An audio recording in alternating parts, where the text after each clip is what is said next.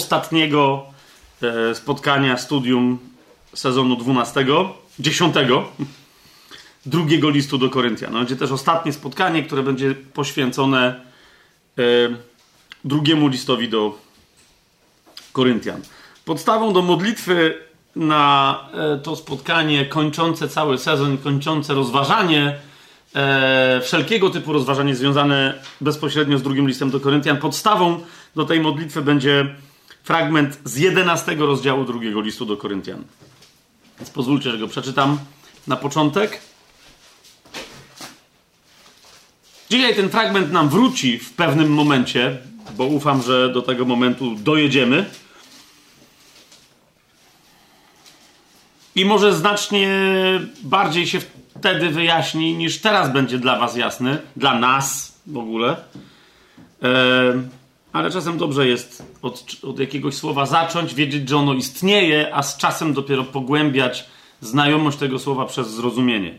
Więc to jest jedenasty rozdział e, drugiego listu do Koryntian, trzeci e, werset. Boję się, powiada tam Paweł e, do Koryntian, aby czasem, tak jak wąż swoją przebiegłością oszukał Ewę, tak też wasze umysły nie zostały skażone i nie odstąpiły od prostoty, która jest w Chrystusie.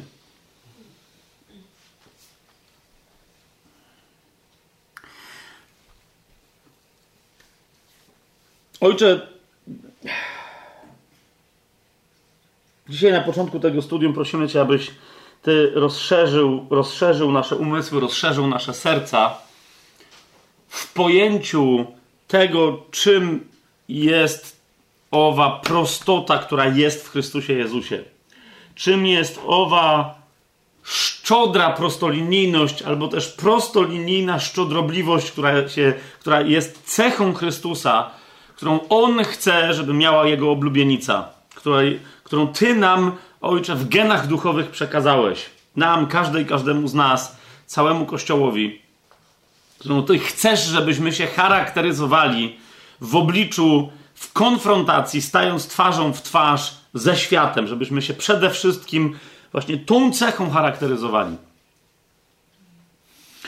Tak śmiały człowiek, jak nasz czcigodny brat, a, a, a twój sługa umiłowany, apostoł Paweł, który się niczego nie obawiał, jeżeli gdzieś miał lekką obawę, troskę, jakieś zmartwienie, które musiał przerzucić na ciebie, to była właśnie taka troska i takie zmartwienie, aby Kościół, na przykład Kościół w Koryncie, żeby nie przestał być szczodrobliwie prostolinijny, tak jak Chrystus, żeby się nie dał zwieść, żeby, żeby umysł jego nie został skażony i nie odszedł od tej prostolinijności, która jest cechą Chrystusową. Tak jak od niej odeszła, od tej prostolinijności odeszła Ewa. Więc ojcze, dzisiaj prosimy Cię, żeby w obliczu tego ostatniego studium, na początku tego ostatniego studium, które dotyka e, rzeczy, jakie zupełnie bez żadnego Twojego powodu, to są tylko światowe powody, ale które bez, właśnie z powodów czysto światowych e, ten temat wywołuje mnóstwo kontrowersji od stuleci w Kościele. Żebyśmy, Panie, dzisiaj przestali e, żebyśmy wreszcie wyszli z tych kontrowersji, żebyśmy dzisiaj weszli e, świadomie, w umyśle, w sercu, stali się kościołem wolnym od tych kontrowersji. Żebyśmy byli prości jako nowe stworzenie, jako oblubienica Chrystusa, tak jak prosty jest nasz oblubieniec Chrystus. Znaczy, cokolwiek dzisiaj e, zostanie powiedziane, niech, niech, niech będzie wypowiedziane po ludzku może nawet słabo, ale w duchu niech będzie wypowiedziane tylko to, co Ty chcesz, żeby Twój Kościół wiedział, to, co Ty chcesz, żeby, żeby Kościół czynił, to kim Ty chcesz, żeby Twój Kościół się stał wobec Chrystusa. Amen. Amen! Co to może być za temat taki, yy, taki dziwny? Zwłaszcza, że kiedy się czyta ten jedenasty rozdział, trzeci werset, yy, wiecie, to jest jeden z tych przypadków, kiedy ludzie e, powołują się na ten werset, dzisiaj zobaczycie e, ten kontekst, który no, właśnie niektórym może oczy otworzyć. niektórym tylko potwierdzić pewne rzeczy, które już wiedzą. E, ale wiecie, ludzie się powołują na, cytują ten trzeci werset 11 rozdziału listu do, drugiego listu do Koryntian, e, mówiąc, że hej, bardzo nam zależy, żebyście nie stracili prostoty, która jest w Chrystusie Jezusie i następnie zajmują się tematem, którym chcą, twierdząc, że to jest prostota, o którą walczą. Gdy tymczasem ta cecha tutaj jest bardzo konkretną prostotą. Okay? To nie chodzi o prosty sposób myślenia, o bycie nieskomplikowanym, o jakieś inne rzeczy. To jest bardzo konkretna cecha. Ale zanim tam dojdziemy, e, najpierw muszę zaznaczyć cały w ogóle dzisiejszy temat. E, mianowicie dzisiaj naprawdę się zastanawiam, co jeszcze zrobić, czy jakieś. Ale, ale myślę, że Duch Święty bardzo mocno mnie przycisnął, e, że niezależnie od ogromnego tematu pieniędzy w życiu chrześcijanina lub też chrześcijanki, pieniędzy e, w rozumieniu Biblii, w rozumieniu Słowa Bożego, bo mieliśmy zrobić ekstra event na ten temat, wydarzenie i ono jeszcze się zdarzy, przypuszczam, że dwudniowe. Tak, zostałem przyciśnięty, żeby jednak mówić o pieniądzach w jednym określonym kontekście. Dokładnie takim, yy, jaki znajdujemy w drugim liście do Koryntian. Ja wielokrotnie mówiłem, że drugi list do Koryntian jest takim rzadkim miejscem, gdzie na jakiś jeden konkretny temat nie mamy, powiecie, cała Biblia jest taka, e, że, że, że pewne prawdy, treści, doktryny i tak dalej, nauczania ma przeplecione przez wszystkie swoje księgi jakoś. Nie? Jak ktoś wyrwie jakieś nauczanie z jednego miejsca czy z drugiego, jak pozostaną inne, to nadal widzisz spójność, widzisz po prostu, to jest prawda, która z każdej strony wygląda tak samo pod warunkiem, zwłaszcza jak znasz wszystkie strony, to wtedy widzisz, że ha, to tak wygląda prawda. Więc rzadko kiedy mamy do czynienia z taką sytuacją, żeby jakiś temat był w Biblii rozwijany w całym jednym rozdziale, a już zwłaszcza, żeby jakiś temat był w Biblii rozwijany spójnie w dwóch rozdziałach i to pod rząd. Nie? Natomiast jest takie miejsce w drugim liście do Koryntia, to są rozdziały ósmy i dziewiąty, które rozwijają od początku do końca i zwijają, podsumowując, jeden konkretny temat. Ja wielokrotnie powtarzałem, że tym tematem są pieniądze, ale bądźmy precyzyjni dzisiaj, tym tematem nie są pieniądze, lecz pieniądze w kościele. Haha! Jest lepsze niż pieniądze. No nie, jeżeli pieniądze są tematem kontrowersyjnym, to mój ty Boże, pieniądze w kościele to jest dopiero kontrowersja. A jeszcze zwłaszcza w moich ustach, e, gdzie co i róż e, się teraz dowiaduje, e, ktoś tam przychodzi i mi powiada, że już tam jacyś nauczyciele biblijni, jacyś pastorzy, jacyś przywódcy się tam zbierają i namawiają, że należy wreszcie skonfrontować nauczanie Błaszkiewicza antydziesięcinowe, antyskładkowe, anty jakieś tam, antypastorskie. An... Mój Boże! Wręcz dotarły do mnie wiadomości, że przez nauczanie Błaszkiewicza przeciwko dziesięcinie już się wiele zborów w Polsce rozpadło. Z całym szacunkiem, jak te zbory bazowały tylko na jakimś durnym rozumieniu dziesięciny, które pod wpływem jakiegoś, według kogoś, durnego nauczania się rozpadły, to może dobrze, że się rozpadły. No, jakby wiecie o co chodzi, no nie? Jakiś chłop wystąpił w internecie, powiedział przez 20 minut o dziesięcinie i się z tego powodu zbór rozpadł, no to szczęść Boże. Może i dobrze. E, nie zmienia to jednak faktu, ja nigdy nie mówiłem niczego przeciwko dziesięcinie biblijnej, nie, nie, mam, nie miałem żadnego takiego powodu, bo dziesięcina biblijna jest dziesięciną judaistyczną, a my nie, nie, nie jesteśmy wyznawcami judaizmu. W chrześcijaństwie koncepcji dziesięciny ani judaistycznej, ani żadnej innej nigdy nie było, nie ma i nie będzie. Nie, nie ma zupełnie takiej potrzeby. Dzisiaj sobie wyjaśnimy dlaczego. Ja nie wiem skąd się w ogóle biorą te, te idiotyczne doprawdy kontrowersje. Niemniej już teraz to, co mówię, celowo tak mówię, żeby było oj, i się zaczyna kontrowersja, to jest to nauczanie, w ramach którego Błaszkiewicz będzie wygłaszać swoje...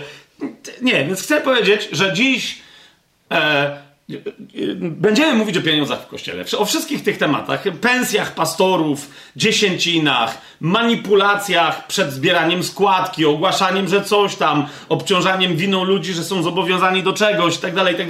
Będziemy tych wszystkich rzeczy dotykać, ale może niekoniecznie może niekoniecznie e, wszyscy z tego nauczania wyjdą dzisiaj zadowoleni. Nie? I, I może niekoniecznie ci, którzy się spodziewają, co ja dzisiaj powiem, na końcu powiedzą, no to jest to, czego się spodziewaliśmy, z każdej możliwej strony. Nie? Bo, bo ja mam takie wrażenie, że wiele z tego, co w ogóle różni nauczyciele mówią, także z tego, co ja mówię, jest naprawdę wyjmowane z kontekstu, e, zawężane, rozszerzane niepotrzebnie, się nam wkłada w usta różne rzeczy, których wcale nie powiedzieliśmy. I nawet jeżeli ja czasem się posłużyłem jakimś określeniem, terminem, jakieś prawo tam przywołałem biblijne, e, to zawsze trzeba uważać, w jakim kontekście to robiłem szerokim, w jakim celu i jakie z tego wynikały wnioski. A nie, żeby tam ktoś potem mówił, no bo nie, jedni atakują, bo Błaszkiewicz naucza, inni wspierają swoje dziwaczne nauczania, mówiąc, bo Błaszkiewicz naucza, albo ktokolwiek inny. Mm-mm, mm-mm. Dzisiaj się zajmiemy e, tematem pieniędzy w kościele od podstaw aż do. I teraz dzisiaj tu jechaliśmy, moja żona się mnie pyta, to co w końcu dzisiaj będzie w Wienomadzie? No pieniądze w kościele i, i Maria na mnie patrzy mówi, no ale to, to mamy ostatnie spotkanie. To, to, serio dzisiaj będziemy siedzieć 20 godzin, czy co się dzieje? O cierpieniu było tyle spotkań, to jest jedno spotkanie o pieniądzach w kościele. Mówię, Madzia, cierpienie wbrew pozorom jest złożonym tematem. No, po, ty, wiecie, po całej tej serii tych, tych, tego naszego studium na temat cierpienia, myślę, że zauważyliście, że to jest złożone. Natomiast wbrew pozorom pieniądze są prostym tematem. Okay? Jak się tylko rozumie fundamentalną zasadę, tak? E, pryncypium, e, zasadę porządkującą całą resztę, wtedy zauważycie, że to wcale nie jest takie skomplikowane. I wtedy też będzie łatwo, e, jeżeli ja się podzielę tym, jakie pryncypium wyznaję, które według mnie jest biblijne, to będzie widać, że no, nie mogę pewnych rzeczy nauczać i nie mogę pewnych rzeczy nie nauczać. Tak? I jeszcze jedna rzecz. Zanim ktoś się podekscytuje i bardzo was proszę, tak? Czy tu obecnych, tu obecnych akurat wiem, że są cierpliwi, tak? Ale, ale nawet tu obecnych, tych, którzy tego odsłuchują, nie wiem, za miesiąc, za rok, za, e, nie wiem, tuż przed przyjściem Pana Jezusa, proszę o jedno. Zanim wyciągniesz pochopne włoski, proszę, włoski, wnioski, zaczekaj do końca. Okay? Za, zaczekaj do końca. Bo nie da się wszystkiego wypowiedzieć naraz, e, a będziemy chcieli wyprostować masę narosłych, jeszcze raz, takie trochę, wiecie, taki, e, taki, bo to jest trochę węzeł gordyjski. Nie? Te wszystkie finanse w kościele, te wszystkie dziwactwa. I my to musimy, rozwiązaniem to jest po prostu jedno cięcie. Nie? Tylko żeby to we właściwym miejscu czasnąć, a nie żeby jeszcze ci ten miecz, miecz, który ma to rozciąć, żeby w tym węźle ugrzązł, to najpierw musimy sobie obejrzeć ten węzeł, właśnie obejrzeć miecz i wtedy ciachać. Nie? E, więc e, na końcu do pewnych praktycznych rzeczy e, w, w, wniosków, z wniosków się odniosę, tak? Ale zanim tam się znajdziemy, e, nie wyciągaj pochopnych wniosków z tego, co mówię. ok? Czy to będą wnioski typu ha, ale im dowalił, bo potem się okaże, może okazać, że tobie dowaliłem. Albo o, ale mi dowalił, a potem się okaże, e nie, to nie mi dowalił. Nie? Od tego zacznę, że ja nikomu w ogóle nie chcę dowalać. Nigdy. Nie? Zawsze znajdą się jacyś ludzie, którzy mi mówią, że komuś dowaliłem, że katolikom dowaliłem, że pastorowi takiemu czy innemu dowaliłem i tak dalej. Często ja nawet w ogóle ani nie znam tych ludzi, ani nie, nie chodzi. Rozumiecie, ludzie często odbierają, biorą do siebie co? To, że jest krytykowana jakaś doktryna, teoria, e, wyznanie wiary czyjeś, konkretna praktyka, i raz ja mówię, ej, to jest bez sensu. A wtedy się podnoszą ludzie, którzy do tej pory praktykowali takie rzeczy, zwłaszcza publicznie, i oni wtedy nagle się orientują, a zaraz, czyli to, co ja robiłem do tej pory, jest śmiechu warte. I wtedy co mówią? Albo pokutuje, bo rzeczywiście to jest niezgodne z Biblią i się wycofują, albo mówią, o, to ja zostałem zaatakowany. Z całym szacunkiem. Dzisiaj wszystko, cokolwiek powiem, nie ma na celu, podobnie jak się zawsze starałem wcześniej, żeby nie atakować konkretnych ludzi, nawet konkretnych ugrupowań itd., tylko je, nigdy nie atakowałem katolików, co atakuje doktrynę rzymskokatolicką, która powoduje, że katolicy, którzy w nią wierzą, zachowują się jak, jak się zachowują. Nigdy nie atakowałem świadków Jehowy, natomiast atakuję ich doktrynę i praktykę wynikającą z tej doktryny, bo robi, zwłaszcza z szeregowych członków świadków Jehowy, to kim oni są, to nie jest ich wina. To nie jest ich wina. Nie? Bardzo często obrona ludzi, którzy tego typu doktryny sprzedają wobec swoich własnych wyznawców jest jaka? Błaszkiewicz albo jakiś inny nauczyciel atakuje was. On nas atakuje, my się musimy bronić. Nie, dziadu Pieroński. Jeżeli ty wiesz, na czym polega, jeszcze raz powtórzę, dziadu Pieroński. Jeżeli ty wiesz, na czym polega manipulacja, którą się posługujesz, i potem jeszcze ludziom, którymi manipulujesz, wmawiasz, że nie ma tej manipulacji, jest podwójna manipulacja. Hmm? I, i, I możesz wzywać imienia Pana Jezusa jak długo chcesz I niech nie będzie teraz, e, ktoś powie, o, o, o, Błaszkiewicz straszy teraz, że co, to, co powiesz, że ktoś jest przeklęty. Ja nie mówię. Ale Paweł w 16 rozdziale pierwszego listu do Koryntian, zanim powiedział Maranata, w 22 wersecie śmiał był napisać, a Duch Święty to podkreślił, jeżeli ktoś nie miłuje Pana Jezusa Chrystusa, niech będzie przeklęty. Maranata. Ja nic nie mówię, ja nic nie mówię, ale nie udawaj jeden z drugim, a dziś będziemy mówić o tematach, że jeden z drugim poczuje żarzące się węgle nad jego głową, bo, bo to jest, bo na złodzieju czapka gorę. Więc dziś będę mówić o fałszywych doktrynach, okay? kto jest winny, albo niech rozpozna swoją winę, albo niech grzęźnie dalej w przekleństwie, ale niech nie mówi, że jest przeklinany przez kogoś, bo sam siebie przeklina. Natomiast, jeżeli ktoś z Was, tu dzisiaj obecnych, wobec tego, co dzisiaj powiem, ok? Albo z tych, którzy teraz tego słuchają, tego nauczania, jeżeli ktoś powie, o kurde lebele, ja tak robiłem, ja, rozumiesz, ale to nie jest twoja wina, bo teraz tak, u, tak cię uczyli od małego. W twoim zborze, w twoim kościele, w twojej organizacji i w czymś, tak cię uczyli od małego. I to by się wydawało, że to jest biblijne, ok? Tak cię nauczyli w szkole przywódczej jakiejś, pastorskiej, w seminarium, ok? Bo wiecie, są różne i tak dalej. I teraz ty nie wiedziałeś, że autorytety wielkie ci mówią, hej, tak jest. To jeszcze raz ci mówię, nie miej żadnego wyrzutu sumienia, poczucia winy i tak dalej, tylko stań przed tym uczciwie. Ok? Stań przed tym uczciwie i zrób z tym coś teraz i na przyszłość. Już nic nie zrobisz z przeszłością. Tak? Ale proszę cię, nie daj się wpędzić w ten zaułek, że ja ciebie atakuję. Po prostu, nie ma to żadnego sensu, żebym ciebie atakował. Naszym wspólnym interesem jest, jeżeli ty jesteś wierzącym w Chrystusie bratem, jeżeli jesteś wierzącą w Chrystusie siostrą, tak jak ja jestem wierzącym w Chrystusie bratem, to nam zależy, naszym interesem jest dobro Kościoła, dobro naszej przyszłości w Królestwie. Amen? Więc po prostu, po prostu. Będziemy mówić dzisiaj o pieniądzach w Kościele, bo dokładnie o tym mówi ósmy i dziewiąty rozdział drugiego listu do Koryntian. No oczywiście, że y, tam są też zawarte zasady, które się tyczą pieniędzy w ogóle w życiu ludzi wierzących, ale tak naprawdę te ogólne zasady w 8 i 9 rozdziale są zastosowane do Kościoła. Teraz, kochani, żebyśmy, żebyśmy wzięli miecz do ręki i nim zaczęli ciachać te, te, ten węzeł gordyjski, albo może więcej węzłów gordyjskich, musimy znaleźć pryncypium, ok? Pryncypium, jak dla mnie, e, zawiera się w jednej rzeczy. Mianowicie musimy dobrze zrozumieć, jakie są materialne skutki, uważajcie na to, co mówię, materialne skutki w tym czasie, w tym epoce, w tej epoce, ok? Przed powrotem Pana Jezusa, w tym ciele, jakie są materialne skutki, efekty tego, że duchowo staliśmy się nowym stworzeniem. Ktoś powie zaraz, co? Nie ma żadnych. Ciało musi zginąć. Dobra, to się wszystko zgadza.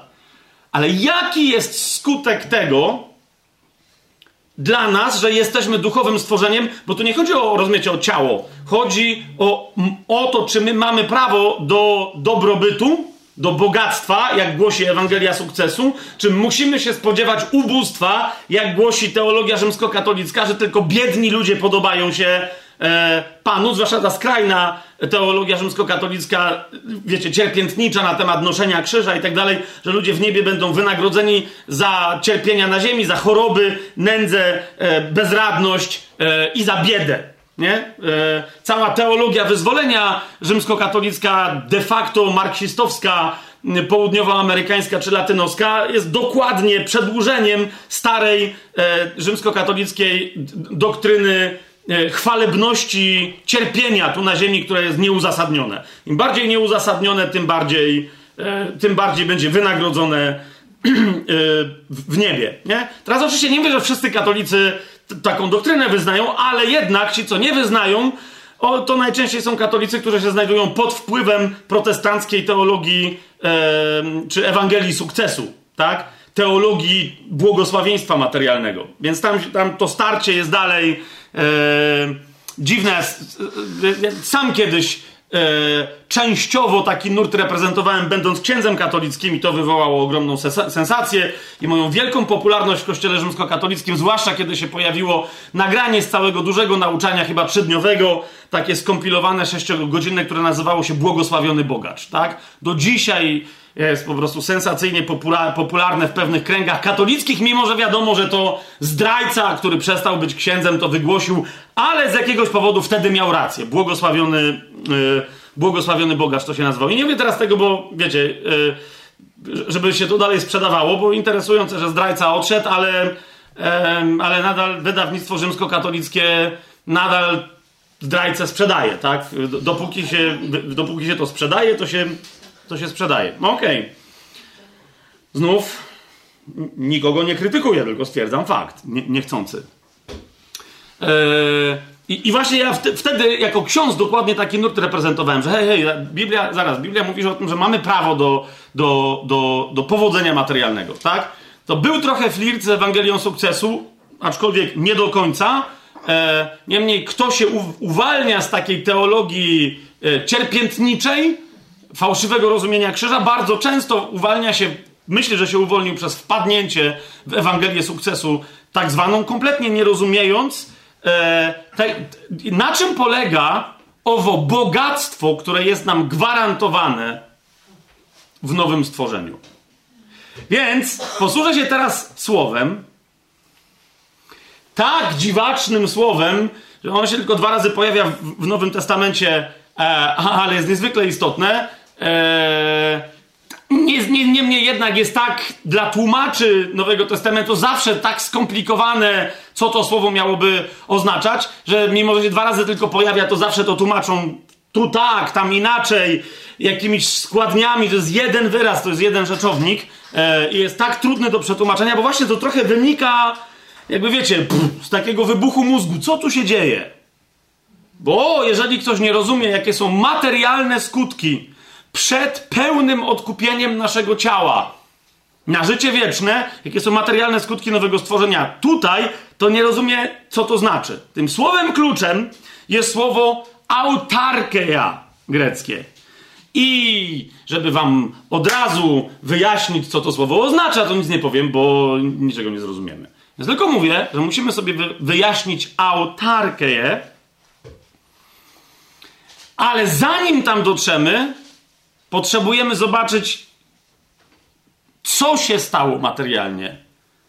Tak? W, w momencie naszego nowonarodzenia i dlaczego wynikiem tego jest takie bogactwo, które daje nam autarkę. Ok? Otóż drugi list do Koryntian, ósmy rozdział, właśnie ósmy rozdział, mówiąc o pewnych kwestiach związanych z usługą w kościele, podaje nam fundamentalną zasadę, do, te, do tego stopnia fundamentalną, że Paweł, e, który za specjalnie nie jest poetą, nagle spontanicznie w tym momencie sięga szczytów hebrajsko-greckiej poezji i tworzy zdanie, które jest, które jest i z punktu widzenia języka greckiego, i nawet z hebrajskiego jest najprostszym z możliwych, jednym z najbardziej wyrafinowanych rzeczownikowo-czasownikowo chiazmów AB, AB. Nie, wam nie będę mówił, na czym polega piękno złożoności tego chiazmu. Przeczytam wam, jak to jest przetłumaczone po polsku, bo jest bardzo dobrze w UBG przetłumaczone. To jest ósmy rozdział drugiego listu do Koryntian.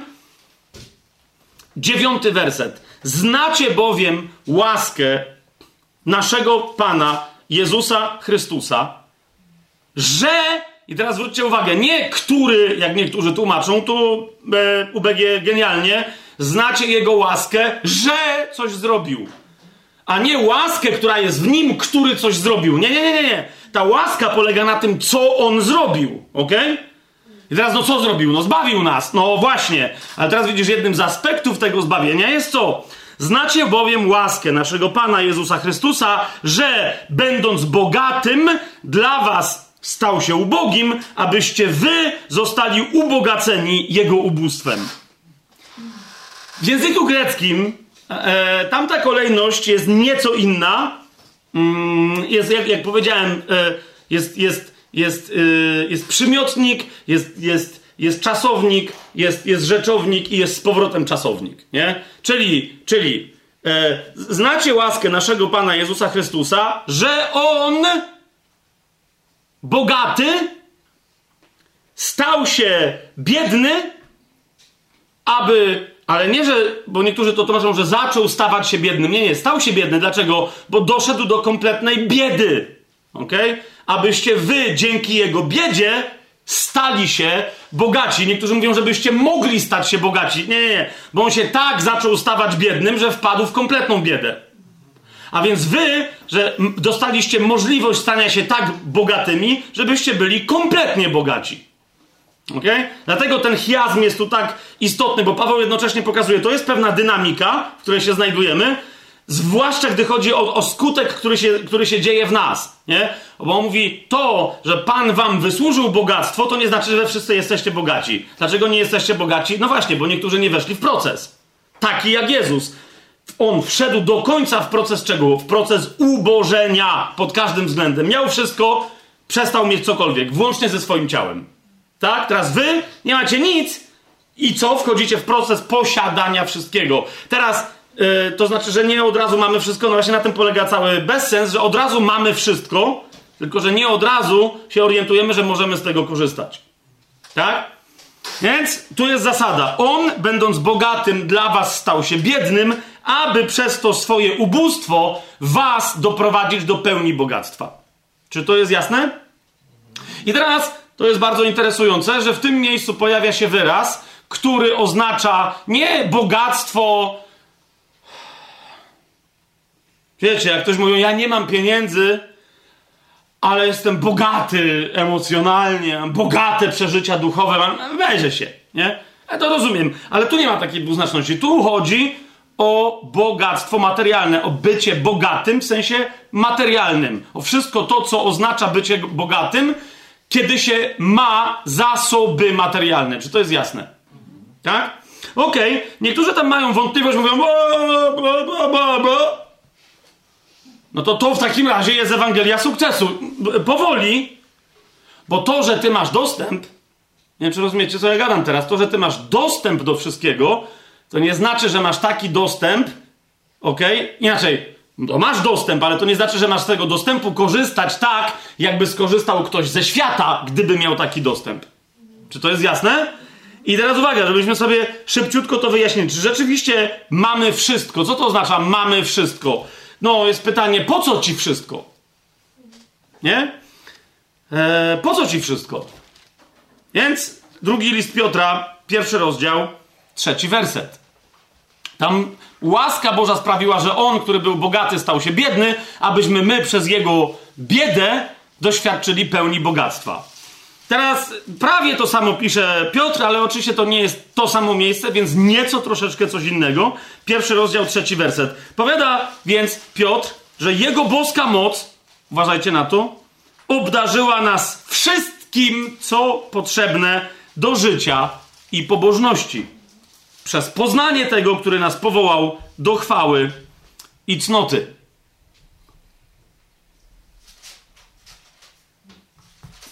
Pytanie więc pozostaje, co to jest, co to jest, co to są rzeczy potrzebne do życia i do pobożności.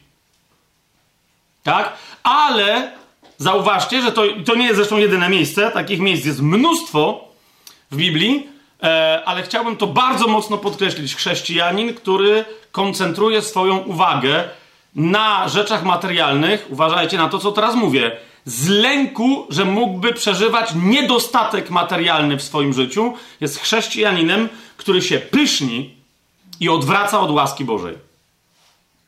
Nie, nie, nie, nie potrafię tego prościej wyrazić e, i nie chodzi mi wcale o to, żeby kontrowersyjnie to przedstawić.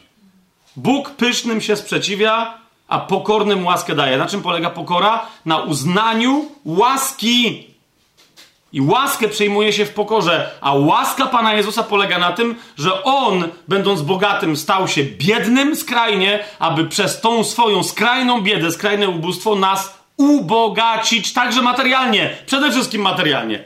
W ósmym, dziewiątym rozdziale jest mowa o przekazywaniu pieniędzy na niedostatek kościoła w Jerozolimie. Amen?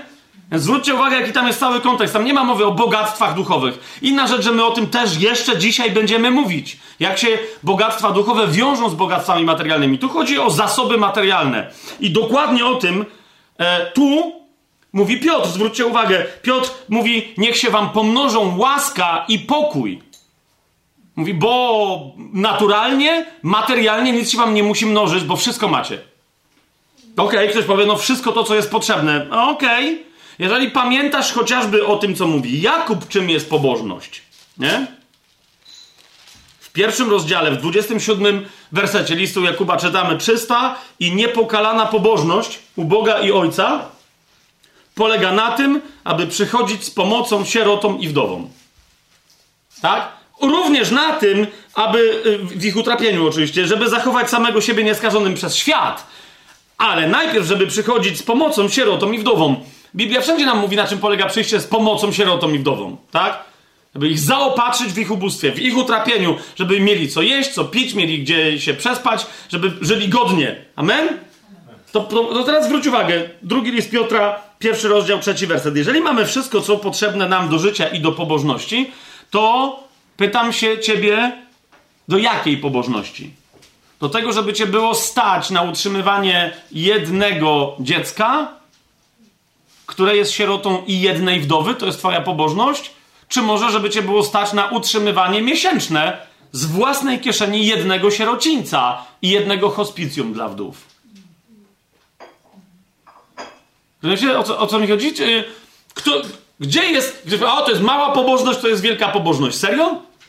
Bo na temat wdów Biblia w jeszcze innych miejscach e, wyraźnie mówi, że ile macie wdów, wszystkie mają być doglądnięte i wszystkie mają być zaopiekowane, inaczej jesteście niepobożni. Jesteście gorsi, a tam jest dokładnie, bo niektórzy, to, ale to jest kontekst domowników. No to zobacz, jaki tam jest kontekst. Jest bardzo szeroki kontekst wdów. Kto, zwłaszcza wobec nich, jeżeli są domownikami twoimi, albo powinny być twoimi domownikami, ok? Się nimi nie zajmuje, jest gorszy od niewierzącego. Rozumiesz, to jest, to nie jest, nie robimy łaski sierotom i wdowom wszędzie na świecie, na litość boską. Wszędzie na świecie. Ja słyszę co i róż, ktoś mówi, mówi, po co wy zbieracie, po co diakonia zbiera w Krakowie na dzieciaki jakieś brazylijskie? Mało mamy sierocińców, mało mamy biednych dzieci w Polsce? E, mamy mnóstwo. Pokażcie mi w takim razie wszyscy rachunki comiesięczne, ile przesyłacie na sieroty w Polsce. No i teraz im mówię to wprost. Po prostu, spra sprawcę. Zrób sobie wyciąg z konta. Ile w ciągu ostatniego roku zapłaciłeś na sieroty w Polsce? Więc, więc z, z jakiego ducha bezczelnie prawisz, że mamy mało, mało mamy sierot w Polsce, a inna rzecz, że ci, którzy się zajmują sierotami w Polsce, między innymi ludzie, którzy nam doradzają w Krakowie czy w ogóle w całej Polsce dla diakonii, mówią, hej, sieroty w Polsce są akurat dosyć dobrze zaopiekowane. Programy rządowe i tak dalej są bardzo dobre. Sieroty w Brazylii nie. Więc ludzie, którzy się naprawdę zajmują sierotami w Polsce, mówią, pomóżmy sierotom w Brazylii. Pomóżmy sierotom w Nepalu. Pomóżmy sierotom w Indiach. W innych krajach. Więc jeszcze raz, mamy wszystko, co potrzebne do życia i do pobożności. No, jeżeli twoją odpowiedzialnością jest utrzymywanie jednego sierocińca, a nie wiem, wiesz, to może być mały sierociniec, dwunastoosobowy, dziesięcioosobowy, może być dziesięć, dziesięć sierotek, ale to nadal myślę, że to nie jest 200 zł na miesiąc. Rozumiesz, o co mi chodzi? A Słowo Boże mówi, macie to zapewnione. Tym się nie musicie martwić. Macie się troszczyć o wzrost waszej łaski przez was działającej, o pomnożenie jej i pokoju. I tego wam życzę, mówi Piotr. A nie, żebyście mieli kasę na utrzymywanie sierot, wdów, także wszystkich, którzy są wam, waszymi przywódcami, zwłaszcza tych, którzy was, e, którzy was nauczają swoim słowem, prowadząc cały Kościół. Piotr mówi, na to macie kasę od Boga. I na całą resztę godnego życia. Jakiego? Autarkę ja. Zaraz do tego dotrzemy. To, to nie, tym się w ogóle nie przejmie. Dlaczego Piotr jest tego taki pewny? Dlaczego Piotr nie mówi, he, macie wszystko, co potrzebne do życia i do średniego standardu pobożności? Bo Piotr wie, że jeżeli ktoś to przeczyta i powie, ty, to jeżeli ja mam wszystko, co potrzebne do życia i do pobożności, a serce mnie nawołuje, żeby otworzyć 100 sierocińców, to normalnie mogę to zrobić. To zauważ, Piotr tu niczego, niczego nie skraca. Dlaczego? Bo on wie, że nadal dokładnie na, będziesz mieć zasoby na to. Kapujesz, nie będziesz mieć zasobów koniecznie autarkeja, zaraz jeszcze do tego wrócę, autarkeja. Niekoniecznie będziesz mieć zasoby na to, żeby zaspokajać swoje zachcianki, ale masz nieskończone zasoby, żeby zaspokajać potrzeby wskazane ci przez Pana w Królestwie. I bardzo często o tej prawdzie zapominając, głosi się Ewangelię sukcesu, wskazując fragmenty z Biblii, które mówią: Masz wszystko. Jak? Materialnie. Ja mówię amen, ale nie, nie na zaspokojenie Twojej parszywej chciwości, złodzieju. Nie na, nie na wzbudzanie w innych, Bogu ducha winnych chrześcijanach chciwości diabolicznej, albo w ludziach, którzy myślą, że są nowonarodzeni, a nawet nie są, new age'owego przekonania, że w Biblii istnieje jakieś prawo przyciągania i że z czegokolwiek oni se nie zachcą, to se przyciągną. Trzy żony, siedem kochanek, cztery helikoptery, dwa domy z czterema basenami i tak dalej, i tak dalej. Mm-mm. Autarkę ja a nieskończone możliwości materialne na służbę w królestwie, życie i pobożność. I, mówi, i Piotr mówi, to, to jest to, ale musisz rozgraniczyć, co z tej nieskończonej puli bogactwa materialnego ma służyć Twojemu życiu, a co pobożności. Czy to jest jasne, co mówię? Nieskończoność zasobów materialnych tyczy się Twojej śmiałości w służbie na rzecz pobożności. Czy to jest jasne? Natomiast Twoje życie i bogactwo materialne dla Twojego życia jest ograniczone przez koncepcję, która się w Biblii nazywa autarkeia. I zaraz do niej dojdziemy i sobie ją wyjaśnimy. Ewangelia Mateusza. Zwróćcie uwagę, kiedy my o tym pamiętamy, Ewangelia Mateusza, kazanie na górze, jak pamiętacie, myśmy to sobie powiedzieli, wielu mówi, jest konstytucja królestwa. Kto jest członkiem królestwa, jest poddanym króla, kto jest obywatelem królestwa, żyje według. Rozumiecie? To jest tak jak dzisiaj yy, opozycja, czy już nawet nie wiem kto w tym kraju. Wiem, bo wiem, że jakaś, ktoś mi dzisiaj pokazywał jakąś dziennikarkę, czy kogoś tam, nie wiem kto to jest, która się wyprowadziła z Polski, mieszka gdzieś na jakiejś wyspie, yy, na jakimś oceanie, e, rozumiecie, i robi sobie zdjęcie, tam mieszkając ponoć na stałe, nie chcę nikogo obrazić, tam sobie robi zdjęcie. Yy, z, z, konstytucją Rzeczpospolitej Polskiej. Jakby respekt, no jest super. No ale nawet w Polsce nie mieszkasz, więc ja nie wiem w ogóle o co chodzi. I dzisiaj, wiecie, wszyscy się oklepują tą konstytucją w Polsce. Ci mówią, że dla konstytucji, ci mówią, że nieprawda. Kapujecie, konstytucja w demokracji to jest nadal jakaś umowa społeczna, tak? Ty mnie teraz będziesz klepać, że konstytucja, zaraz się zbierze odpowiednia konstytucyjna większość i zmieni przepisy w konstytucji. No i co? Natomiast konstytucja królestwa jest ustanowiona przez prawdziwego suwerena, którym nie jest lud, ale którym jest suwerenny król, istniejący od wieków i na wieki, czyli Bóg. Ok? I teraz, jak on mówi, więc jak mamy konstytucję królestwa, to tam nie ma się co, rozumiecie, chrześcijanie powinni latać z takimi książeczkami małymi, jak Mao Tse-tunga, Rozumiecie? Latać z tymi książeczkami, z Konstytucja Królestwa. Jak się chcą czymś oklepiwać, niech się nie oklepują całą Biblią, tylko kazaniem na górze, bo to jest Konstytucja Królestwa. Amen! Niech latają, niech się oklepują. Naprawdę, ja chętnie sam bym w łeb dostał od kogoś taką książeczką. Tylko potem następnie się skonfrontujmy. Ewangelia Mateusza, szósty rozdział, będę czytać od 24 wersetu. To jest Konstytucja Królestwa. Nikt nie może dwom panom służyć, Gdyż albo jednego będzie nienawidził, a drugiego będzie miłował, albo jednego będzie się trzymał, a drugim pogardzi. O co chodzi Panu Jezusowi? Otóż Pan Jezus mówi: Nie możecie służyć Bogu i mamonie. Nie ma prostszego rozgraniczenia, które by było pokomplikowane, tak jak w chrześcijaństwie, na litość boską. Ale wiesz, ale wiesz, ale wiesz, ale wiesz, ale wiesz. Albo służysz Bogu, albo służysz mamonie. To jest proste. Ja tam kiedyś rozmowę z jednym bratem, który się zorientował, mówi, wiesz co Fabian, przemyślałem to, o czym byśmy gadali, bo się prawie, wiecie, prawie się pokłóciliśmy, a się lubimy.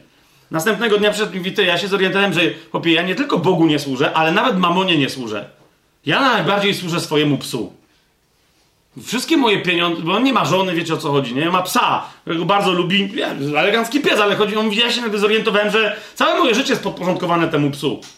Jaka karma, jakie coś, jakie... Ja, na, większość pieniędzy idzie na tego psa. Mój kalendarz mój idzie pod tego, to nie mogę jechać, bo tu z psem się nie da, tu jest, tu jest dog friendly, to tu możemy... Zaraz czas, mówi stary. Więc jest pies, potem jest mamona, a mówi Bóg, no naj, najwyraźniej w tej hierarchii nie ma Boga. I teraz jakby ktoś nie rozumiał, co to znaczy, albo służyć Bogu, albo bo niektórzy mówią, ale ja nie, nie, ja, ja jestem skoncentrowany na zarabianiu pieniędzy, bo ale ja służę mojej rodzinie, mojej żonie, moim dzieciom, ich przyszłości, czemuś. Im więcej będę miał pieniędzy, tym więcej będę dawać na kościół. Weź się uspokój! Będziesz dawać na kościół tyle, ile będziesz chcieć dawać. I z 8 i 9 rozdziału drugiego listu do Koryntian dokładnie to wynika. Cały ósmy rozdział od tego się zaczyna, że Macedończycy dali na kościół tyle, ile chcieli, a nie tyle, ile mieli. I ponieważ zechcieli tyle, ile zechcieli, się okazało, że nagle mieli tyle, ile zechcieli. Nie? Ktoś mi mówi, Fabian, jak ja będę zarabiał milion dolarów, tam zarabiał. Ostatnio jeden brat mi mówi, tam zarabiał. Niechbym dostał milion dolarów. Mówi, to ja nawet dwudzieścinę zapłacę. Serio? Serio, dzisiaj dostaniesz milion dolarów i zapłacisz 200 tysięcy dolarów, o ile się założysz, że nagle zaczniesz dziesięcioletnie rozważania, gdzie dokładnie, która część z tych 200 tysięcy ma pójść, w jakiej liczbie, potem się okaże, że więcej jak 200 zł to nie wypada, to aż tylu beneficjentów nie znajdziesz i na końcu się okaże, że nie masz tego miliona, już nie masz co rozważać, nie?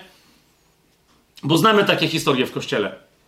Jak, jak nagle ci, co krzyczeli, że będą wiele dawać, nagle bam, sami dostali, nagle się okazało, o, są machlojki w kościele.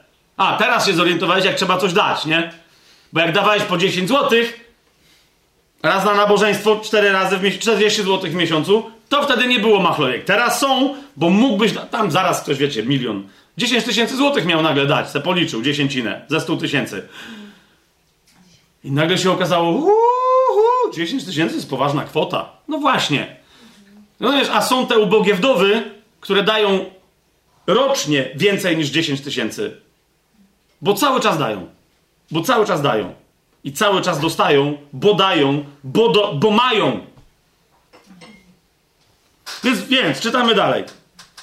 Nie możecie służyć Bogu i mamonie. Dlatego, zauważ co mówi Pan Jezus, z tego powodu, z tej zasady, albo służysz Bogu, albo mamonie. Mówi, dlatego, dlatego mówię wam, nie troszczcie się o wasze życie, o to, nawet o najbardziej podstawowe potrzeby, to, co zapewnia ci to życie, czyli co macie jeść, co macie pić, o wasze ciało, w co się będziecie ubierać. Każda inna potrzeba, rozumiesz, Pan Jezus mówi, nawet najbardziej fundamentalne potrzeby. Jeżeli się usprawiedliwiasz tymi potrzebami, to znaczy, że służysz mamonie, a nie Bogu. Dlatego mówię wam, zwróćcie uwagę. Ja się kiedyś spotkałem z opinią, że w ogóle kazanie na górze jest trochę za radykalnym nauczaniem, że ono jest dla zaawansowanych ludzi, którzy w ramach zboru przyłączyli się do grupki uczniostwa. Serio. No to to jest konstytucja, czy, czy to jest wyższa szkoła jazdy dla wariatów, survivalowców chrześcijańskich? Pan Jezus mówi, nie, nie, nie, nie. Jak nie masz takiej postawy, to znaczy, że służysz diabłu. To znaczy, że służysz Bożkowi Mamonowi, który manipulują, manipuluje tobą poprzez pieniądze. Pan Jezus mówi, to jest punkt wyjścia, a nie punkt dojścia. To jest coś, od czego się zaczyna twoja dojrzałość, a nie co jest wyższą szkołą jazdy. Czy życie nie jest czymś więcej niż pokarm, a ciało niż ubranie? Spójrzcie na ptaki nieba, mówi Pan Jezus, że nie sieją, ani nie żną, ani nie zbierają do spichlerzy, a jednak wasz Ojciec Niebieski je żywi. Czy wy nie jesteście o wiele cenniejsi niż one? Jeżeli się usprawiedliwiasz wielkimi czy małymi potrzebami materialnymi w swoim życiu, to znaczy, że nie wierzysz w to, że Ojciec cię kocha. Musisz sobie to jasno powiedzieć. To jest to, co Pan Jezus tu mówi. I nie, nie kombinuj, że tu o coś innego w tym tekście chodzi, bo on już prostszy być nie może.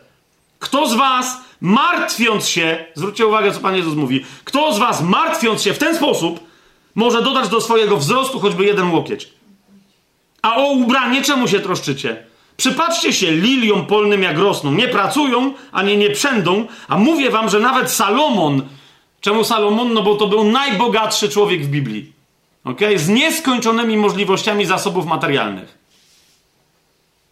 A mówię wam, że nawet Salomon w całej swojej chwale, niektórzy tłumaczą w całym swoim przepychu, nie był tak ubrany jak jedna z nich.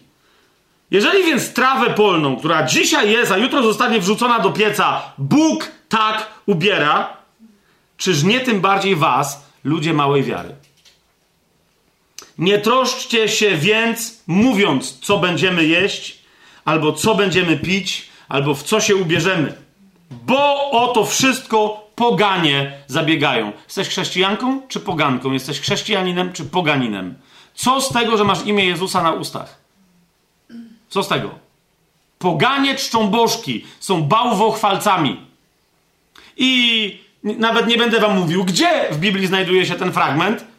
To jest bardzo popularne, żeby przezywać bałwochwalcami katolików, e, i wielu z nich rzeczywiście wyznaje, y, są bałwochwalcami, czczą figury, obrazki inne rzeczy. I wszystkich innych pogan. Nie zmienia to jednak faktu, że Biblia wskazuje i bezpośrednio, poza czczeniem obrazów, figurek i tak dalej, mówi wyraźnie, że bałwochwalstwem nie obrazowym, nie figurkowym jest co? Chciwość. Chciwość jest bałwochwalstwem. Nawet nie będę mówił, gdzie to jest napisane. To jest to. Jest to. Okay? Czy to będzie chciwość wynikająca z lęku, że moje potrzeby materialne będą niezaspokojone, a więc, że moje życie jest zagrożone? Czy to będzie chciwość wynikająca z zazdrości, że inni mają więcej? Czy to będzie chciwość rozpędzona i rozbuchana, która chce więcej i więcej i więcej zaspokojenia swoich zachcianek? Nieważne jaki to jest level, chciwość to jest chciwość, ona zawsze jest bałwochwalstwem, czyli jest czczeniem bożka Mamona który się posługuje mamoną. O to wszystko poganie zabiegają. A wasz ojciec niebieski przecież wie, że tego wszystkiego potrzebujecie.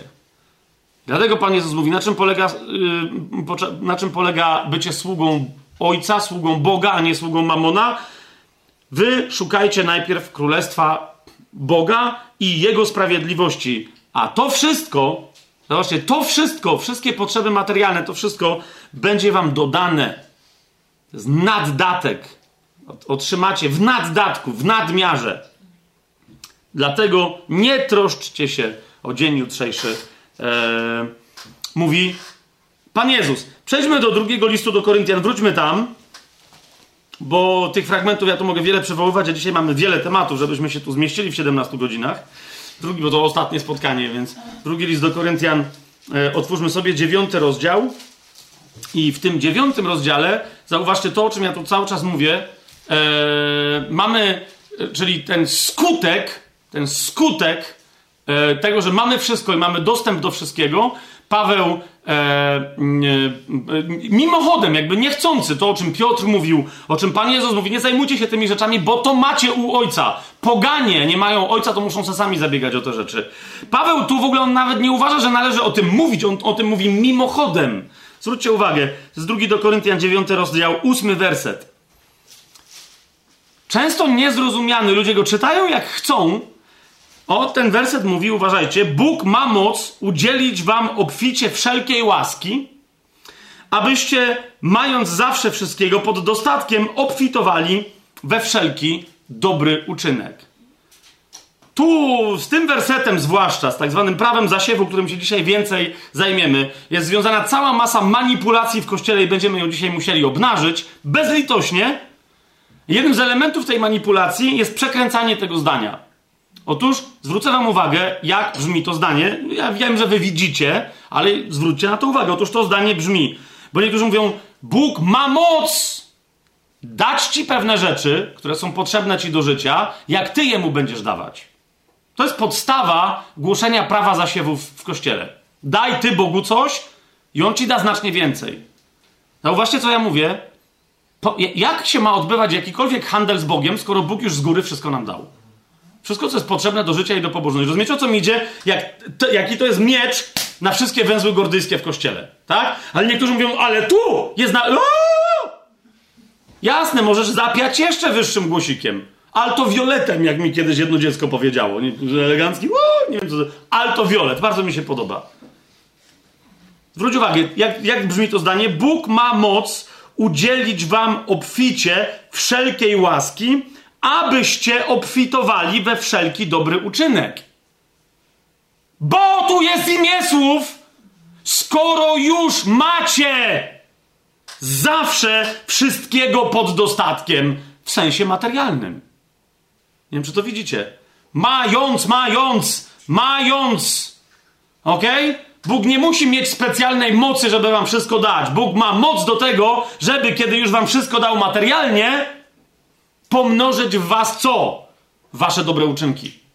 Okay? Jego moc jest potrzebna, żeby nasza zdolność do tego, wiecie, żeby przynosić coraz większy owoc. On jest kim? On jest winogrodnikiem, pamiętacie? Przycina drzewko, które się da przyciąć po to, żeby przynosiło obfitszy owoc. Amen? Duchowy. To nie chodzi o to, że z Bogiem trzeba wejść przy pomocy właściwej filozofii, właściwej technologii. Bogu trzeba zapłacić i Bóg mówi: Okej, okay, rozumiem, że znasz zasady inwestycji. Hmm? Wpłaciłeś dychę, wypłacam stówkę. A? Opylało się? Diaboliczna wizja Boga. Diaboliczna wizja Boga. Nieprawdziwa, absolutnie niezgodna. I teraz o co mi chodzi? Pamiętacie Piotra? Życie i pobożność. Zwróćcie uwagę, tu mówi Paweł, tam mówi taką ciekawą rzecz. Bóg ma moc udzielić wam obficie wszelkiej łaski, abyście obfitowali we wszelki dobry uczynek, skoro już macie zawsze wszystkiego pod dostatkiem. To jest taki, takie, nie? Super to brzmi, to jest bardzo ładnie przetłumaczone, tylko chodzi mi o to, że mi tu jest zawsze szkoda, bo tu pojawia się nasze mistyczne słowo autarkeja. Otóż tu się pojawia taki rzeczownik. Gdzie? Co, gdzie? Otóż Paweł to mówi, skoro już teraz macie autarkeję, zawsze, pełną autarkeję. Co to jest autarkeja? Autoarkeja. Z tych dwóch wyrazów ten jeden wyraz się składa. Autoarkeja, czyli samowystarczalność. Samowystarczalność. Ja rozumiem, co się dzieje tłumaczom, Absolutnie ich rozumiem, więc zrozumcie, że to jest żadna moja krytyka pod adresem jakiegokolwiek tłumacza. Słowo samowystarczalność się nie kojarzy z Bogiem, zgadza się? Bo to jest takie, to ja sobie sam wystarczam. Nie, chodzi o to, nie, nie, chodzi o to, kto jest źródłem tej samowystarczalności, bo źródłem tej samowystarczalności jest kto? Bóg! Rozumiesz, ale chodzi o to, że ty nie potrzebujesz się zwracać gdzieś do jakichś innych źródeł, ponieważ to jedno, jedyne źródło powoduje, że jesteś samowystarczalna lub też samowystarczalny. Czy to jest jasne? Czy to jest jasne? Autarkeja. Autarkeja. Samowystarczalność. Yy, to ten wyraz się pojawia dwukrotnie tylko yy, w Biblii, autarkeja. I raz się pojawia wyraz autarkes, którym się Paweł posługuje opisując swoją sytuację, czyli samowystarczalny. E, I to dobrze nam pokazuje ideę, o co tutaj, mm, e, o co chodzi z tą samowystarczalnością, jako, jako jednym z e, sumar, bo jeszcze raz, skutek tego materialny, tego co się wydarzyło w wyniku naszego nowonarodzenia, to jest autarkia, czyli samowystarczalność i naddatek wszystkiego, czym się możemy posługiwać w służbie w ramach pobożności. Amen? Okej, okay. teraz żebyście zobaczyli, że to naprawdę o, o, taką samowystarczalność chodzi. Paweł siebie nazywa autarkesem. To jest list do Filipian, yy, czwarty rozdział. W czwartym rozdziale, w jedenastym yy, wersecie yy, i, i, dalej, ale w jedenastym wersecie Paweł mówi tak. Nie mówię tego, bo tam chodzi mu o to, że Filipianie się o niego zatroszczyli, tak? Czyli, że mu pomogli także materialnie. I teraz on mówi, nie mówię tego z powodu, to jest jedenasty werset, Filipian 4,11. Nie mówię tego z powodu niedostatku, uważajcie, bo nauczyłem się poprzestawać na tym, co mam. A jak sobie zobaczycie oryginalny tekst, to ja rozumiem, że ktoś próbował tu wybrnąć, żeby nie powiedzieć, że Paweł powiedział, nauczyłem się być samowystarczalny. Nie? A tam Paweł mówi taką rzecz, że dotarło do mnie, że jestem samowystarczalny. Niezależnie od tego, jak to kto tam przetłumaczy, Paweł mówi, po prostu nieważne jakie są okoliczności zewnętrzne, nic nie zagraża mojemu życiu. To o to chodzi, że jestem sam. Zawsze mam dokładnie tyle, ile mi potrzeba. I dlatego, mówi, zobaczcie, 12 werset, umiem się uniżać, umiem też obfitować. Wszędzie i we wszystkim jestem wyćwiczony. Umiem być syty, umiem cierpieć głód, obfitować, znosić niedostatek. Wszystko mogę w Chrystusie, który mnie umacnia. On jest moim umocnieniem, więc dlatego w nim nie, nie mam żadnego braku. Nawet jeżeli aktualnie doświadczam e, braku jedzenia, nawet braku picia. Ja, jasne jest to, to, co się tu dzieje? Paweł mówi, ja wiem, że ten brak nie jest żadnym brakiem. Po prostu, bo nie umrę z pragnienia, nie umrę z głodu, nic mi się nie stanie. To, że nie mam teraz tego i moje ciało krzyczy, teraz tego potrzebuję, jest nieprawda. Moje ciało musi słuchać Pana, bo ja słucham Pana, moje ciało musi słuchać mnie, a ja słucham Pana.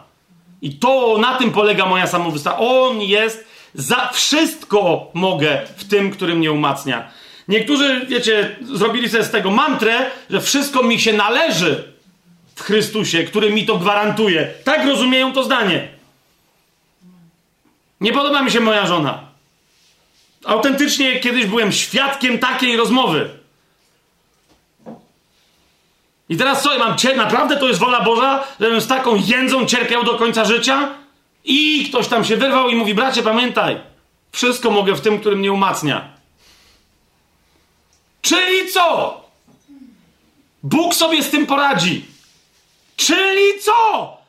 Nie, to było moje, ja czekałem, co tam się stanie, bo ten też miał takie, ale co, nie, na pewno Bóg, wiesz, nie? Albo się okaże, że ta żona to nie jest żona, albo może ona umrze, wiesz, jak sama gdzieś pójdzie, coś się stanie. To wiesz, nagle jest taki chłop, on ma potrzebę, ja wiecie, nie wiadomo czemu w ogóle ta żona mu nie pasuje. Może on jest zgniłym dziadem. Rozumiecie o co idzie, nie? Ale on, a, czy Bóg chce, żebym ja zawsze cierpiał? Ktoś mówi, ej, Bóg sobie z tym poradzi. Wszystko mogę w tym, który mnie umacnia. Wszystko mi się należy. Jak coś, to Bóg ci żonę zabije, da ci nową, nie? Jak będziesz miał za duże wyrzuty sumienia, że się rozwiodłeś, a jesteś w sumie trochę niby chrześcijaninem i uważasz, że to jest grzech się rozwodzić, bo w sumie to jest grzech, no to Bóg to jakoś ci rozwiąże. Tylko co, jeżeli ta baba też, ta jego żona też jest chrześcijanką?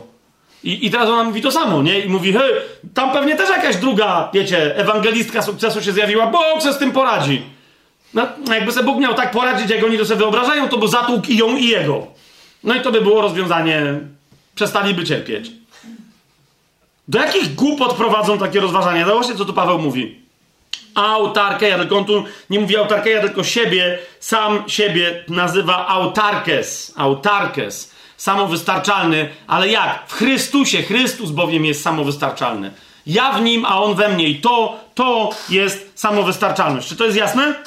Zwróćcie uwagę, drugi yy, Piotr mówił, nie? Mamy wszystko, co potrzebne do życia i do pobożności. Drugi moment, gdzie Paweł posługuje się wyrazem autarkeja, poza tym drugim listem do Koryntian, to jest pierwszy list do Tymoteusza. Bardzo interesujący moment. Pierwszy list do Tymoteusza, szósty rozdział, szósty werset. Zwróćcie uwagę, co się tutaj wyprawia, co się tutaj dzieje. Co się tutaj wyprawia. Tu zaś niektórzy głoszący cierpiętnictwo w kościele się odzywają i oni zaś to cytują, nie? Wielkim zaś zyskiem jest pobożność wraz, zwróćcie uwagę, z poprzestawaniem na tym, co się ma. Proszę księdza, ale ja nic nie mam. I dokładnie na tym musisz poprzestać. Nie możesz niczego chcieć, nie możesz. Widzisz, jak to brzmi dziwnie, nie? Tymczasem to zdanie w języku greckim jest bardzo takie skrzętne, takie dosadne, proste. Wielkim zaś zyskiem jest pobożność z autarkeją, z samowystarczalnością. Czy masz poczucie samowystarczalności w swoim życiu, czy nie? Że, że niczego ci nie brakuje, nieważne jakie są okoliczności, że masz pokój, pewność. Rozumiesz, co się tu dzieje? To jest pobożność i życie, które jest, które, w ramach którego nie walczysz o zasoby. Czy to jest jasne, co, co ja mówię? Kochani, wyraz zysk i ten wysk, zysk tutaj to jest taki, wiecie, polski profit, żeby to było jasne. Pojawia się tylko dwa razy w Biblii. W języku greckim. Bo w języku hebrajskim, język hebrajski w temacie zysku ma, mamy specjalistkę od hebrajskiego, to wam powie, no tam jest pomieszanie z poplątaniem, bo tam nigdy nie wiadomo, czy jest duchowość, czy biznes, czy, rozumiecie, no to jest święty język, nie będę w to wchodził. W języku greckim jest wszystko posegregowane, poszatkowane, poszufladkowane. Profit, taki stricte profit. Wiesz o co mi chodzi? Grasz na giełdzie, nie? Masz wzrost akcji, kupiłeś akcję za stówkę, sprzedajesz za 120, co jest twoim zyskiem? No ta różnica, tak? Czysty zysk, profit. Ten wyraz się pojawia dwa razy tylko w Biblii. Pojawia się tu, w szóstym rozdziale, w szóstym wersecie i w poprzednim wersecie. Ciekawe, co? E, zawsze ludzie patrzą i nigdy nie widzą tego, nie? Ci, co głoszą, nieważne co głoszą, ci, co głoszą Ewangelię sukcesu, ci, co głoszą cierpiętnictwo, nie widzą, mówią, ty, jak nagle to widzą, to mówią, zaraz, a to nie jest trochę jakaś taka sprzeczna myśl tutaj? No bo zauważcie, przewrotne, szósty rozdział Tymoteusza, piąty werset, przewrotne spory ludzi o wypaczonym umyśle, pozbawionych prawdy, którzy uważają, że pobożność jest zyskiem. Czyli to jest błąd, myśleć, że pobożność jest zyskiem. Zgadza się? To jest wypaczony umysł. A za chwilę Paweł mówi, natomiast wielkim zyskiem jest pobożność. What? No, no właśnie na tym to polega. Wypaczony umysł próbuje na pobożności coś zyskać dla siebie. To jest mój zysk.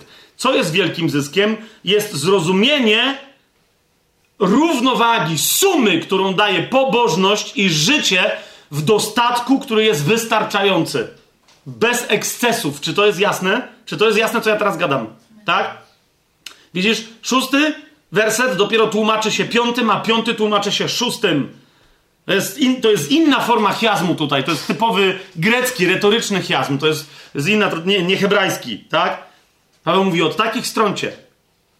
Wy czerpcie zysk sumy, którą daje pobożność i życie świadome tego, że nie musisz w nim troszczyć się o pieniądze, ani o zaspokajanie potrzeb materialnych, które ponoć zaspokaja się przy pomocy pieniędzy. Mamy jasność w tej kwestii? Mówi, nie, nie, masz dostęp do nieskończonych zasobów materialnych, co daje ci samowystarczalne życie, czyli takie, że nie musisz się zastanawiać nad nim, i możliwość, żeby służyć. Ale jeżeli ty zaczynasz kombinować ze Słowem Bożym i zaczynasz się dopytywać, jak przy pomocy znajomości z Panem Jezusem dostępu do obfitości dóbr materialnych możesz zyskać źródełko do zaspokajania swoich zachcianek, najczęściej grzesznych, to Paweł mówi: Nie, nie, nie.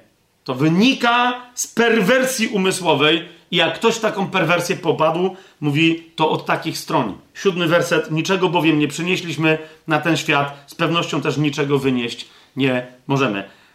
Autarkeja pojawia się więc, kochani, tutaj pobożność połączona z autarkeją, tak?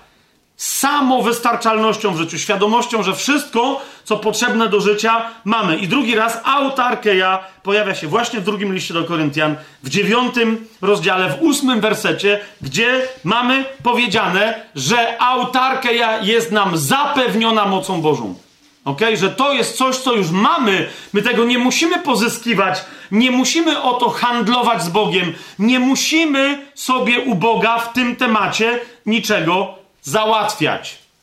Zatem, kochani, łącząc w sobie tę tą całą mądrość, powiedziałbym, skutkiem nowego narodzenia jest taki rodzaj naszego bogactwa materialnego, które uważajcie, jest sumą autarkei i hojności w służbie królestwu. To jest autarkeia plus hojność. Tutaj nie boli, bo ta hojność jest. W Biblii jest takie słowo yy, haplotes, które oznacza niehojność, w sensie, że ktoś a da więcej. Niewielkoduszność jest takie słowo, które oznacza. Wiecie, gdzie ono się pojawia? O, bo ono jest jednym z kluczowych słów w drugim liście do Koryntian. Ono się pojawiło dzisiaj na początku w naszej modlitwie, ponieważ pojawia się w cytacie, który brzmi: Boję się, aby czasem, 11 rozdział drugiego listu do Koryntian, trzeci werset, boję się, aby czasem, tak jak wąż swoją przebiegłością oszukał Ewę, tak też wasze umysły nie zostały skażone i nie odstąpiły od hojności, która jest w Chrystusie. What? Obczajacie, co się tu dzieje? Co, co, co, co? Przecież tu chodzi o prostotę, tutaj chodzi o... Ee, mm, nie, nie, nie. Jest taki polski wyraz, który idealnie, dokładnie, precyzyjnie oddaje znaczenie tego słowa. I to jest właśnie to, że się wszyscy zaczynają gubić w tej tematyce. Mianowicie ten wyraz brzmi szczodrobliwość. Szczodrobliwość. To jest oznaka takiego rodzaju prostolinijności, a nie prostoty i szczerości, która prowadzi do hojności. Ci z Was, którzy sobie otworzą definicję Stronga, e, no lepiej, żeby sobie znaleźli jakieś lepsze definicje, ale nawet tam zobaczycie, że ten wyraz jest złożony. Przeczytajcie całą do końca e, definicję, ponieważ nie jest tak, według mnie, i tu się będę stawiać, i tu będę o to walczyć, nie jest tak, że ten wyraz haplotes nie jest tak, że ten wyraz oznacza raz ci szczerość, raz ci prostotę, raz ci prostolinijność, a jeszcze raz ci hojność. On oznacza dokładnie to, co kiedyś w języku polskim oznaczał wyraz szczodrobliwość. Według mnie to jest najlepsze tłumaczenie. Słyszycie ten wyraz szczodrobliwość? To jest szczodry, ale szczodry niekoniecznie znaczy to samo, co szczodrobliwy. Szczodrobliwość to jest dobrotliwość, a dobrotliwość zawsze wyraża się w obdarowywaniu kogoś czymś za darmo. Jasne? Więc zwróćcie uwagę, jak, jak macie wątpliwość, zobaczmy, mam nadzieję, że dzisiaj uda nam się wrócić do tego 11 rozdziału jeszcze. Zauważcie, że bezpośrednim kontekstem tego, co Paweł mówi, obawiam się, żeby wam się w głowach nie powaliło, tak jak Ewie, bo jesteście szczodrobliwi, ale możecie zacząć być chytrzy. Zobaczcie, jaki jest bezpośredni kontekst. Siódmy werset czy, tego 11 rozdziału. Czy popełniłem grzech, uniżając samego siebie, abyście wy byli wywyższeni, że za darmo głosiłem wam Ewangelię Bożą? Zauważcie. Paweł mówi, żeby wam to nie pokrzaniło czegoś w głowach. Żebyście wy dobrze zrozumieli, czym jest szczodrobliwość, jaka jest w Chrystusie, z czego ona wynika, co się komu należy, a co się komu absolutnie nie należy, kto komu co daje i czy daje mu coś za coś, czy dlatego, że ma i chce dać. Nie? A o to mi chodziło na początku, jak powiedziałem o tej prostocie, że niektórzy mówią, wiesz, co to jest prostota? Prostota to znaczy, że nie możesz mówić o skomplikowanych tematach teologicznych. Serio? Dlaczego? O, bo Paweł o to się modli. Następny przychodzi i mówi, nie, prostota. Baba nie może się za bardzo uczesać, umalować, ubrać, bo musi reprezentować prostotę, bo jak nie, to będzie jak Ewa, którą zwiódł wąż. I tak dalej, tak. No okej, okay, fajnie, tylko nie, tu o co innego chodzi. Te inne tematy może są w innych miejscach Biblii poruszone. Może!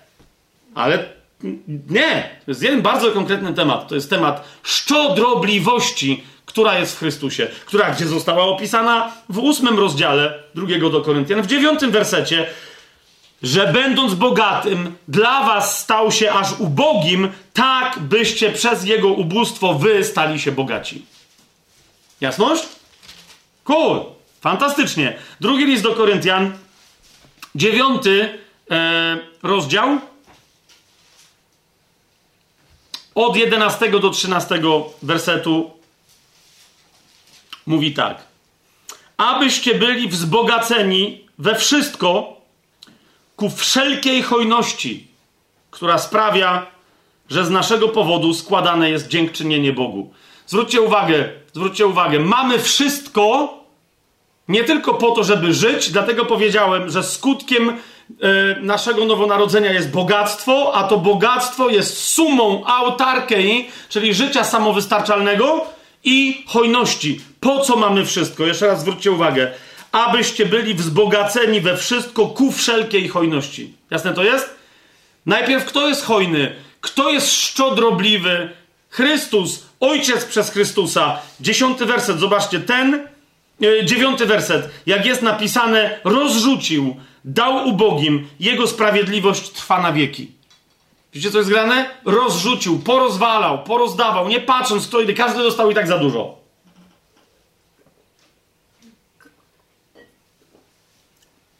Momentowo, przez chwilkę, tylko teraz nachapmy się, nazbierajmy, bo, bo ktoś czepnął w tira pełnego dolarów i teraz one, rozumiecie, spadają z nieba. Kto ile chce nazbiera, tyle nie chce nazbiera, bo już więcej nie będzie. Nie. Ojciec jest szczodry swoją dobrotliwością, obsypuje nas, jak mówi psalmista, codziennie niezliczoną ilością dóbr i darów. Niezliczoną ilością, e, niezliczoną ilością dóbr. Ten, który daje, 10, 11 werset, ten, który daje ziarno siewcy, niech i wam da chleb do jedzenia i wasze ziarno rozmnoży i zwiększy plon waszej sprawiedliwości, to jest przenoszenie owoców w duchu. Abyście byli bo, no, wzbogaceni, powinno być boga, okej, okay, niech będzie, abyście byli wzbogaceni we wszystko, ale pamiętajcie po co? Ku wszelkiej hojności, nie po to, żebyście wy w życiu swoim byli zaspokojeni, ale ku wszelkiej hojności, która sprawia, że z naszego powodu składane jest dziękczynienie Bogu, okej? Okay? Szczodrobliwość, sprawdźcie sobie ten wyraz haplotes, to jest dokładnie ten sam wyraz, co w 11 rozdziale, w trzecim wersecie. Teraz, kochani, kochani, nasze życie więc jest tak zaspokojone, że nie musimy się o nie troszczyć, a cała reszta obficie ma trafić do służby. Ok? nasza hojność jest specyficznego rodzaju służbą. To jest jeden z powodów, dla których zawsze mówię, że pięcioraka służba nie do końca jest taka pięcioraka. No nie? Ona jest jedna, jest pięcioraka, jest służbą, ale służb w kościele jest mnóstwo. Zobaczcie na 12 rozdział e, listu do Rzymian. Służb usługiwania w kościele, typów usługiwania jest mnóstwo. Bardzo interesującą rzeczą jest, że w kościele e, Biblia nie mówi, że istnieje na przykład służba uwielbienia. Ja non-stop słyszę, że ktoś gdzieś jest w służbie uwielbienia. Znaczy, co robisz? Śpiewasz i tańczysz w kościele i grasz i tak dalej. No to fajnie, to co to za służba? Wszyscy powinni tak robić. No ale ja to animuję. No to super, no nie? Ale to jest żadna służba, nie? Biblia mówi, że każdy na spotkaniu ma prawo się podzielić z innymi pieśnią, słowem, poznaniem, wszystkim. Rozumiesz, my sobie nawzajem usługujemy. To nie jest specjalna służba. Ale uważajcie, hojność jest nazwana w Biblii i zaklasyfikowana jako specjalny rodzaj służby. Popatrzcie, popatrzcie. I tu, tu zaraz się tej służbie bliżej przyjrzymy, ale popatrzcie, ta szczodrobliwość w jedenastym wersecie, ok? Od jedenastego wersetu do trzynastego jest tak nazwana, i potem pokażę wam jeszcze jeden werset. Ok? Wszystko ku. Jesteście wzbogaceni wy, bogaci, po co? Aby być hojnymi. Bo hojność, ta szczodrobliwość sprawia, że z naszego powodu składane jest dziękczynienie Bogu. I teraz uważajcie. Posługiwanie bowiem w tej służbie, w jakiej służbie? W służbie hojności, w służbie szczodrobliwości, nie tylko zaspokaja niedostatki świętych, już widzicie, gdzie jest ta służba skierowana. Ku, w, idzie w stronę zaspokajania niedostatków świętych w ciele Chrystusa, ale też Uwaga, ale też obfituje w liczne dziękczynienia składane Bogu, w domyśle nie tylko przez świętych. Tak? Gdyż, jeszcze raz jest podkreślone, przez doświadczenie tej posługi chwalą Boga za to, że a. jesteście posłuszni wyznawanej przez siebie Ewangelii Chrystusa i b. hojni w udzielaniu im i wszystkim innym jesteście. Jasne? Jesteście wierni i jesteście hojni za to jest dziękczynienie, ale to jest służba wobec wierzących i zwróćcie uwagę, niewierzących. Ktoś powie, mamy jakieś inne, to już są dwa momenty, które wyraźnie nazywają to służbą. Powołałem się na 12 rozdział listu do Rzymian, no to w takim razie sprawdźmy sobie, otwórzmy 12 rozdział listu do Rzymian, czytam od 6 wersetu. Mamy więc różnorakie dary według łaski, która nam jest dana.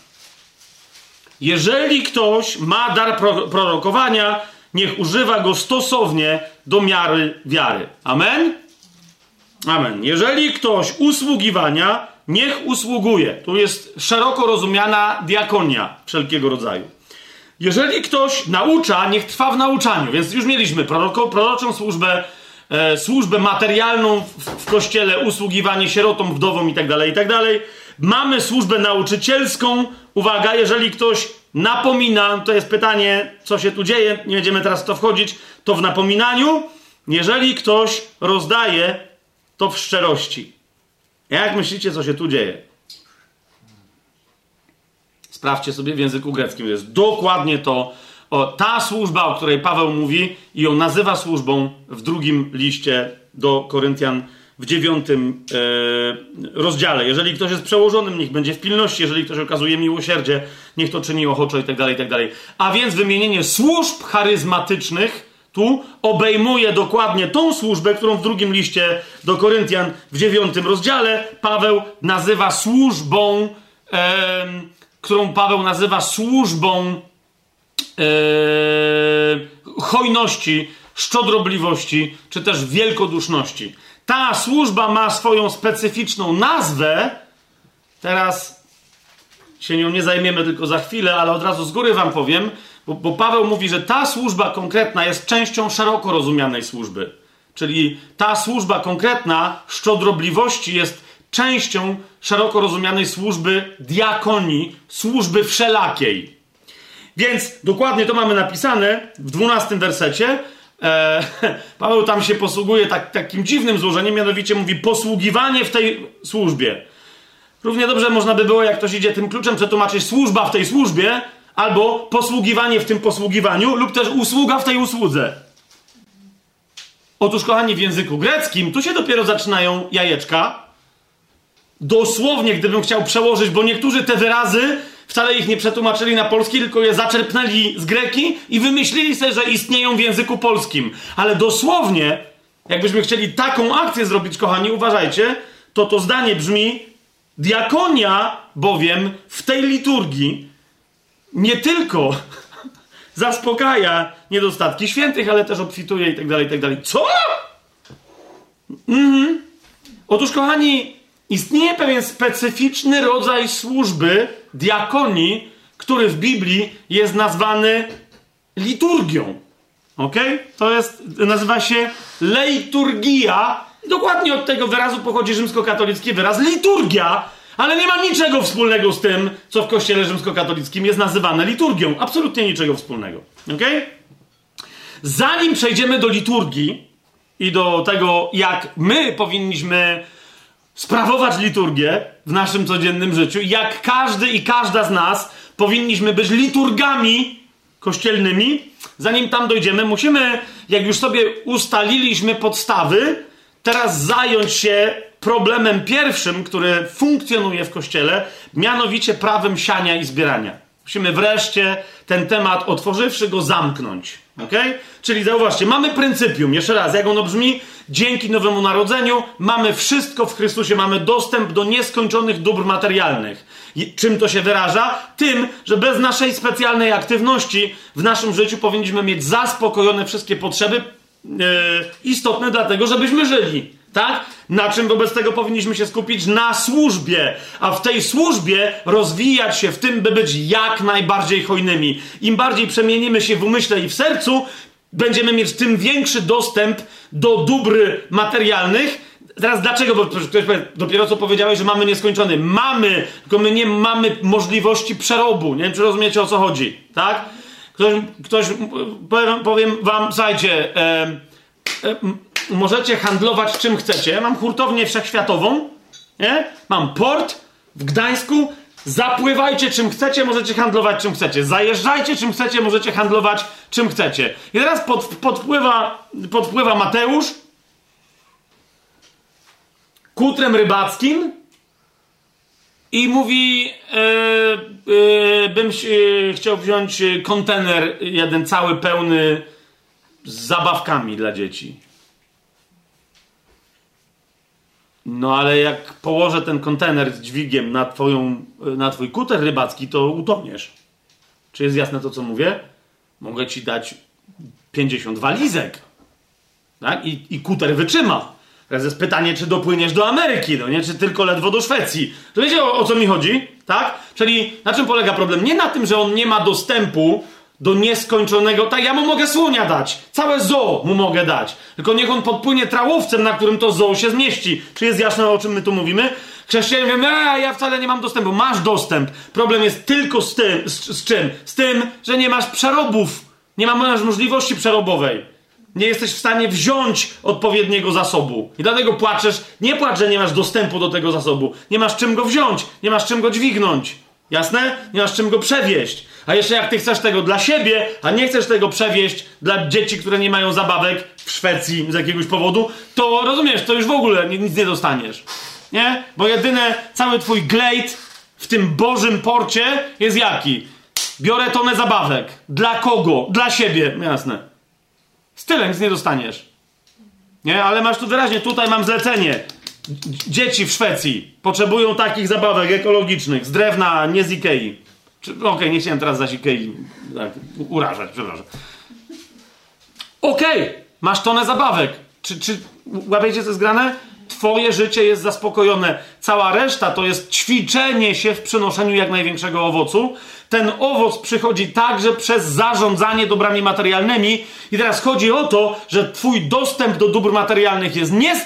Inaczej, masz dostęp do nieskończonej ilości dóbr materialnych ale Twoja możliwość korzystania z tego dostępu nie jest nieskończona. Jo, ona jest skończona i więc Twoje, twoje korzystanie z tego nieskończonego zasobu zależy od szerokości Twojego skończonego e, kanału przepływowego. Jasne to jest?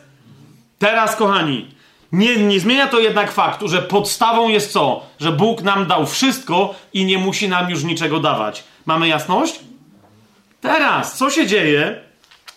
Po wielu kościołach, jeszcze raz przypomnę, co mówiłem, niech się nikt na mnie na litość Boga żyjącego nie obraża, bo niektórzy myśleli, może dalej myślą, że to jest prawdziwa teologia. Ale teraz zobaczcie, ma się pojawić składka w kościele. W ilu kościołach byłem? W Polsce, e, w Anglii, w różnych, w różnych miejscowościach, w różnych, gdzie po prostu co i róż słyszałem, specjalne kazanie przedskładkowe, nie? Jest, jest takie, wiecie, normalne nauczanie, jakieś kazanie, kazanie w ramach ogłoszeń i kazanie przed składką, kiedy z ludzi trzeba wydobyć pieniądz. I bardzo często na tym kazaniu czym się posługują karzący? Dziewiątym rozdziałem drugiego listu do Koryntian, ok? Otwierają dziewiąty rozdział listu do Koryntian, e, cytują szósty werset, kto skąpo sieje, skąpo też rządź będzie, powiadają. A kto sieje obficie, obficie też rządź będzie. I mówią, tak, zaraz po tym cytacie mówią 10 złotych i 100 złotych i 1000 złotych niech się znajdzie, bo im więcej zasiejesz, tym więcej zbierzesz. Czy, o, dasz tysiąc, no to pewnie ze dwa tysiące chociaż zeżniesz. Nie? Dasz 10 tysięcy, to i 100 tysięcy ci Bóg sypnie. I całą resztę, jeżeli coś cytują dalej z tego dziewiątego rozdziału drugiego listu do Koryntian, cytują dokładnie w takim kontekście: daj Bogu więcej, bo przecież nie nam. My tylko przypomnij, my jesteśmy tylko listonoszami. My, pastor, pastorowa, starsi zboru, ktoś tam, zbieracze, caritas, whatever, kto akurat zbiera. My nie. My zaraz idziemy, wpłacamy Bogu na konto. Rozumiecie? Bardzo często to dokładnie tak brzmi. Nie? Okej, okay, to konto następnie zaraz nam zwraca pieniążki, wypłacamy pensję pastorowi, starszym, komuś, młodszemu pastorowi od młodzieży, yy, opłacamy yy, kredyt, za który kupiliśmy budynek zborowy itd., tak itd. Tak Jakby to był, ale nie, nie, ale kiedy my zbieramy pieniądze, to mówimy daj Bogu, a Bóg da ten, potem z powrotem tobie. A tymi pieniędzmi, co dałeś Bogu, Bóg się z nami niechcący potem dzieli, ale to to w ogóle nie ma nic do rzeczy. Otóż moje pytanie brzmi, jeżeli Bóg już nam dał wszystko i mamy dostęp do wszystkiego i my mamy być dawcami, to jakby. Ja nie mam żadnej potrzeby, żeby Bogu coś dawać. Nie wiem, czy rozumiecie, co się tu dzieje. Jaką ja mam potrzebę, żeby Bogu coś dawać, skoro On mi nie musi niczego jeszcze dodawać, bo On mi wszystko gwarantuje. Czy to jest jasne? To co tu się dzieje? Dlaczego ktoś w ogóle tego, tego typu bzdury głosi? No ale jak ja mówię, że, że to są bzdury, tu sobie masz na, na, nawet zapisaną notatkę.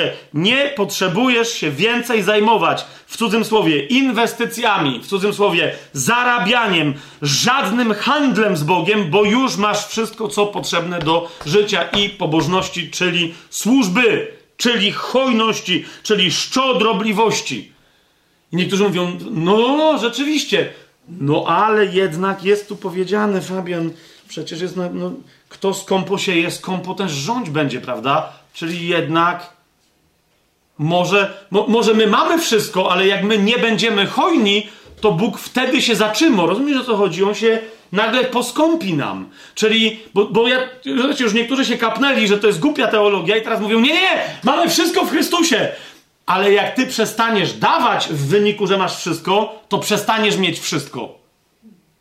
O, ja myślałem, że wykonało się i, i, i że kto daje i odbiera, to się w piekle poniewiera. Ktokolwiek by się miał w piekle poniewierać, to nie jest Bóg.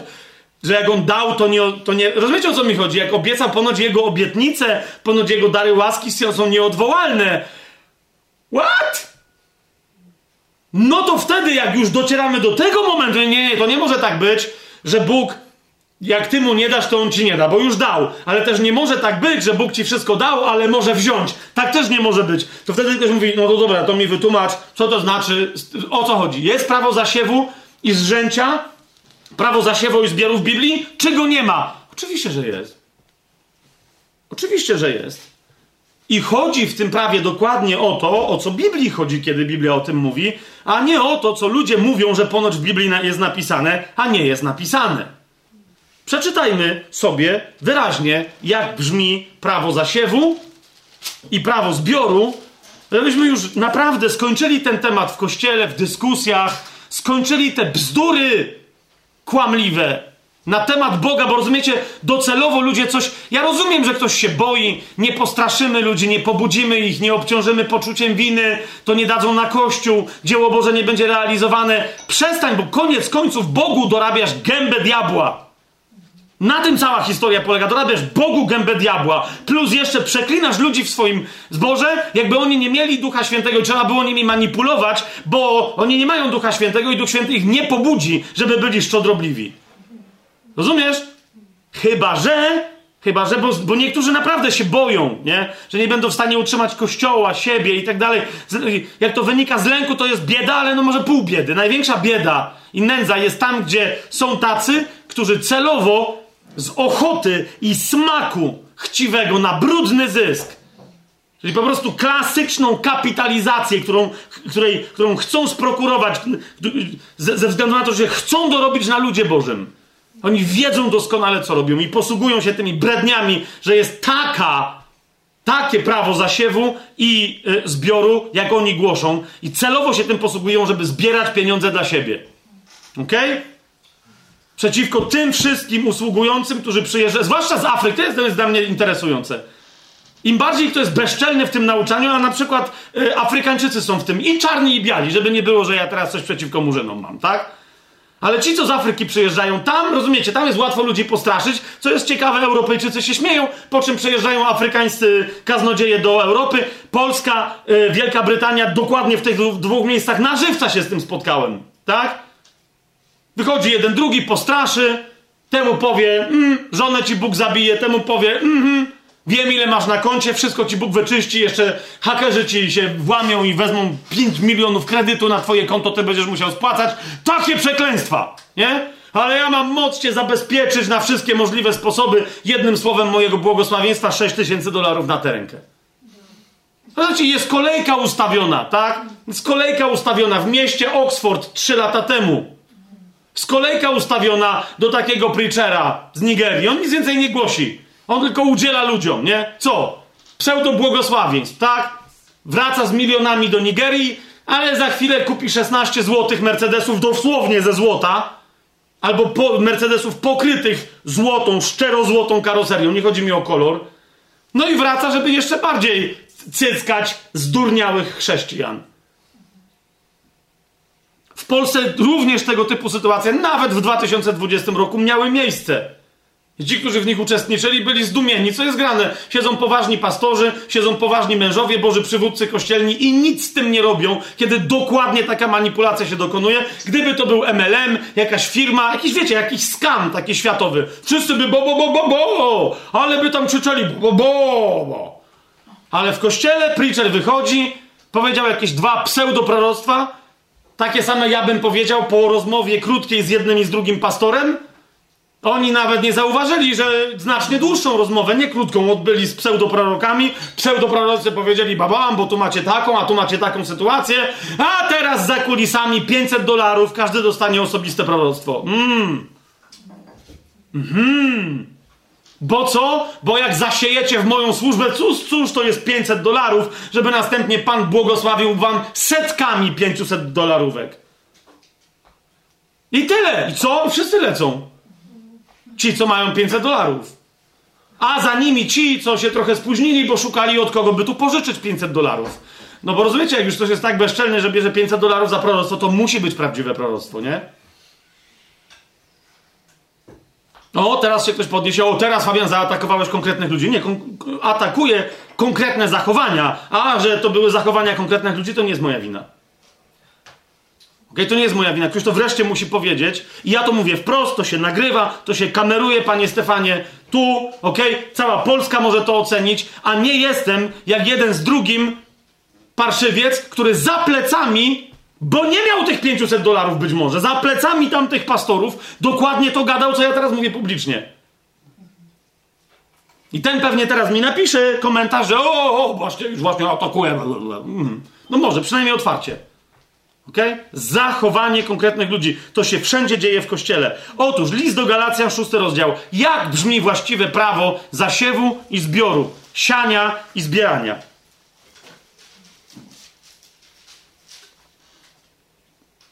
List do Galacjan, szósty rozdział, siódmy werset. Nie łudźcie się. Jest to fantastyczny wjazd do tego, o czym mówimy, bo właśnie przestańcie się wreszcie łudzić. Bracia i siostry, przestańmy się wreszcie łudzić. Dawać robić w konia. Nie łudźcie się. Bóg nie da się z siebie naśmiewać. Co bowiem człowiek sieje, to też będzie rządź. Czyli jest prawo zasiewu. Amen! A kto powiedział, że go nie ma? Tylko pamiętaj, Bóg nie da z siebie kpić. Na czym ono polega? Na tym, co, w co i po co jest zasiewane. Ok? Otóż powiem ci, nieważne co jest zasiewane, ale ważne, nawet nie do końca jest ważne, w co jest zasiewane, ale jest istotne, po co jest zasiewane. Ok? Jest istotna Twoja intencja, bo kto sieje, zauważ, nieważne co. Ok? Nieważne co. Ważne jest po co. Kto sieje dla swojego ciała, z ciała rządź będzie zniszczenie. Kto zaś sieje dla ducha, z ducha rządź będzie życie wieczne. W czynieniu dobra zatem nie bądźmy znużeni, bo w swoim czasie rządź będziemy, jeśli nie ustaniemy. Co będziemy rządź w swoim czasie, jeśli nie ustaniemy? Nagrodę i zapłatę od Pana w królestwie. Czy to jest jasne? Kto będzie. Co to znaczy yy, siać dla ciała? Siać w oczekiwaniu skutku materialnego, którego doświadczy ciało. Jeżeli więc ktoś sieje, nieważne co sieje, ktoś może siać słowo, pochlebstwo, żeby następnie dostać posadę w kościele, która będzie dobrze płatna. Ok? Nieważne co sieje, nie sieje materialne, ale sieje po co? Sieje dla swojego ciała. Ktoś daje pieniądze na składkę, dziesięcinę, co o tym jeszcze będziemy mówić, żeby nie było, że zaś przeciwko dziesięcinie gadam. Płaccie dziesięcinę ile chcecie, płaccie dziesięć dziesięcin. Jednorazowo. Ok? Bardzo mi się to podoba. Halleluja. Nie jestem przeciwny dziesięcinie. Zwłaszcza jak jest dwudzieściną, trzydzieściną, czterdzieściną, pięćdziesiąciną, teściową i niech, rozumiesz, zapłać całą kwotę. Teściną, o to mi chodziło, nie teściową. Ale jeżeli płacisz po to, żeby dostać więcej pieniędzy, to jedyne czym się to skończy, to będzie zniszczenie, to będzie rozkład Twojego ciała, a nie pomnożenie wartości materialnych w Twoim życiu jako osoby wierzącej. Jeżeli natomiast, natomiast siejesz słowa, uczynki zgodne z wolą Bożą, pieniądze, hojność swoją, ale dla kogo? Dla ducha. Ok, w oczekiwaniu owocu duchowego, a nie materialnego, wówczas rządź będziesz w przyszłości, kiedy przyjdzie pora na zebranie zapłaty i nagrody za to, jak żyliśmy. Wtedy zobaczysz właściwy rozmiar swojego właściwego konta, które jest kątem w królestwie. Amen?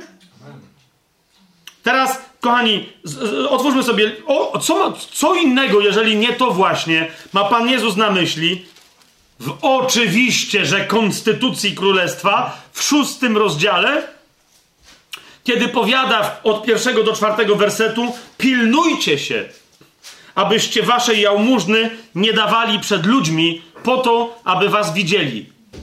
Dlaczego? Inaczej nie będziecie mieli nagrody u waszego Ojca, który jest w niebie. Zauważ, i to, zauważ, co Pan Jezus tu mówi. On mówi, to nawet nie o to chodzi, czy jak ty dajesz jałmużnę, to oczekujesz, że potem Bóg ci zwróci siedemkroć. Chodzi o to, że niektórzy z was oczekują czego innego w ciele. Ty dajesz jałmużnę, na przykład z tego, co ci zbywa, a oczekujesz, że co? Że inni będą myśleć o tobie dobrze. Patrz, jaki charytatywny jest ten człowiek. Zobacz, jaki on jest wielkoduszny. Patrz, jak on daje. Pan Jezus mówi, to jest też zbieranie dla ciała. Rozumiesz? Wtedy nie licz na to, że, że będziesz cokolwiek rządź, bo już zbierzesz tu, w ciele, które jak skończy zniszczeniem. Drugi wers. Dlatego, gdy dajesz jałmużnę, nie trąb przed sobą, jak to robią obłudnicy w synagogach i na ulicach, aby ich ludzie chwalili. Zaprawdę powiadam wam, właśnie odbierają swoją nagrodę. Ale ty, gdy dajesz jałmużnę, widzisz o co mi chodzi? To jest pierwsza zasada, jak nie siać w ciało. Niech nie wie twoja lewa ręka, co czyni prawa. Rozumiesz? Żeby twoja lewa ręka się nie spodziewała, że weźmie coś z tego, co daje prawa. Jest to jasne? Nie siej w ciało, bo zbierzesz z ciała. A co zbierzesz z ciała? Z ciała zawsze zbierzesz tylko i wyłącznie tragedię, czyli zniszczenie. Nic innego. Teraz, ja wiem, co się teraz stanie, więc muszę na zupełnie na marginesie coś powiedzieć. Czy wiem, co się teraz stanie? Mam, nie, nie chcę powiedzieć, że mam prorocze przekonanie. Mam jakąś taką intuicję. Nie? Było wielu w Polsce i nie tylko w Polsce, na całym świecie i jest dalej nauczycieli, ewangelistów, pastorów głoszących wszelkiego rodzaju, którzy głoszą Ewangelię sukcesu, głoszą tą, to fałszywe prawo siania i zbierania, mówią dawaj więcej pieniędzy, a Bóg tobie da więcej pieniędzy. Ja powiedziałem, że jak ktoś tak rozumie to prawo, będzie zbierać, bo tak mówili z do Galacjan, będzie zbierać ze swojego ciała zniszczenie. Tak powiedziałem? Bo tak mówili z do Galacjan? Jeżeli ktośkolwiek teraz, tu z was wiem, że nie, ale ktokolwiek teraz na tej podstawie potem mi zarzuci, że miałem na myśli konkretnego głoszącego, to, to już teraz z góry mówię w imieniu Jezusa Chrystusa, nie tylko to nie jest prawda, ale bracie albo i siostro, przemyśl to dwa razy, bo ty też zbierzesz w ciele. Ja nie. Bo nie mam żadnego konkretnego nikogo na myśli. Pamiętam kiedyś, jak o tym mówiłem na jednym zgromadzeniu, posłużę się konkretnym nazwiskiem, e, żeby wam podać przykład, ale nie po to, żeby absolutnie czegokolwiek, e, cokolwiek złego powiedzieć o tym człowieku, bo nie znam ani jego, ani jego nauczania. Ale był taki moment, kiedyś rozmawialiśmy o tym, list do Galacjan, moja żona kiwa głową, nie wiem, czy, czy pamięta to dokładnie to zdarzenie, ale w każdym razie e, i, kto, i, tłumaczyłem prawo za siebie, ktoś do mnie podszedł i mówi e, i, i, mi mówi, a, a, Fabiana, czemu ty atakujesz pastora Godawę? Ja mówię, ja, nawet, ja nie wiem, kto to jest pastor Godawa. Naprawdę, ja nie jestem ze świata protestanckiego. O, wszyscy wiedzą. Nie, naprawdę, do dzisiaj nie wiem. To było zaraz po jego śmierci. Ja też nie wiedziałem, wiedziałem wtedy, że on tam jest chory, coś tam się dzieje, ale ja nie wiedziałem, czego on naucza i tak dalej. Teraz ten ktoś mi mówi, że on, od, on się od niego nauczył. Potem inni ludzie mi mówili, że wcale nie do końca pastor Godawa tak mówił. tak mówił. To jest najbardziej interesujące. Ale ten konkretny człowiek przyszedł i mówi, że on dokładnie to słyszał od pastora Godawy. Ja specjalnie to mówię, żeby teraz tego typu rzeczy się rozwiązały raz na zawsze, na litość boską. Niech się skończą w kościele. Że on się tego dowiedział od pastora Godawy i teraz ja mówię, że, i że teraz, że ja powiedziałem, że skoro pastor Godawa tak głosił, to dlatego zachorował i umarł. Mówię, no na litość boską. Naprawdę to jest to, co ty teraz usłyszałeś. Potem, bo tam jeszcze było parę osób, jeszcze jakiś jeden inny pastor, który mówi, mówi co ty? Ja w życiu czegoś takiego akurat od Godawy nie słyszałem, żeby on to tak... Jeszcze raz, ja do dzisiaj nie wiem, bo naprawdę uznałem wtedy, dobra, no ani to nie było na moim... ani ja nie mam interesu, żeby, żeby to załatwiać. Eee, ale rozumiecie, że ludzie czasem takie rzeczy potrafią sobie wykombinować. Po co?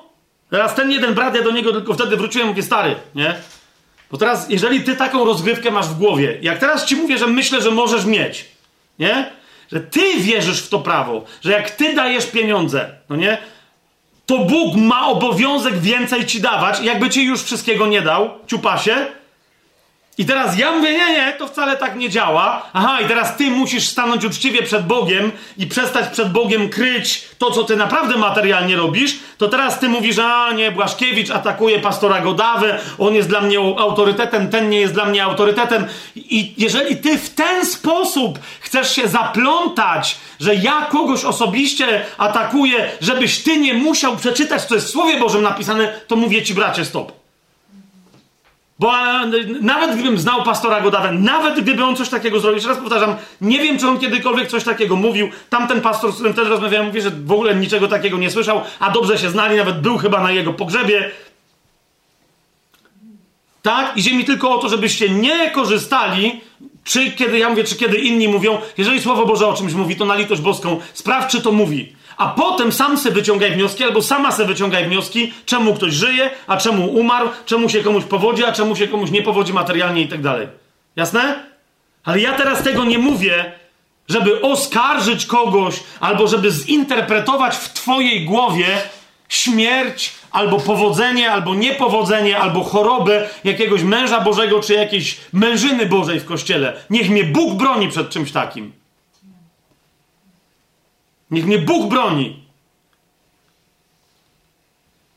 Ale prawo pozostaje prawem, I teraz ono może zadziałać na różne sposoby w życiu różnych ludzi. Ale ja teraz tego nie rozsądzam i ani mnie, ani ciebie Bóg do tego nie posłał. Mamy o tym pamiętać, żeby co? Żeby rozsądzać swoje uczynki. Zwróćcie uwagę, że w liście do Galacjan, tym, o którym mówiliśmy, zanim Paweł przechodzi do prawa siania i zbierania, właśnie Paweł na co zwraca uwagę, tylko przestańcie innych wy osądzać, łosie niebieskie, ok? Szósty rozdział, piąty werset, każdy bowiem poniesie swoje własne brzemię. Nie? Więc ty się zastanów, co ty robisz. Potem mówi, więc kto jest nauczany słowa, niech się dzieli z nauczycielem. Nie łudźcie się, kto sieje e, dla ciała, zbierze z ciała zniszczenie, a kto sieje dla ducha i tak dalej. Ale zaczyna od myśli, każdy poniesie swoje własne brzemię. Więc jeszcze raz, przestań się zastanawiać, kto się nie zastosował do, do tego prawa, albo kto je sfałszował, i, a jeszcze kto tobie krzywdę zrobił, bo niektórzy są gotowi teraz reagować. To mnie zawsze w kościele nauczyli, to ja już nigdy więcej pół złotówki nie dam. Rozumiesz? Jeżeli tego typu nauczania, jak ja teraz mówię, że jak brzmi prawo siania i zbierania, macie doprowadzić w ramach jakiejś burzliwej burzy e, grzmotomózgowej do wniosku, że w związku z tym już się nadawałeś w kościele, już więcej nigdy nie dasz, obczaj, to dokładnie, to dokładnie zbierasz zniszczenie, które ostatecznie zbierzesz w swoim ciele ty. Przestań innych przeklinać i osądzać i tak dalej, i tak dalej. Wróćmy do tej Ewangelii Mateusza do, do, szóstego, y, do szóstego rozdziału. Więc Pan Jezus tam mówi, niech nie wie, y, w czwartym, w trzecim wersecie, kiedy dajesz jałmużnę, niech nie wie twoja lewa ręka, co czyni prawa, Czwarty werset, aby twoja jałmużna pozostała w ukryciu, a twój ojciec, który widzi w ukryciu, on odda ci jawnie. Kiedy? Wtedy, kiedy będzie nagradzać jawnie. I dalej, zauważcie, e, w tym samym rozdziale, bo, bo jakby inne też rzeczy, które ludzie robią na zewnątrz, a więc nie tylko chodzi o pieniądze, modlitwę publiczną, post na przykład. Panie Jezu, że to wszystko najbardziej pobożne rzeczy. Więc widzicie, e, ludzie zasiewają w co? W ciało żeby zebrać w ciele. Panie mówi, modlitwa jest czym? Jest, jest czynnością duchową. Niektórzy tak się modlą, żeby zebrać pochwały ludzkie. Sieją, żeby zebrać w ciele. Zbiorą zniszczenie. Tak? Ale na sam koniec Pan Jezus co mówi? Nie jest istotne, co siejecie. Siejcie dobre rzeczy, duchowe, materialne, duszewne, wszystko, ale z pamięcią o czym? Gdzie chcecie uzyskać skutek? A więc siejcie, żeby zebrać, żeby się wam pomnożył plon, ale gdzie? 19 i 20 e, i 21 werset. Nie gromadźcie sobie skarbów na ziemi, mówi Pan Jezus. To znaczy Pawłowe, nie, nie siejcie, żeby zbierać w ciele. Pan Jezus mówi, nie zbierajcie sobie skarbów na ziemi, gdzie mól i rdza niszczą, masz zniszczenie. To jest jedyne, co wynika z ciało i gdzie złodzieje włamują się i kradną. Ale gromadźcie sobie skarby w niebie, gdzie ani mól, ani rdzanie niszczą i gdzie złodzieje nie włamują się i nie kradną, gdzie bowiem jest wasz skarb, tam będzie i wasze serce. Derek Prince, genialny znawca greki nowotestamentowej, zwrócił kiedyś mi, nie że do mnie przyszedł i mi zwrócił uwagę, tylko słuchałem jego nauczania i wziąłem to bardzo do siebie uwagę, jak wielu wtedy osobom zwracał uwagę, że to w tym zdaniu chodzi o co? Istotne jest, że to, gdzie umiejscawiasz swój skarb, to umiejscawia twoje serce, a nie odwrotnie. Okay? Niektórzy, że taki jest zwrotnik tutaj w języku greckim i rzeczywiście na to wygląda, że taki jest, bo niektórzy mówią, wiesz, ja tutaj się zajmuję materialnymi rzeczami, ale moje serce przylgnęło do Boga. A Pan Jezus mówi bzdura.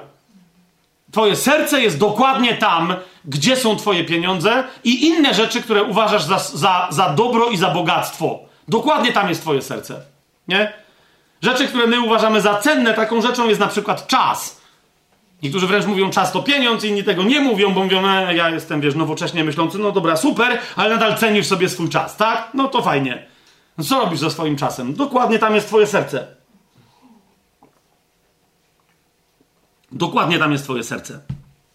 Jak jest chłopak zakochany, może być w robocie 8 godzin, nie 16. Rozumiecie? I, I co i już dostaje od majstra w łeb i mówi, co ty, zakochany jesteś, a on właśnie jest zakochany. I dlatego go nie ma. Rozumiecie? Gdzie skarb twój, Piotrze, tam serce twoje. Prawda? No, teraz, no właśnie, to jest pytanie, czy żona zawsze pozostaje aż takim skarbem. No, no akurat w tym wypadku została. Zosta- Ewangelia, Ewangelia Łukasza, szósty rozdział, bo to jest jeden z elementów głoszenia tego prawa, e, prawa zasiewu, nie? Że Pan Jezus przecież powiedział, dawajcie, a wam będzie dane miarą uczęsioną i niektórzy na to się powołują, sam Pan Jezus głosił, daj stówkę, dostaniesz tysiąc. Fantastycznie, to otwórzmy sobie szósty rozdział, 35 werset. Bo rzeczywiście w 38 wersecie Pan Jezus co mówi? Dawajcie, a będzie wam dane. Miarę dobrą, natłoczoną, utrzęsioną i przelewającą się wsypią lub też wleją lub też dadzą w zanadrze wasze. Wiecie, co to po hebrajsku znaczy? To znaczy 77 razy po 7. To znaczy miara dobra, natłoczona, utrzęsiona i przelewająca się. Czyli wszystkiego nadmiar pod każdym względem, we wszystkich możliwych miarkach. Sypanych, lanych, tłuczonych. Jaką bowiem miarą wy mierzycie, taka, taką będzie i wam odmierzone. Fantastycznie, prawda? I niektórzy to mówią już dalej nie patrzcie nigdzie. Nie, nie patrzcie. Stówka! Przyjdzie i tysiąc, i dwadzieścia tysięcy, i sto tysięcy, bo Pan Jezus powiedział, dawajcie, a i wam będzie dane. No ale okej, okay. tylko że kontekst jest jaki? 35 werset. Miłujcie waszych nieprzyjaciół, im czyńcie dobrze i pożyczajcie, niczego się za to nie spodziewając, a wielka będzie wasza nagroda i będziecie synami Najwyższego.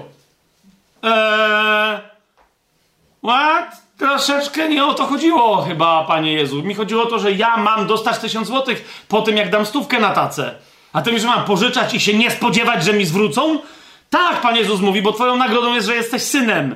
Rozumiesz? A jak jesteś synem, to co?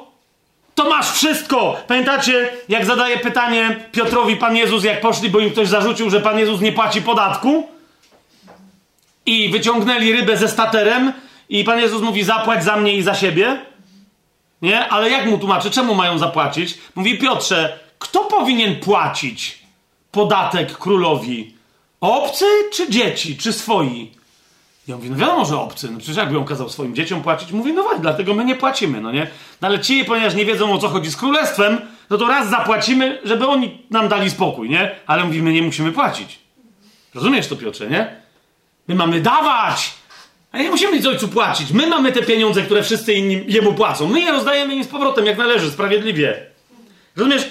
I zauważ, Dlaczego to jest? Popatrz, co mówi: Wielka będzie wasza nagroda i będziecie synami Najwyższego. On bowiem jest dobry dla niewdzięcznych i złych.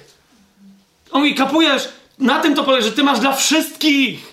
Masz dla wszystkich. Ty masz. A nie ty masz dać Bogu trochę, żeby coś zyskać. Ty masz, bo ty jesteś synem Najwyższego. A on ma tyle, że ma i dla dobrych, i dla złych.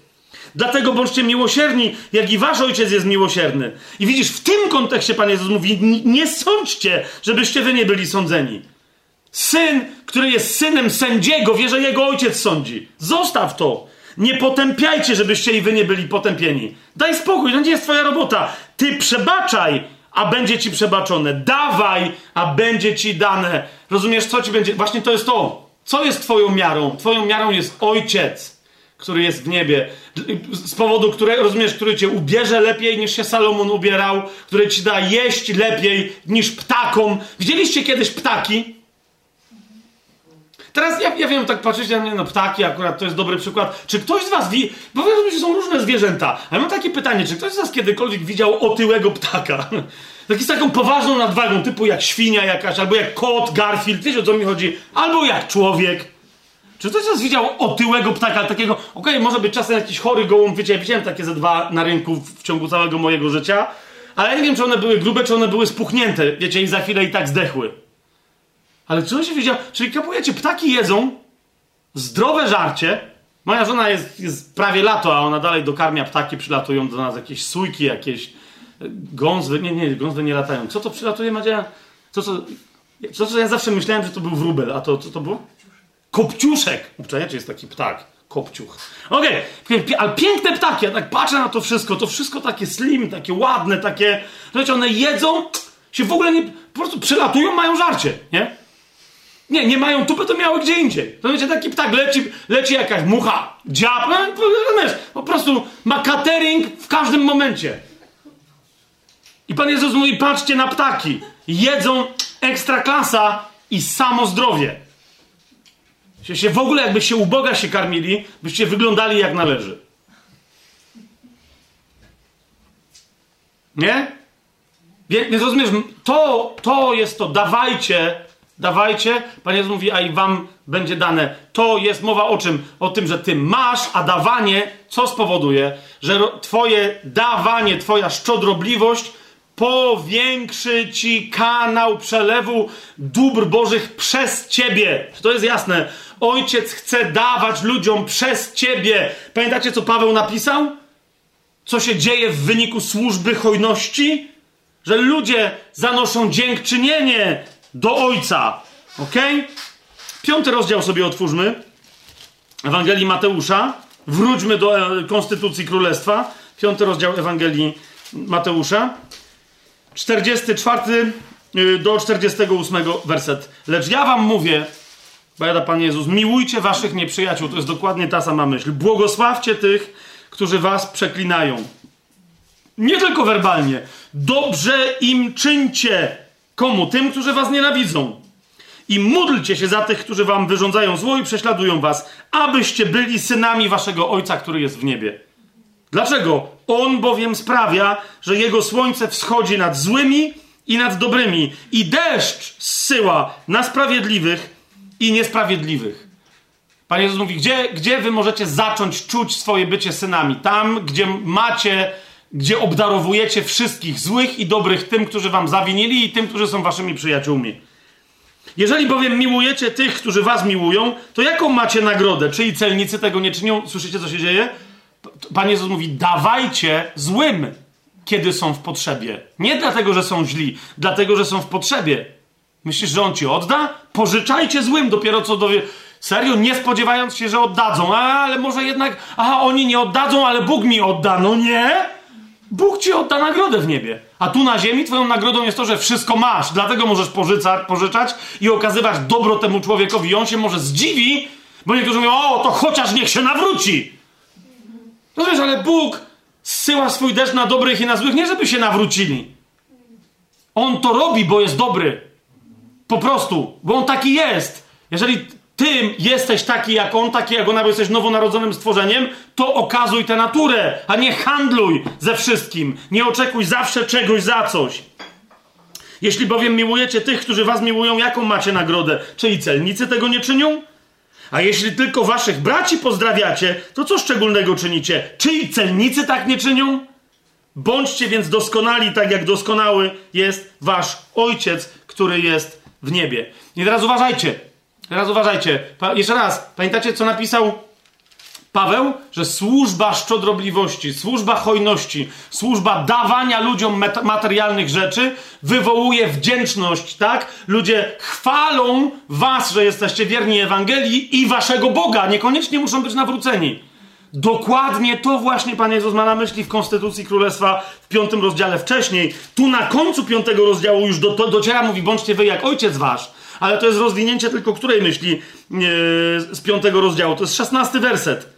Tak niech wasza światłość świeci przed ludźmi, aby widzieli wasze dobre uczynki i chwalili waszego Ojca, który jest w niebie najradykalniejszym, najsensowniejszym, najbardziej bezpośrednim sposobem dobrouczynkowania takiego, które wywołuje e, pochwałę wśród ludzi, jest według Pawła w drugim liście do Koryntian, co? Zaspokajanie potrzeb ludzi ubogich, wierzących czy niewierzących, to nie ma żadnego znaczenia.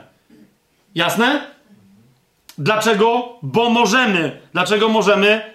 Na coś boską, no bo, no bo kto inny może? Tylko Bóg, który ma wszystko. Jeszcze raz, drugi list do Koryntian, e, dziewiąty rozdział. Spójrzcie na to, drugi list do Koryntian, dziewiąty rozdział, e, dwunasty i trzynasty werset. Posługiwanie bowiem w tej służbie, diakonia w tej liturgii, nie tylko zaspokaja niedostatki świętych, a, czyli krótko mówiąc, jest co? jest wejściem w rolę samego ojca, który zapewnia, że wszyscy mają e, autarkę, tak? Że wszyscy mają samowystarczalność. Ojciec w kościele, w ciele Chrystusa w oblubienicy swojego syna zaspokaja przez inne członki. Tak? My wobec siebie nawzajem mamy być ręką Ojca, która błogosławi. Tak? Ale nie tylko to, a więc nie tylko zaspokaja niedostatki świętych, ale też obfituje w liczne dziękczynienia składane przez Bogu, przez innych, nie tylko świętych. Gdyż przez doświadczenie tej posługi chwalą oni Boga za to, że jesteście, czyli chwalą Boga, widzicie, bo jesteście światłem świata, kiedy im dajecie. Nie tak o dajecie, bo po prostu, żeby się wkupić w ich, w ich łaski, dajecie, żeby zaspokoić ich potrzeby że jesteście posłuszni wyznawanej przez siebie Ewangelii Chrystusa i hojni w udzielaniu im i wszystkim innym. Jesteście hojni i to jest bycie przede wszystkim w pierwszej kolejności światłością tego świata. To jest bycie solą tej ziemi i światłem tego świata. Wyjście do potrzeb tych ludzi, nieważne czy są nawróceni czy nie. Nie po to, żeby ich nawrócić czy nie. Po to, żeby zaspokoić ich żywotne yy, potrzeby. Kochani, kiedy tego nie rozumiemy, ludzie wpadają w błąd, chrześcijanie wpadają w błąd, którzy, rozumiecie, są wprowadzeni, w, w, w ogóle najpierw są wprowadzeni w błąd przez to fałszywe prawo zasiewu. Tak, ktoś im mówi, płać i Bóg ci jeszcze więcej da. Płacą wiernie dziesięcinę od lat. Dają zawsze więcej niż trzeba. Od, naprawdę znam takich. Od gęby sobie odjęli, a nawet trochę od gębusi swoich dzieci odjęli. I dawali, tak, w różnych to zborach. Znam te historie. I potem taki ktoś sfrustrowany po 10 latach mówi: Tamten gość zdradza żonę. Się okazuje, że to w ogóle nie jest nawrócony. Chodzi, pastor go chwali. Czemu? No bo daje, chłop i tak, ma cztery wille i tak dalej. Daje trzy razy więcej na tacę jak ja. Tylko, że ja muszę sobie od gardła odjąć. Dla niego pff, to jest jak splunąć. On jest pochwalony i ma jeszcze więcej. A ja? Ja daję znacznie więcej niż on. Moja dziesięcina, ja daję więcej niż moją dziesięcinę. On nawet dziesięciny nie daje a ja nic nie mam. Więc co jest z tym Bogiem? Rozumiecie, co, co, co się teraz dzieje? To jest pułapka, która była znana już w Starym Przymierzu. Otwórzcie sobie 73 psalm. 73 psalm.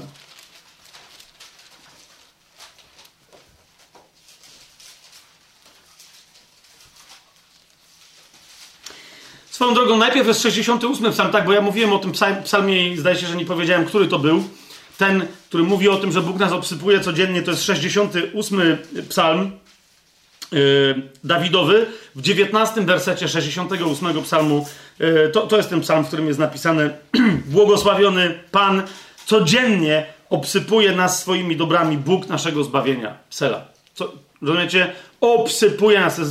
Bycie obsypanym oznacza nie, ilość nie do policzenia wszelkiego rodzaju dóbr. Więc tu ten 73 psalm jest poprzedzony takimi sentencjami, które mówią o tym, jak hojny, jak dobry jest Bóg, jak tym, którzy mu wierzą, niczego nie brakuje. I teraz uważajcie, 73 psalm od czego się zaczyna? Zwróćcie uwagę, to jest psalm asafowy, nie Dawidowy, ale nawet jakby był Dawidowy, to jest psalm sprzed wykonało się, sprzed krzyża, sprzed Golgoty, sprzed Nowego Przymierza. Amen?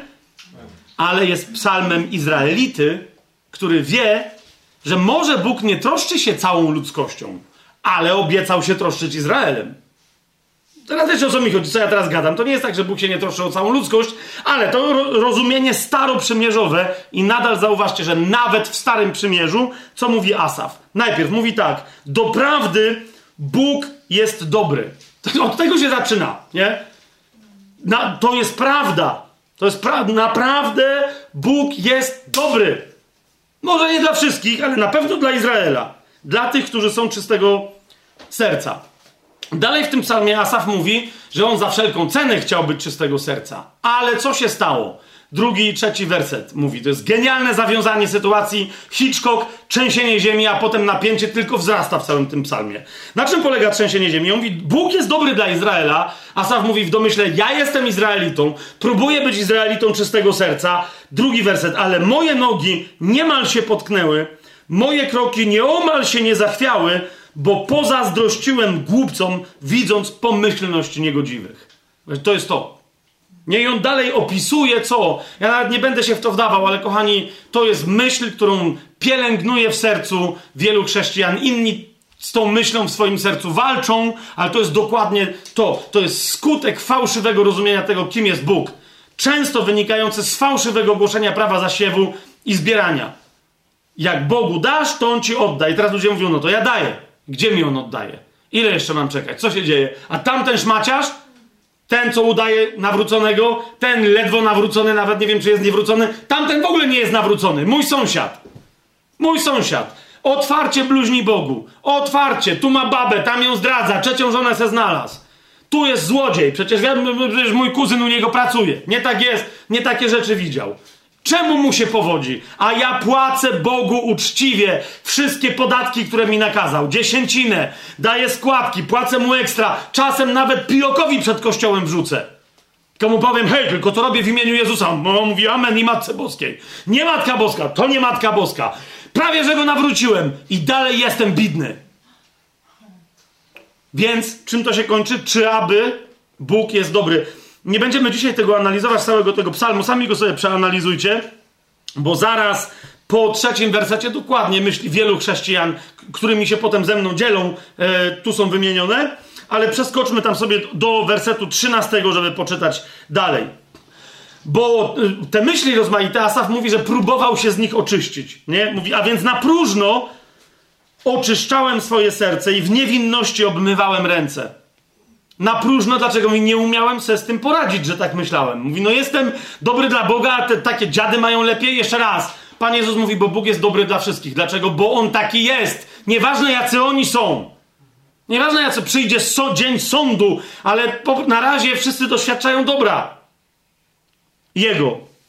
I ten mówi, 14 wers. Cały dzień bowiem znoszę cierpienia, co rano jestem chłostany. Gdybym powiedział, będę mówił tak samo, skrzywdziłbym ród Twoich synów. Tak samo jak oni. Starałem się to rozumieć, ale było to dla mnie zbyt trudne, aż do kiedy? Aż wszedłem do świątyni Bożej. I tu zrozumiałem, jaki jest ich koniec. Kogo? Tych ludzi, którym zazdroszczę. Swoją drogą zauważcie, to jest proroctwo. Co to jest świątynia Boża w Nowym Przymierzu? To jest Kościół. Ludzie, którzy wchodzą do Kościoła, muszą zacząć rozumieć, jak jest. Okej? Okay? Jaki jest Bóg, jaką On ma naturę i jaką oni otrzymują od Niego naturę. No jakby jej nie otrzymali, to by nie byli w kościele. Rozumiesz o co chodzi? Do kościoła cię włącza nowonarodzenie. Po prostu wchodzisz, wchodzisz e, w struktury organizmu ciała, e, ciała Chrystusa. Więc i on potem mówi, że doprawdy na śliskich miejscach ich postawiłeś i strącasz ich na zatracenie. Oczywiście on to przypisuje Bogu, potem my się dowiadujemy, że to ludzie sami tak tak robią, tak? I, I on mówi, ja tego nie zauważyłem, że ja im zazdroszczę, ale oni stoją nad przepaścią, która jest w dodatku śliska. Oto jak doznali zguby. Nagle niszczeją, strawieni przerażeniem. Widzicie jeszcze raz? To jest dokładnie to, o czym mówi. Nie zauważyłem, że oni co? Patrzyłem na to, że oni teraz coś zbierają w ciele, nie rozumiejąc, że oni cały czas sieją w ciało. Pamiętacie tego, co zebrał, myślał, że zebrał, Spichrze zapełnił i mówi: Teraz, duszo moja, odpoczywaj, a Bóg mówi: Głupcze jeszcze tej nocy. Głupcze jeszcze tej nocy. Dlatego ten mówi, że o mały włos, bo pozazdrościł głupim. Nie? I mówi, ja, nie, ja jednego nie zrozumiałem. Ja myślałem, że oni zbierają dla ciała, a to było cały czas zasiew w ciało. To, co oni zbiorą, to będzie zniszczenie. To jest cały czas ta sama zasada. I to do mnie dotarło. Czego ja im zazdroszczę? Tego zniszczenia? Na które oni cały czas sobie pracują? Oto jak doznali zguby, nagle zniszczeją, strawieni przerażeniem. Jak sen po przebudzeniu, panie, gdy się ockniesz, wzgardzisz ich obrazem.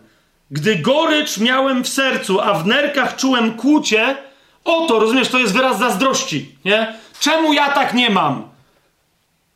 Zauważ, co on mówi. Byłem głupi, tak samo głupi jak oni.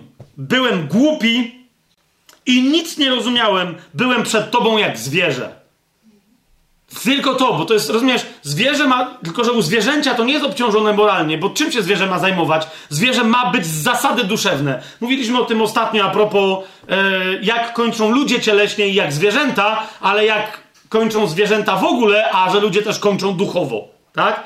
Ale że cieleśnie my kończymy tak samo jak zwierzęta, tylko że dla zwierząt to jest ich jedyne obciążenie, ich jedyna odpowiedzialność, tak? Więc one mają się troszczyć o swoje ciało. Mają, wiecie, bać się śmierci i tak dalej, i tak dalej. Nie? Mówi, ale ja jak tak tylko myślałem, Bo ludzie tak myślą, co innego się liczy, tylko to życie. Myślą jak zwierzęta, skończą jak zwierzęta, ale będą osądzeni jak zdradliwi synowie. A jednak, 23 werset, właśnie to on wie, i, i, i, po, i co mi z tej głupoty? A jednak zawsze jestem z tobą, bo mnie trzymałeś za prawą rękę. Mówi, nawet w tej mojej głupocie. I mówi, tego nie widziałem, że ty, mówi, ty byłeś przy mnie. Ty, kto ty? Pierwszy werset. Ty, który jesteś dobry. Cały czas jesteś dobry. Codziennie mnie obsypujesz tyloma dobrami, a ja zazdroszczę komuś, kto sam se na coś zapracował. Dobra, fajnie, ale kto się troszczy tylko i wyłącznie o plonem bios, o biologicznym, psychologicznym, zmysłowym, pożądaniowym. Kto źle skończy w związku z tym. Więc on mówi: Ja zawsze jestem z tobą, ty mnie zawsze trzymałeś za prawą rękę i poprowadzisz mnie, 24 werset, według swojej rady, a potem przyjmiesz mnie do chwały.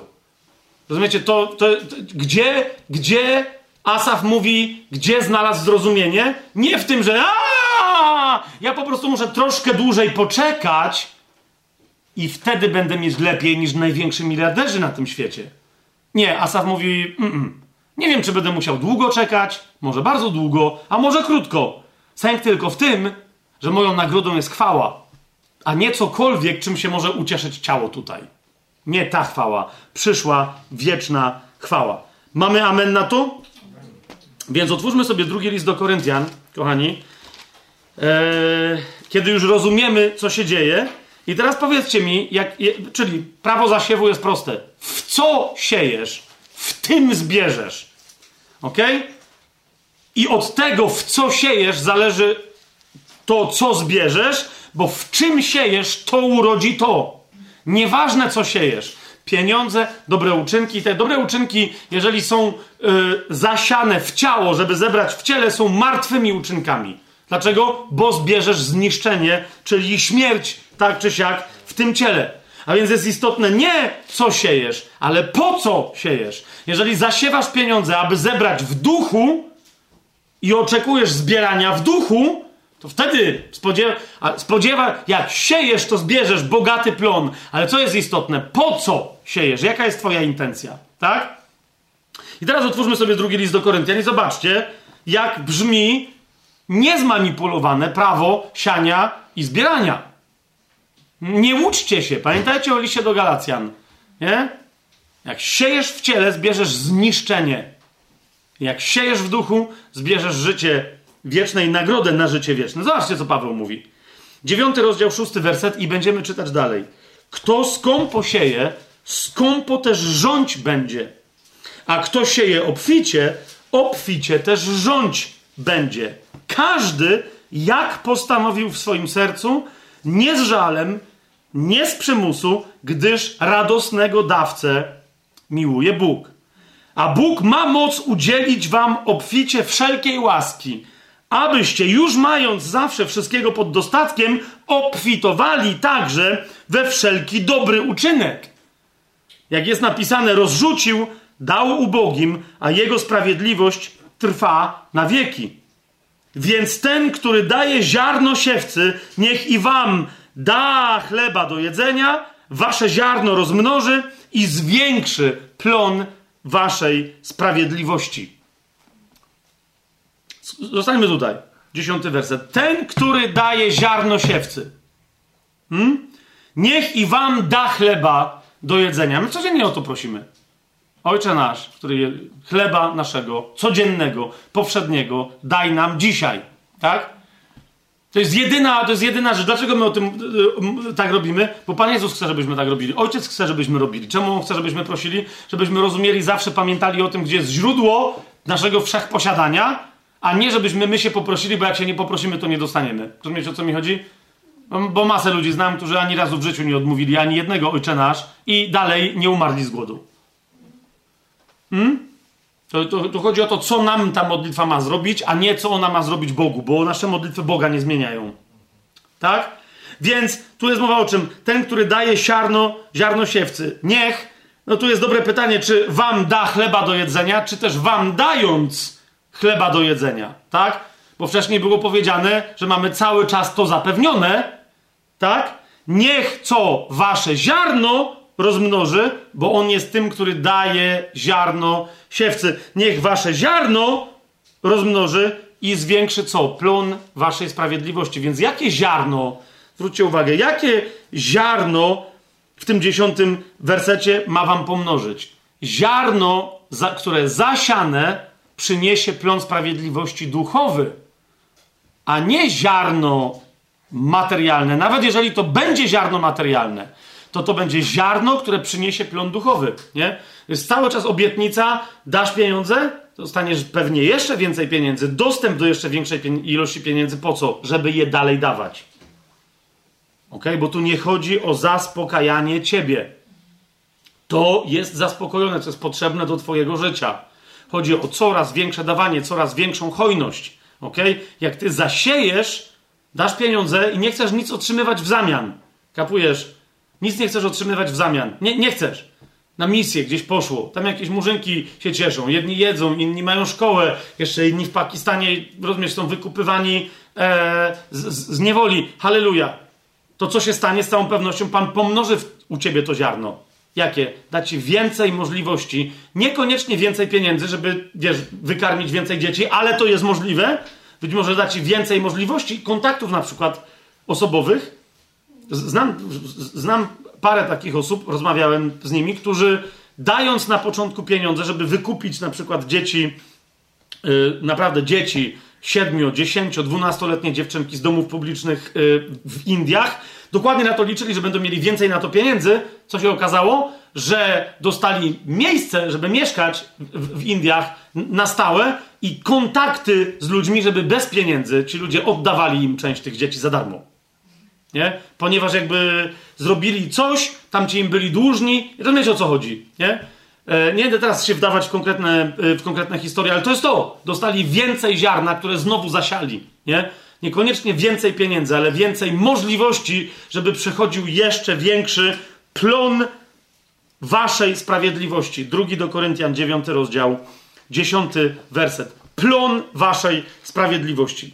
Kochani, jest jedno miejsce e, w liście do Filipian, które w sposób absolutnie fantastyczny pokazuje tę zasadę, tak?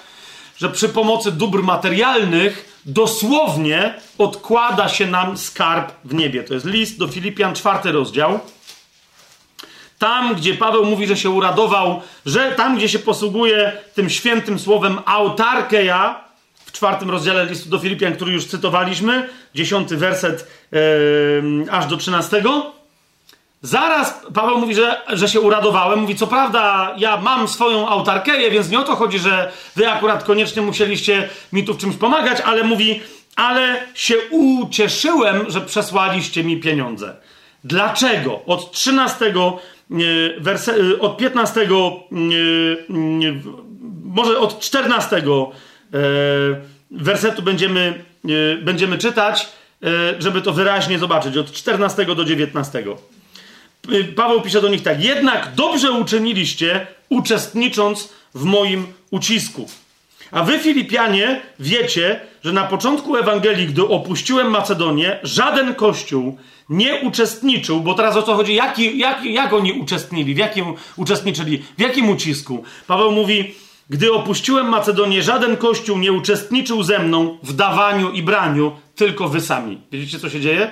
Paweł mówi: Nikt nie chciał się stać tak jak ja, rurą przepływową, z jednej strony biorącą, z drugiej strony dającą, przekazującą dobro od Ojca, od ludzi, którzy pod wpływem Ojca chcą dać innym, którzy od Ojca potrzebują wziąć.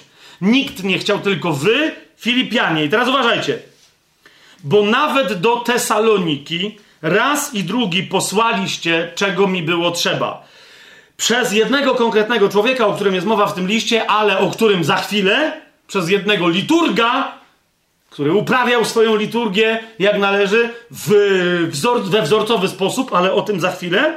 Tak? Więc mówi, nawet do Tesaloniki raz i drugi posłaliście, czego mi było potrzeba. I jeszcze raz Paweł mówi, nie żebym pragnął daru, ale pragnę owocu, który by wzrastał na wasze konto.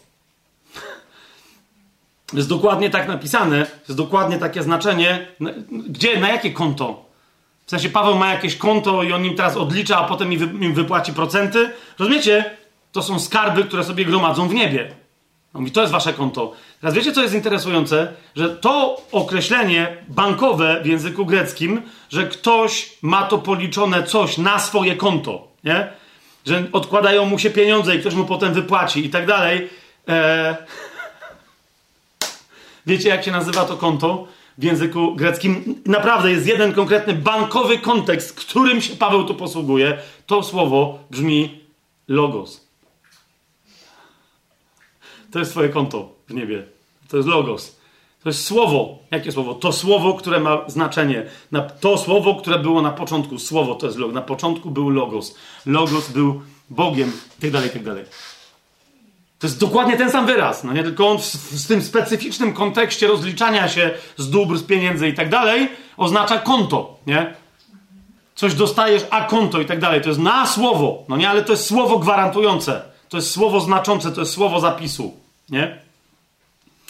Yy, więc więc o, o, tym yy, Paweł mówi, nie żebym ja pragnął daru, ale pragnę owocu, który by wzrastał na wasze konto lub na waszym koncie. Nie? Logosie, który wam wypłaci. To, to, to jest to, co zrobiliście. Ja wam nie oddam tych pieniędzy. Zresztą pamiętacie, do Koryntian, a jak nie pamiętacie, to jeszcze sobie przeczytamy. Pa, Paweł pisze, mówi, ja inne kościoły ograbiłem, żeby, żebyście wy nie musieli mnie utrzymywać, nie? Co to znaczy? Jak je ograbił, to znaczy, że im nie odda, no nie? Czy, że od nich wziął, ale im nie odda. Od kogo wziął? No między innymi od Filipian, tak? No między innymi od Filipian. Raz wziął i nie raz wziął, tak? Epafrody tam do niego przychodził i tam, ale o, o, o tym człowieku, jak powiedziałem, jeszcze za chwilę. Gdyż mam wszystko, 18, właśnie to jest to, tak? Co to jest ta moja autarkeja? Samowystarczalność, że ja mam wszystko. Nawet jak nie mam, to ja i tak wiem, że mam. Nie wiem gdzie, ale mam, nie? Moja żona ma taką swoją autarkeję, którą absolutnie uwielbiam. Jak się nie zgodzisz, to potem to możemy wyciąć. No nie? Jak się nie zgodzisz, żebym to, to powiedział tutaj, ci wszyscy ludzie przecież się znają, no nie? Madzia, yy, jak sobie coś je takiego dobrego, no ona nigdy nie je dużo. Teraz jeszcze na keto, to wiecie, to jakby te wszystkie czekolady, to, to nie są, one są bez cukru, to jest tłuste i tak dalej, i tak dalej. Ale Madzia, ona nigdy tego nie je dużo, nie? A nawet, nieważne, czy ma dużo, czy ma mało, ale nawet jak ma bardzo mało, zawsze sobie je kawałek i kawałek zostawia gdzieś, nie? Więc Madzia, ma, to jest jej autarkeja, gdy chodzi o słodycz, o jakieś takie, wiecie, to jak niektóre kobietki zawsze tak lubią. Madzia tak, nie? To jest jej autarkeja, że ona wie zawsze, że ma, tylko nie zawsze wie gdzie, nie? I czasem tak jest, że w pewnych momentach nagle coś ma gdzieś w pracowni, gdzieś coś, nagle tam, wiecie, coś tam robi, coś podnosi, nagle mówi, o, tu jest ta czekoladka. Autarkeja, to jest, to, to jest, to mówi Paweł. Paweł mówi, że ja wszystko mam. Chodzi tylko o to, że nie zawsze wiem gdzie, ale mam wszystko. To jest chrześcijańska autarkeja. W Chrystusie mamy wszystko, tylko albo nie, czasem nie wiemy, gdzie to mamy, albo nie wiemy, kiedy to mamy. Nie? No byśmy chcieli już dzisiaj, a to jest pojutrze dopiero. Spokojnie, ale ty możesz mieć pewność, że to masz. Nie? Kocham moją żonę, to jest absolutnie... Czasem gdzieś znajduję, ja czasem znajduję, nie? Sam czegoś tam gdzieś szukam, patrzę i nagle, o, to bym sobie dziubnął, ale ja wiem, że to jest nie moja autarkeja, nie? Bo tam nie ma normalnego całego kawałka czegoś, jakiegoś, wiecie, jakiegoś tam ciasta, czy czegoś, czy o, nawet orzech, no nie? Orzech, kawałek orzecha włoskiego jest ułamany. Ja wtedy wiem, że to Madzia to sobie znajdzie. No nie, to jest jej autor, ja tego, to nie ma, nie miałem ja tego znaleźć, to nie ja. Więc Paweł pisze, 18 werset, gdyż mam wszystko i to w obfitości. Jestem w pełni zaopatrzony, otrzymawszy od Epafrodyta, bo to był wysłannik od Filipian, otrzymawszy od Epafrodyta to, co zostało posłane przez was. Uważajcie na to. Woń dobrego zapachu. Ofiarę przyjemną i podobającą się Bogu. Kochani, kolejny bardzo istotny aspekt. Widzicie, my kiedy odkładamy sobie skarby w niebie, kiedy wszystko to, co Pan rozsypuje po ziemi, oddajemy Jemu w ofierze bezinteresownej.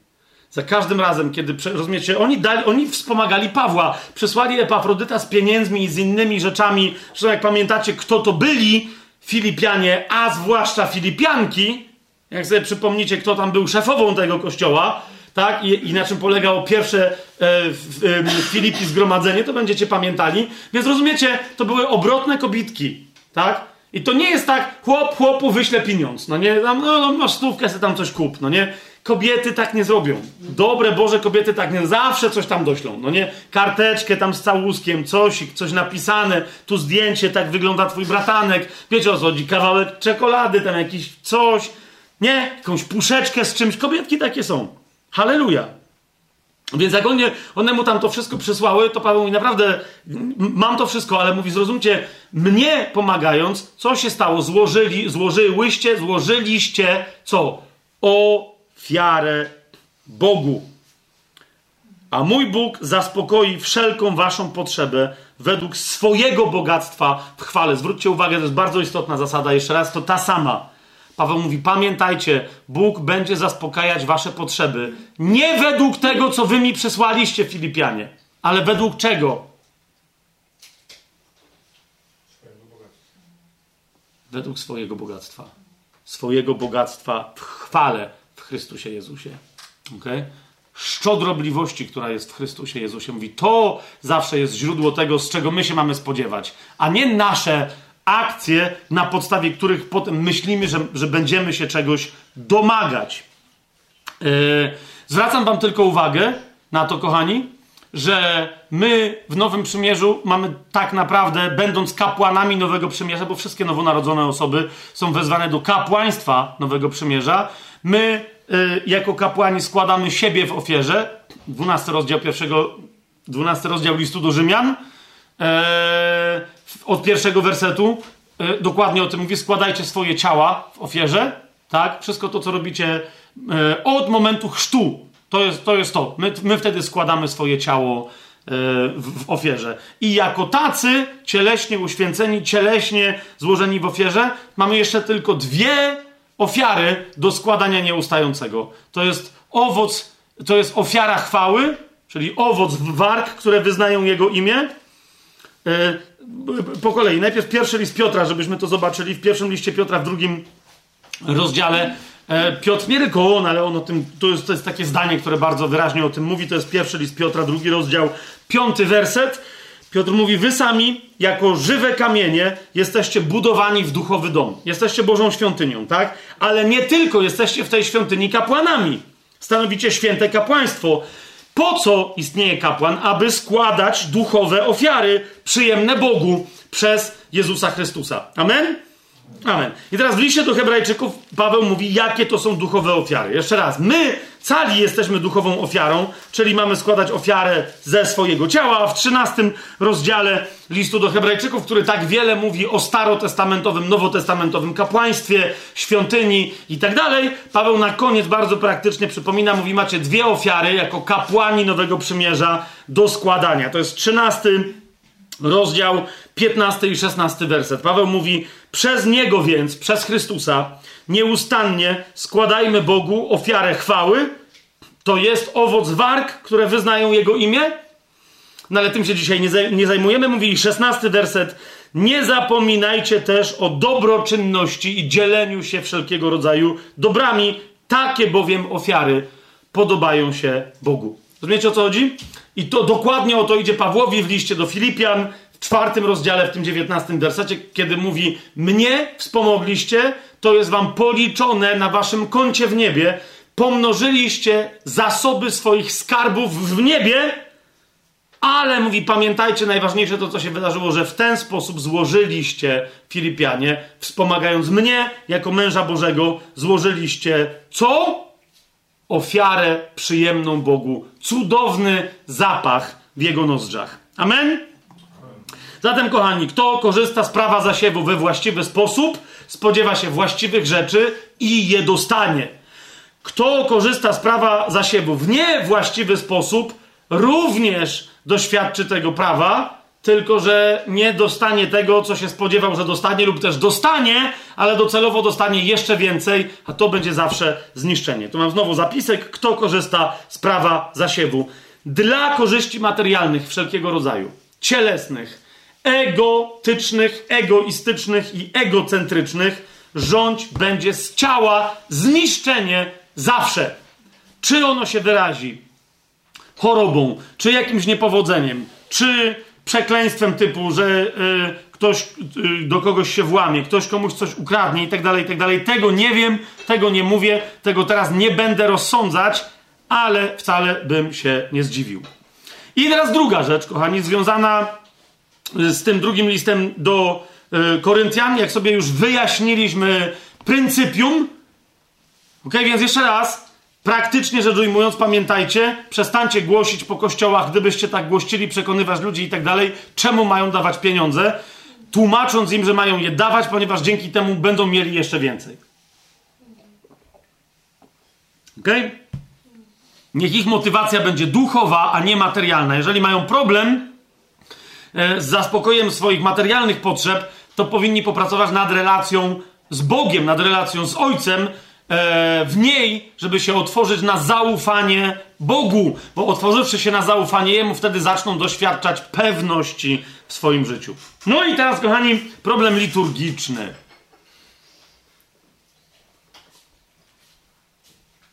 Problem pierwszy, jaki mieliśmy kościelny, to było prawo siania i zbierania. Drugi to jest problem liturgiczny, a więc de facto, stricte, bezpośrednio, bez ogródek, problem pieniędzy w kościele.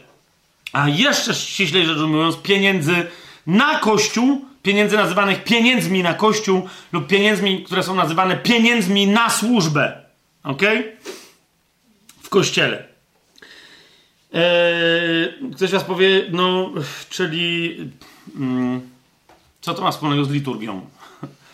Ja mówię, że no, my od liturgii w ogóle musimy zacząć.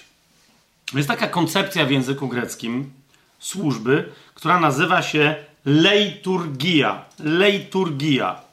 Od którego to słowa mamy służbę liturgia. W kościele rzymskokatolickim kto jest liturgiem? Ktoś, kto się ubierze w odpowiednie szaty, ktoś, kto ma wiedzę, jak się uprawia odpowiednie obrzędy, ktoś, kto ma namaszczenie magiczne do tego, żeby te obrzędy sprawować i kto je sprawuje. Tak? Czyli liturg sprawuje liturgię. Kapłan w kościele rzymskokatolickim sprawuje mszę świętą. Teraz nawet jeżeli jakiś pretendent, udawacz e, chciałby tak zrobić, nauczy się jak się sprawuje mszę świętą. Na przykład każda kobieta w kościele rzymskokatolickim jest pretendentką, absolutnie uzurpatorką. Tak? Dlaczego? No bo w kościele rzymskokatolickim bycie kobietą po prostu odbiera ci możliwość bycia księdzem. Bo, bo księdzem może być tylko i wyłącznie mężczyzna. Po prostu ta duchowa właściwość zależy od jak najbardziej fizycznej płci. Tak? I teraz. Yy, I teraz. Więc, więc nie spełniasz warunków, tak? Możesz odprawić całą mszę, czytać ją, wiesz, z książeczki do nabożeństwa, z mszału, z czegoś. Nic się nie stanie tam, według teologii rzymskokatolickiej. Więc to musi być ktoś, musi być mnóstwo warunków spełnionych, żeby ktoś był liturgiem, i wtedy liturg sprawuje liturgię, która dokonuje magicznych rzeczy. Czyli na przykład jedna z tych. najlepsze jest, że to jest taka magia, że wiecie, jest nazwana największym cudem świata. To jest, jak ktoś kiedyś powiedział, najgorszy trik spośród wszystkich magicznych trików, jakie znałem. Nie? Dlaczego? No bo, jakby wiecie, no bo jest chleb i jest wino, i ponoć w sposób cudowny te martwe przedmioty, martwa rzecz i martwy płyn zamieniają się w żywą osobę zmartwychwstałego Jezusa Chrystusa. Nie? To, no to rzeczywiście, gdyby tak się stało, byłby to największy cud wszechświata. Sęk tylko w tym, że tak się nie dzieje. Ale może magia jest w, sam, w samej tej liturgii magicznej, że ludzie mimo wszystko w to wierzą, że tak się stało. Mimo, że nadal widzą tylko chleb i widzą tylko wino. Nie? Według mnie cała ta koncepcja urąga trochę e, judeo-chrześcijańskiej, biblijnej koncepcji Boga. Kapujecie, Bóg, kiedy robi cud, nigdy nie każe wierzyć, że coś, co się w ogóle nie stało, że się stało. Po drugie, że kiedy się stało, ale to nie było nic dziwnego, że to było coś bardzo dziwnego. Tak? Bóg nazywa, po prostu nazywa rzeczy po imieniu i jak mówi, teraz będzie cud, tak? Na przykład mówi, to jest woda, tak? Wszyscy mówią, tak, no to teraz będzie wino. Bam! Jest wino? Jest wino i jeszcze jakie dobre. Wiecie, Bóg sobie nie robi jaj z ludzi, że ej, e, pijcie tą wodę. No pijemy. To, mhm. Woda jak woda. Nie, nie, teraz to już jest wino.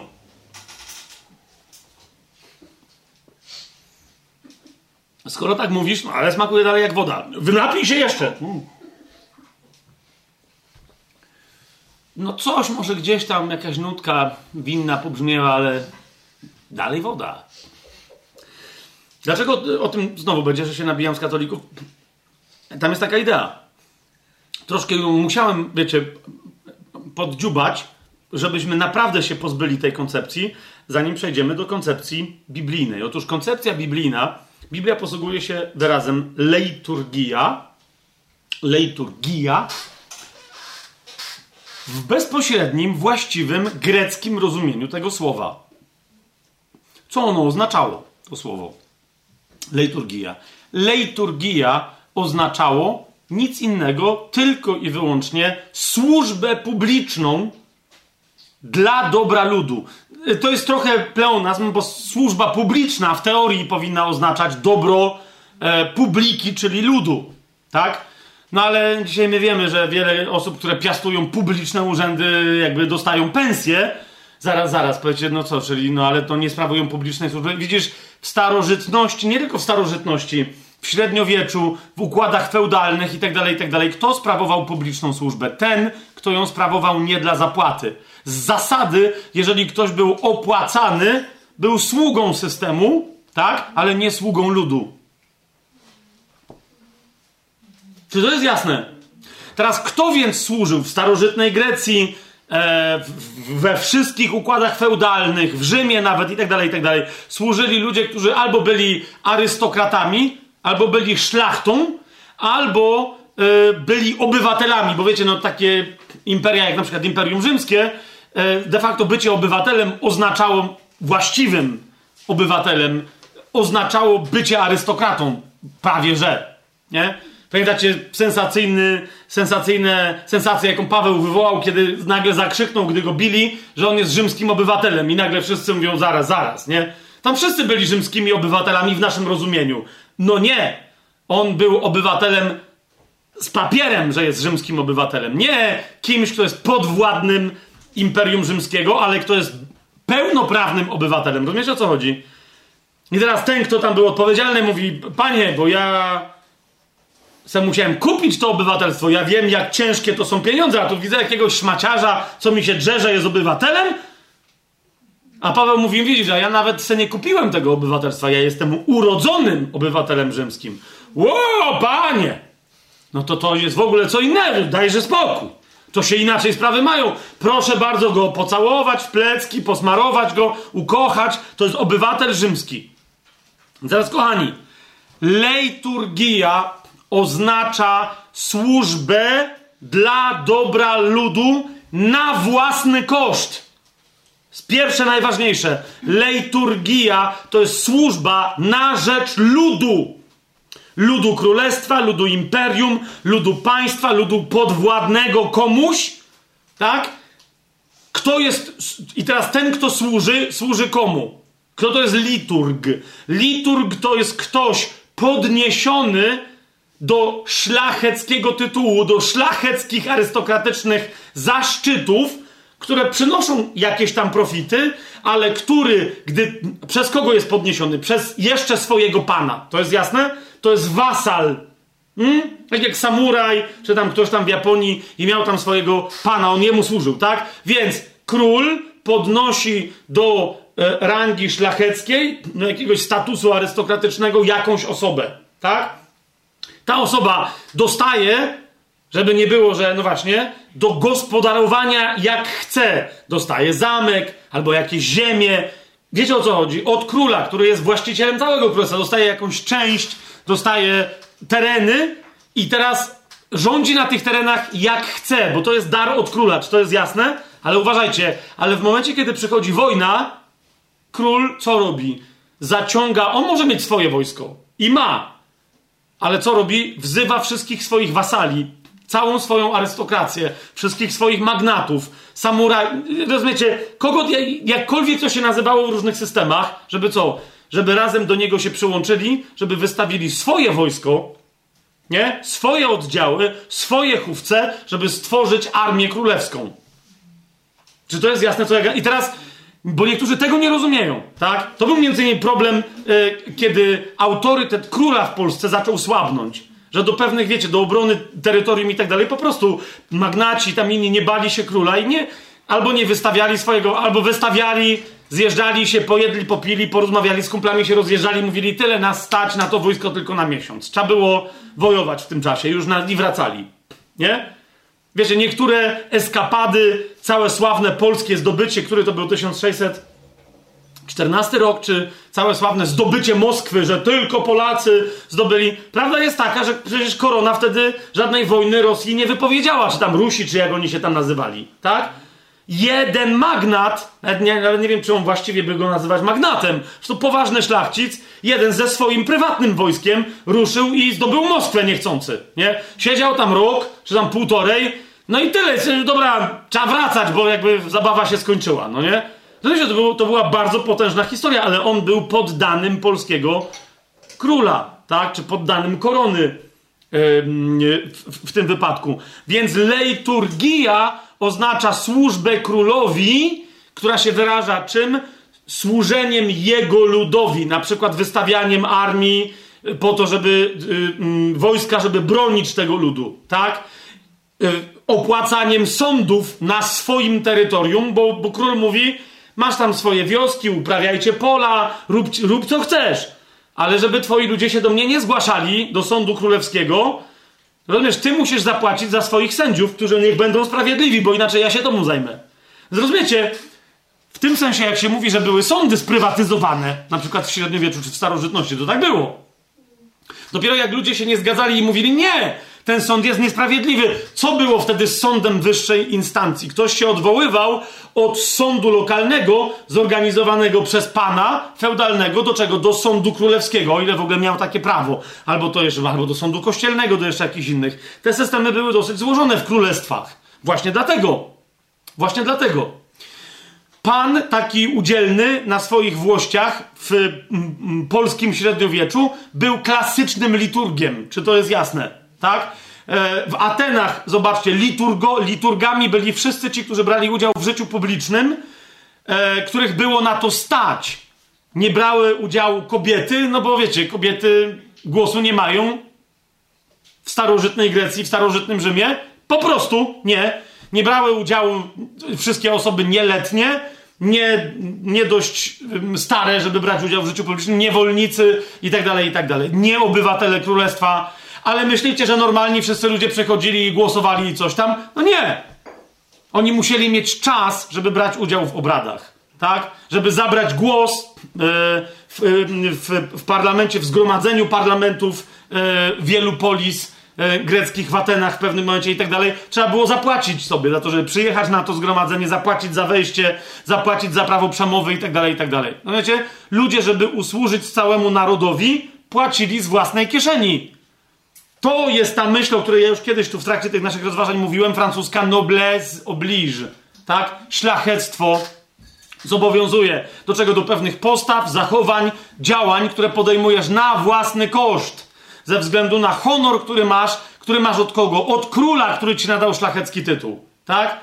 Jak jesteś arystokratą, jesteś szlachetną osobą, to reprezentujesz szlachetne ideały, to cię zobowiązuje, tak? Więc wykładasz z własnej kieszeni pieniądze, żeby usługiwać ludowi.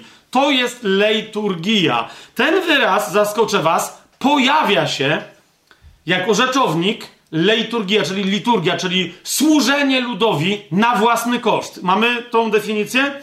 Okay? On się pojawia w Biblii jako rzeczownik, pojawia się jako czasownik, czyli co to znaczy liturgować, tak? czyli służyć ludowi Bożemu na własny koszt oraz co znaczy, by, nie, co znaczy tylko kto jest liturgiem, a więc kto jest kimś takim, kto służy ludowi na swój własny koszt. Otwórzmy sobie list do Rzymian, żebyście zobaczyli yy, o co mi yy, chodzi, żebyśmy szybko ten temat yy, zgłębili.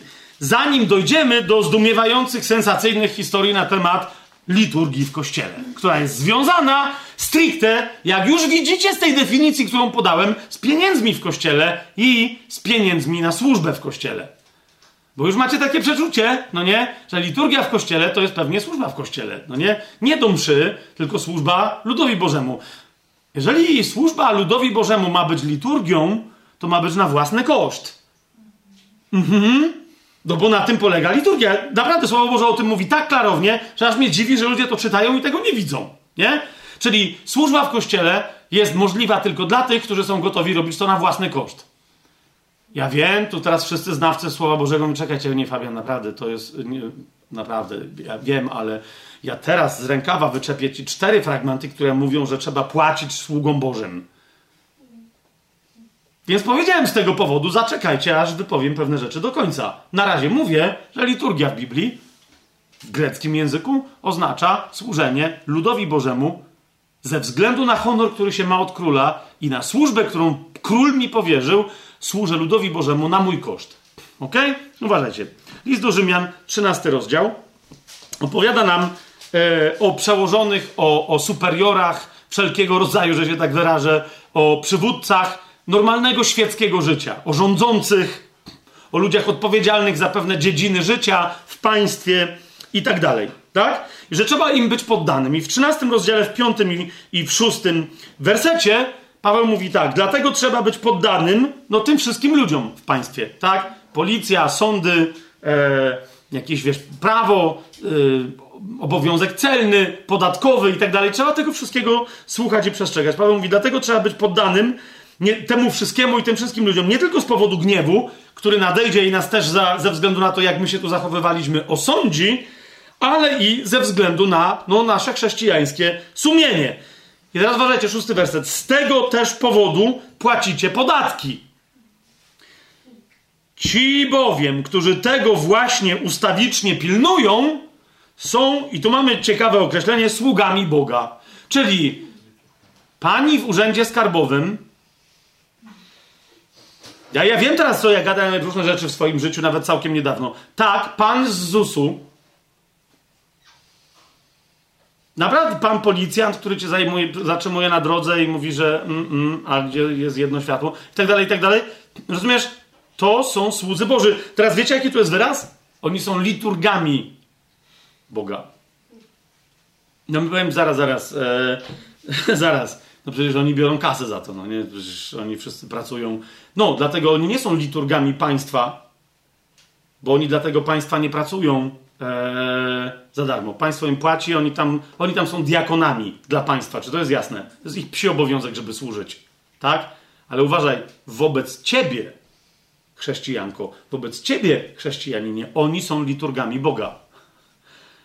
Powiesz, oni, oni za to, że tobie usługują, rozumiesz, twojemu sumieniu, zmuszają cię do pewnych rzeczy i ty masz przez ich służbę świecką dostrzec działanie Boże, a oni w tym kontekście są jego liturgami.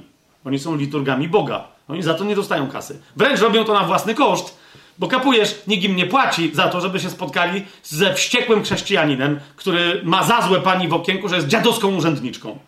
I on kocha wszystkich w swoim zborze, ale tej pani w okienku w urzędzie skarbowym i tej pani, co go obsługiwała jako kelnerka w knajpie, uważa, że może być chamski i uważa, że może powiedzieć parę niecnych słów, bo przecież im płaci.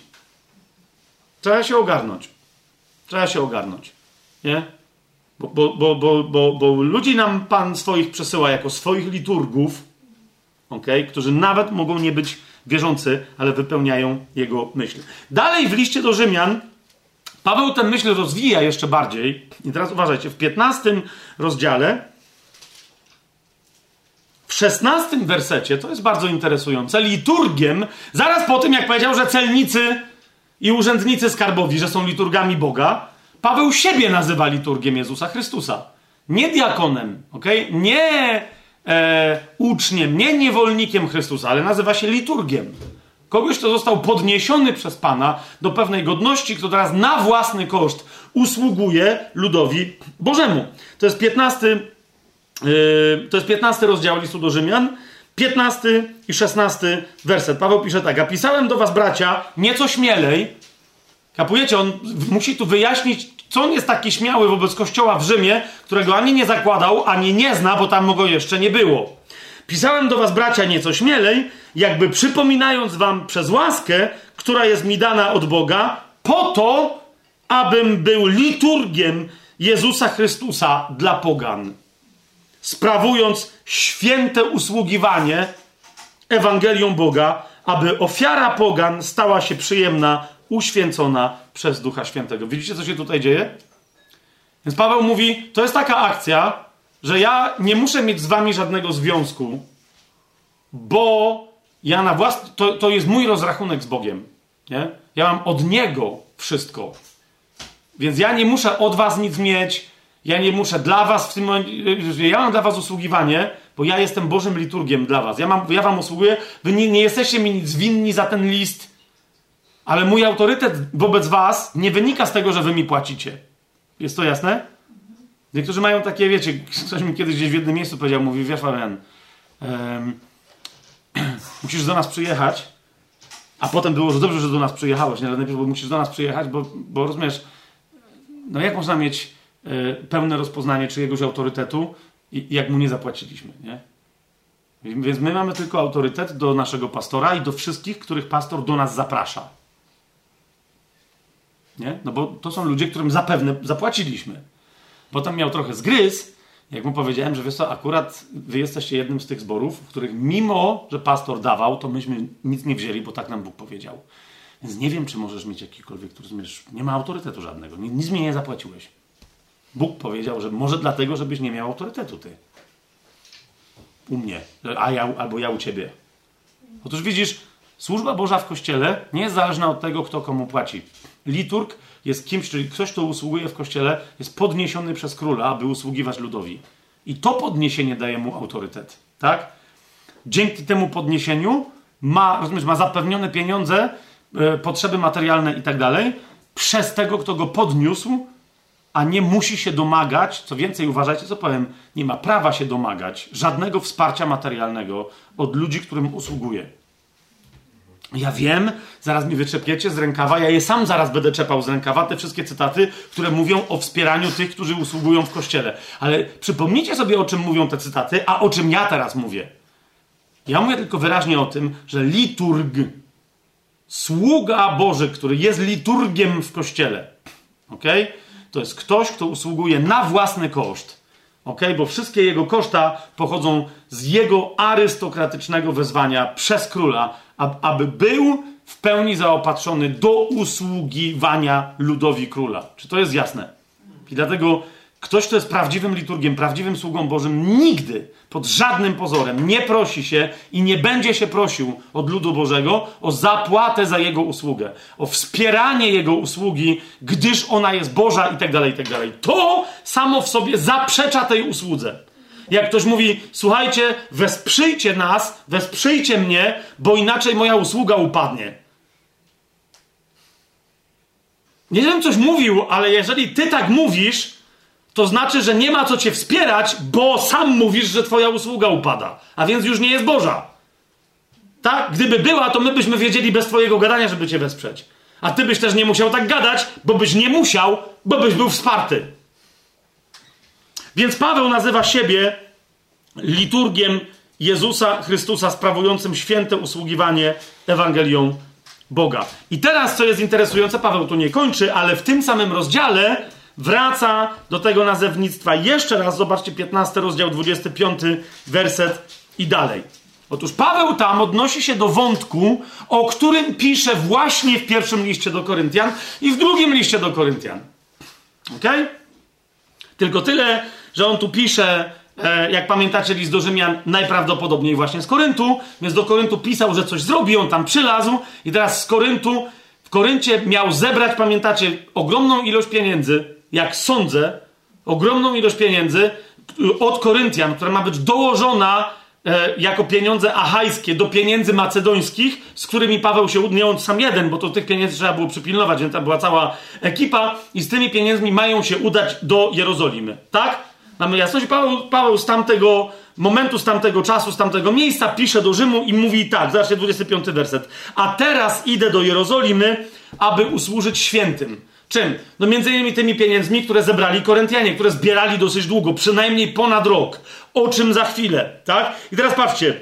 Spodobało się bowiem Macedonii i Achai wspólnie złożyć się na ubogich świętych, którzy są w Jerozolimie.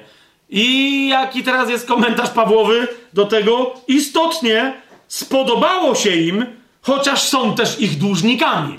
Więc on mówi, no to dobrze, że im się spodobało. Jakby się nie spodobało, to nadal by tak czy siak w duchu wisieli im. To jest, są ich dłużnikami. I teraz uważajcie. Jeżeli bowiem poganie stali się uczestnikami ich dóbr duchowych, powinni im też usługiwać cielesnymi. Jaki myślicie, tu jest wyraz? powinni wobec nich liturgować cieleśnie. Liturgować cieleśnie. A więc liturgia to jest także w kościele, zauważcie, usługa wszystkich ludzi, którzy są hojni, którzy łożą pieniądze na potrzeby świętych, którzy mają te potrzeby, lub na potrzeby nieświętych, ale które są zaspokajane przez służby kościelne w różnych miejscach na świecie. To jest liturgia. Rozumiecie o co chodzi? Kiedy ty się okazujesz liturgiem, siostro czy bracie? Kiedy się okazujesz liturgą, siostro, lub też liturgiem, bracie? Wtedy, kiedy służysz Panu, usługując ze swoich dóbr tym, którzy w danym momencie tych dóbr nie mają, a są im do czegoś potrzebne. Czy to jest jasne? To jest liturgia. To jest służba dla ludu Bożego, a więc służba publiczna na własny koszt. Rozumiesz, no jaki to jest twój koszt? Nie? Jaki to jest twój koszt? No, zrozumcie, taki, taki pan średniowieczny, no, no to, to jaki to był jego koszt, no nie? Dostał tytuł jakiegoś hrabiego, barona, kogoś, dostał włości całe, został, nie wiem, wojewodą krakowskim, tak? I teraz król mówi, ruszamy na Turków. Zbieraj wojsko. Teraz, I teraz jaki to jest jego koszt? Zobaczcie, on zbiera chłopów, rycerstwo swoje, drobniejszą szlachtę, którzy od niego do tej pory, wiecie, mieli wiele różnych łask. Oni też jemu płacili podatki, tak? Więc on zbiera tych ludzi, Przecież nie swoje dzieci. I płaci im z jakich pieniędzy? Z tych, co do, od nich dostał. Bo dostał takie. Nie zrozumiecie o co mi chodzi? To jest takie na własny koszt. No, hello? Dokładnie taka sama sytuacja jest nasza w królestwie. Na jaki to jest mój koszt? Taki jest mój koszt, że ja daję z ojcowskich. No nie? Ojciec mi cały czas dosyła na konto, no i zaraz jest tylko kwestia, czy ja sensownie to, co on mi dosyła, czy dalej przekazuję. To jest cała kwestia. Nie? Jak to głupie robię, no to ojciec mówi, okej, okay, wiesz co, tak nie do końca ci mogę zaufać, to nie, bo ty... Nie, ale jak widzi, że tam elegancko to dystrybuuje, to ojciec mówi, ty, to jeszcze ci tam, wiesz, czy, czy bańki masz na koncie? Ja mówię, no to ojciec, czy bańki, to, to pójdzie w dzień, nie? Okej, okay, niech pójdzie w dzień, ocenię wyniki, będzie sześć i tak dalej. Rozumiecie, o co chodzi? To jest to. Jeszcze raz, zobaczcie, bardzo ważny moment. Spodobało się bowiem Macedonii i Achai, spodobało im się to. Co? Ta liturgia. Wspólnie złożyć na ubogich świętych, którzy są w Jerozolimie. I teraz, a dlaczego, no to dobrze, że im się spodobało, dlaczego to ich był obowiązek? Bo obowiązkiem nas wszystkich jest co? Liturgować, a więc dzielić się dobrami materialnymi z kim? Z tym, którzy nam, z tymi, którzy nam usługują duchowo. Nie? Na własny koszt. Widzisz, nie, czy widzicie, co się tu dzieje? Ci, którzy usługują na własny koszt duchowo, nie mają prawa, nie mają prawa jeszcze raz powtórzę, nie mają prawa. Ja wiem, że zaraz padnie, co z pensjami dla pastorów i tak dalej. Zaraz powiem, jakie jest rozwiązanie. Nie powiedziałem, że to jest złe. Tylko rozwiązania mogą być nie najlepsze. Tak? Ci, którzy usługują, nie mają prawa domagać się zapłaty za swoją usługę. Tak? Ale ci, którzy takiej usługi doświadczają, mają obowiązek odpowiedzieć wsparciem materialnym. Jest to jasne, co ja gadam? Zrozumcie, co się tu dzieje. Nie? Zrozumcie, co się tu dzieje. I teraz opowiadanie o tym, że no tak, ale jak nie zmusisz tych dziadów, to nigdy nic nie dadzą. Przeklinasz lud Boży. Służ jesteś wezwany do służenia ludowi Bożemu, to mu służ. I Pan wtedy potwierdzi to twoje wezwanie, jak? Że pobudzi serce tego ludu do tego, żeby wobec ciebie oni też byli liturgami, tak? Ty na własny koszt jesteś liturgiem dla nich, usługujesz im duchowo, oni będą dla ciebie liturgami fiskalnymi, że tak powiem, i załatwią twoje potrzeby finansowe, czy jakieś inne materialne, jakie będziesz mieć. W drugim liście do Koryntian, oczywiście w dziewiątym e, rozdziale, ten wyraz właśnie, leiturgia się pojawia, już o tym mówiłem, ale rozumiecie, to jest wręcz taki centralny wyraz, bym powiedział, e, dla Pawła. Właśnie ten, ten liturg, liturgowanie albo liturgia. Posługiwanie bowiem w tej służbie. Jakiej? No w, no w tej służbie, bo oni tu się zebrali. Pamiętacie, Paweł w pierwszym do Koryntian w 16 rozdziale mówi: zbierajcie pieniądze. Raz na tydzień. Jeszcze dzisiaj troszkę więcej sobie o tym systemie powiemy, nie? Jak do was przyjdę, mówi, do was przesłałem jeszcze jednego gościa, żeby zorganizował tę zbiórkę, ale jak ja przyjdę, to już nie będziemy wtedy zbierać, tylko ja to wszystko zgarniam, mamy ekipę i idziemy do Jerozolimy. Więc zbierajcie te pieniądze, nie? To jest ta służba. Jaka? Zanieść pieniądze do Jerozolimy, bo oni tam głodują. Tak? Zanieść pieniądze do Jerozolimy. I teraz Paweł tą akcję nazywa liturgią. Czyli mówi: Ja jestem diakonem w tej liturgii. Wszyscy my w zorganizowaniu tej liturgii jesteśmy diakonami. Mówi: Wy, jak dajecie pieniądze, Tytus, Tymoteusz, kto tam jeszcze, Łukasz, kto się do nas dołączył, którzy będą towarzyszyć, obstawiać całą tą wyprawę. Ja, że wam piszę, że wam tłumaczę, jak zorganizować. Wszyscy my jesteśmy diakonami w tej liturgii. Tak? W tym sensie liturgami, ale zaraz ta liturgia się skończy, to w ramach tej akcji przestaniemy być liturgami. Nie, nie mieszam teraz za bardzo? Więc to jest to, Paweł mówi, posługiwanie w tej liturgii, diakonowanie w tej liturgii nie tylko zaspokoi niedostatki, czy zaspokaja niedostatki świętych, ale też obfituje w liczne dziękczynienia składane Bogu. Mówi, niektórzy są liturgami, mają taką misję w Kościele, nie? No Paweł mówi, ja, zaraz sobie wyjaśnimy, dlaczego Paweł siebie nazywa liturgiem, a innych nie do końca, nie? Paweł siebie na stałe nazywa liturgiem, nie? Innych nie do końca. Ale Paweł mówi, każdy się może dołączyć do liturgii, na przykład dokładając trochę pieniędzy nie odkładając je tydzień po tygodniu, bo im tam taki system Paweł e, przedstawił. Więc tutaj macie ten, te, to słowo leiturgia, które jest, które, które jest konkretnie odniesione do czego? Do zbierania pieniędzy na ubogich e, chrześcijan e, w Ziemi Świętej, e, w, Judzie, a zwłaszcza w mieście Jerozolimie. Zebranie tych pieniędzy i dostarczenie ich tych pieniędzy w jak najszybszym czasie. Mamy jasność? Teraz szybciutko. Liturgiem są nazywani w, w języku greckim kapłani Starego Testamentu. I to, co oni robią w świątyni, jest nazywane liturgią. Ktoś powie, no, to, czyli co? Czyli, no, czyli co? Czyli, czyli, no co, czyli? Przecież kapłani nie mieli być opłacani, prawda? To nie był zawód świątynny. Ktoś powie, nie, nie, no przecież pan im gwarantował, no pan im gwarantował, ale nie pensje, nie stałe dochody, nie stałe zarobki. Pewien rodzaj ofiar miał wspierać lewitów i tak dalej. Pamiętacie to, nie? Właśnie dziesięciny świątynne raz na trzy lata, nie? Zwłaszcza lewitów, bo tam kapłani i tak dalej, oni mogli uczestniczyć, oni normalnie mieli prowadzić swoje biznesy i tak dalej. Ich służba w świątyni była wyznaczona? Okay? E, ale oni tam się mieli stawić dokładnie tak samo. Wiecie, to jest rodzaj królestwa, które, które jest teokracją, tak? Oni byli wezwani i mieli swoją, mieli sami się zapłacić za przejazd do Jerozolimy, za swój dyżur kapłański czy arcykapłański w Jerozolimie, za swój powrót do domu. Świątynia nie była, nie było żadnej instancji, która im wypłacała, wiecie, za delegację, odszkodowanie, za rozłąkę z rodziną czy jakieś inne brednie, nie? Pierwszy jest nazywany, otwórzcie sobie list y, Ewangelię Łukasza, pierwszy rozdział. Y, słowo liturgia się pojawia tam, w kontekście Zachariasza. Zachariasz, pamiętacie, sprawował służbę kapłańską, wchodził do świętego świętych, tam się spotkał z Gabrielem, aniołem, pamiętacie, tak?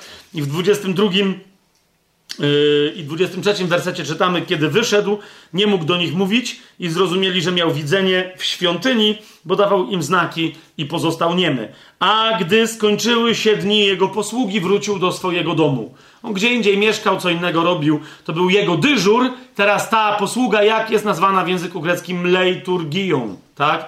To jest jego służba na rzecz ludu.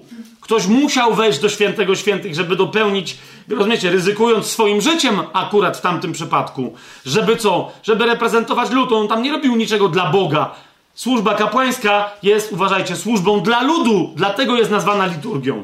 Kościół rzymskokatolicki to powiązanie wydarł z Biblii i nazwał swoje kapłańskie usługiwanie w kościele służbą liturgiczną. Rozumiecie o co mi chodzi? A kapłanów nazwał kapłanami lub liturgami. Ale to nie jest to, co, o co chodzi e, w Biblii. W liście do Hebrajczyków, bo nie chcę tego tematu przeciągać za bardzo i rozwijać, tylko go wyjaśnić na tyle, na ile to jest potrzebne. W dziesiątym rozdziale, w jedenastym e, wersecie jest powiedziane, to jest bardzo interesujące, każdy kapłan, i tu chodzi o dokładnie takich kapłanów jak Zachariasz, świątynnych, tak? Każdy kapłan zostaje, staje codziennie do wykonywania służby Bożej, wiele razy składając te same ofiary, które nigdy nie mogą zgładzić grzechów. Sprawdźcie to sobie w języku oryginalnym, w języku greckim. E, nie ma tu mowy o służbie Bożej. Ja rozumiem, że ktoś chciał tak to przetłumaczyć, ale jeszcze raz, każdy kapłan, jest to napisane, staje codziennie do wykonywania liturgii. I nie chodzi o czary mary egipskie albo rzymskokatolickie. Nie o to chodzi. Chodzi o to, że on w tej służbie, że ta służba świątynna jest służbą dla ludu na własny koszt. To jest dokładnie ten wyraz. I jest to jaka służba? Publiczna. Ok? Ona oznacza służbę publiczną, a więc którą lud widzi, która się wiąże z dobrem ludu i którą się wykonuje nie, żeby dostać zapłatę od wyższej instancji, ale którą się wykonuje honorowo na własny koszt. Amen?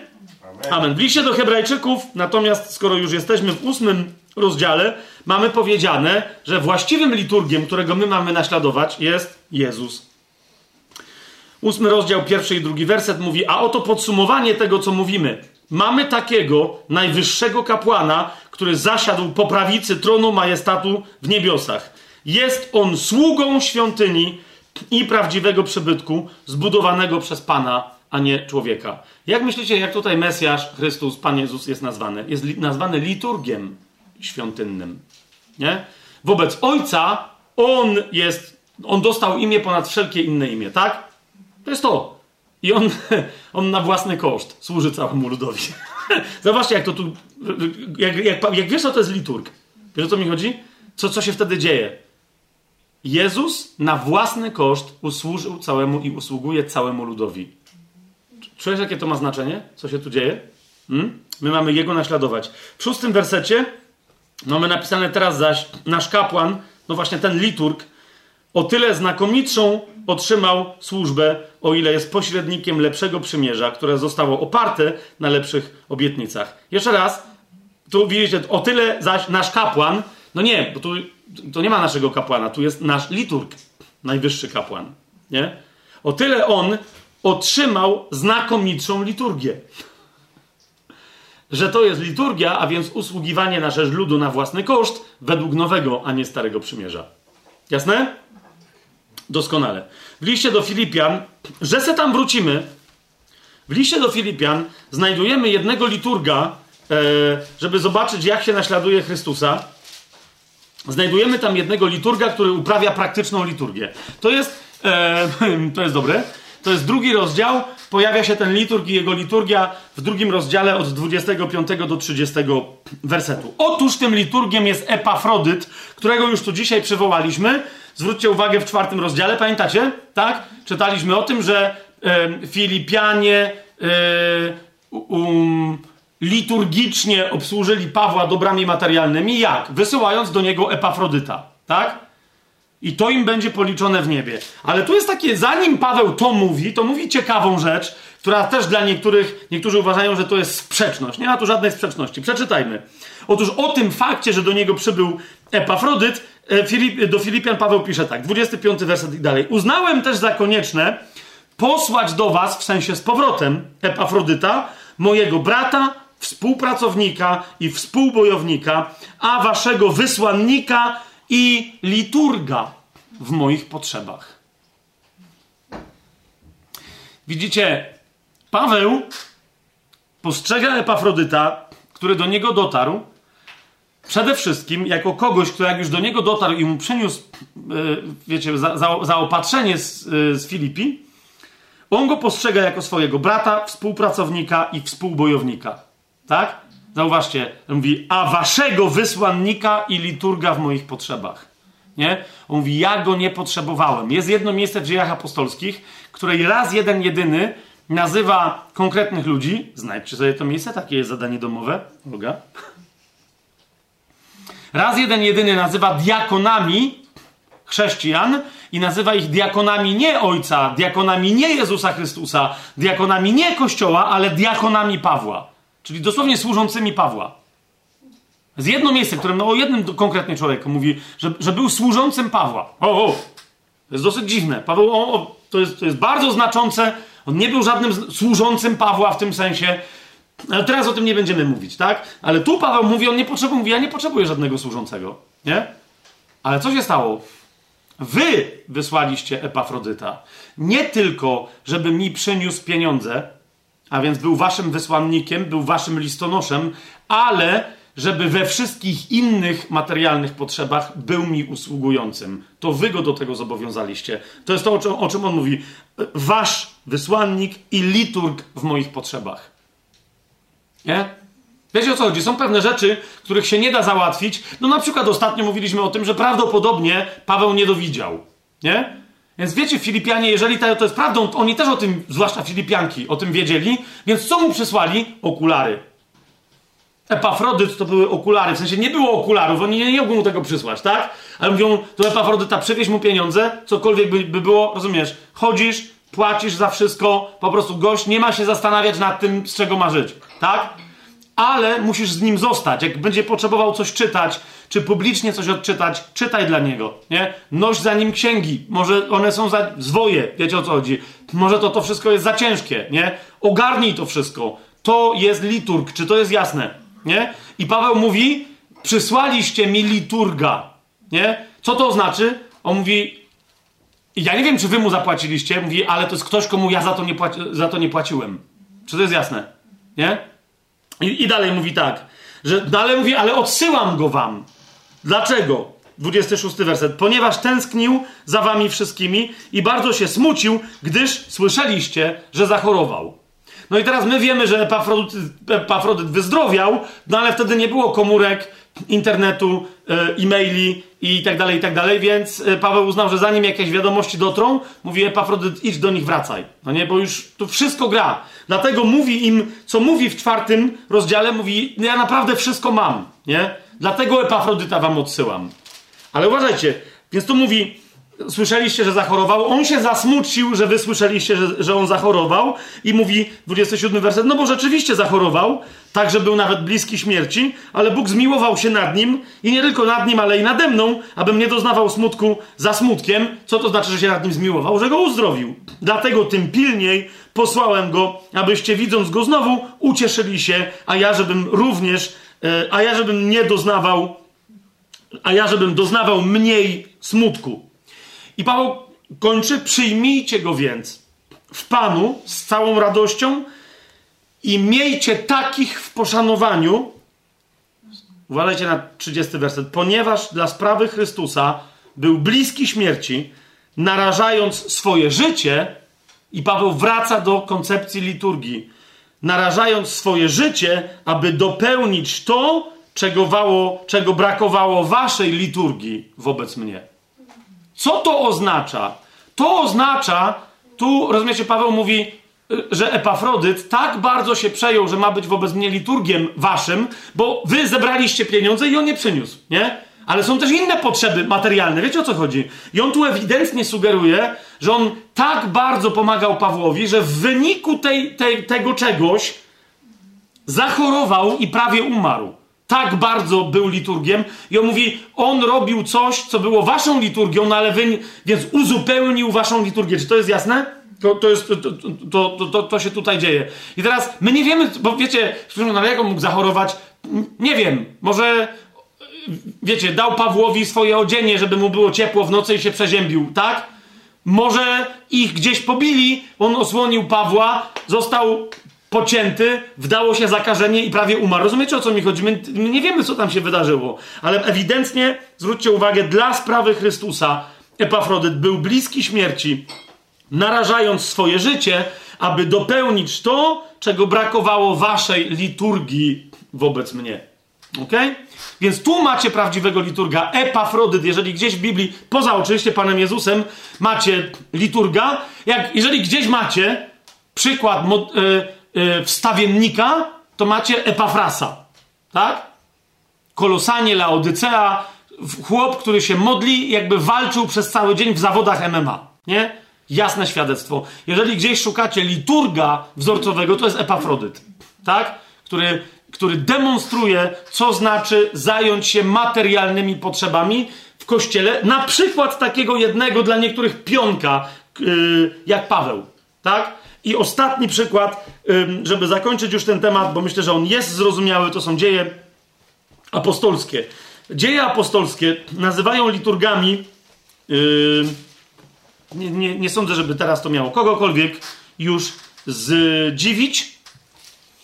Dzieje apostolskie nazywają liturgami kogo wszystkich usługujących w kościele. Dla przykładu proroków i nauczycieli, a więc jasno rozpoznanych usługujących pięciorakiej służby w Antiochii. Rozdział 13 mówi dziejów apostolskich. W kościele w Antiochii byli pewni prorocy i nauczyciele. Barnaba, Szymon, zwany Murzynem, Lucjusz Cyrenejczyk i Manaen, który wychowywał się z tetrarchą Herodem i Szaweł. I teraz uwaga. A gdy jawnie pełnili służbę Panu i pościli, powiedział Duch Święty. Jak myślicie, co oni tam robili? Tam jest powiedziane, że oni jawnie, publicznie, na oczach ludu Bożego i być może nawet nie na oczach ludu Bożego, publicznie, tak jak wszyscy mogli w tym uczestniczyć, liturgowali. Zwróćcie uwagę, okej, okay, oni usługiwali słowem, zapewne, tak? To byli prorocy i nauczyciele. Ale to był kościół, który musiał także usługiwać finansowo. Rozumiecie, tam się schodzili biedni, oni się rozchodzili do, do biednych i tak dalej, i tak dalej, i tak dalej. Nie? Ta cała tu liturgia nie polegała na tym, że oni tam odprawiali msze. Lub jak niektórzy chcą, że oni tam organizowali pierwsze chrześcijańskie nabożeństwa. Tu nie chodzi o strukturę formalną zgromadzenia Bożego. Jasne to jest? Bo Paweł, który świetnie wiedział, co to jest, rozumiecie, do Koryntian pisze o jednak pewnym spontanicznym chaosie twórczo-artystycznym na zgromadzeniach chrześcijańskich. Do Kolosan, do Efezjan mówi, każdy co ma, niech wszystkim na zgromadzeniu usługuje. A nie, najpierw kazanie, potem składka, potem ogłoszenia parafialne nara. A, jeszcze uwielbienie na początek, zapomniałem. Nie, Natomiast oni więc, kiedy pełni, oni liturgowali, oni tutaj pełnili, oni sprawowali liturgię wobec ludu Bożego i zapewne też w ogóle wobec.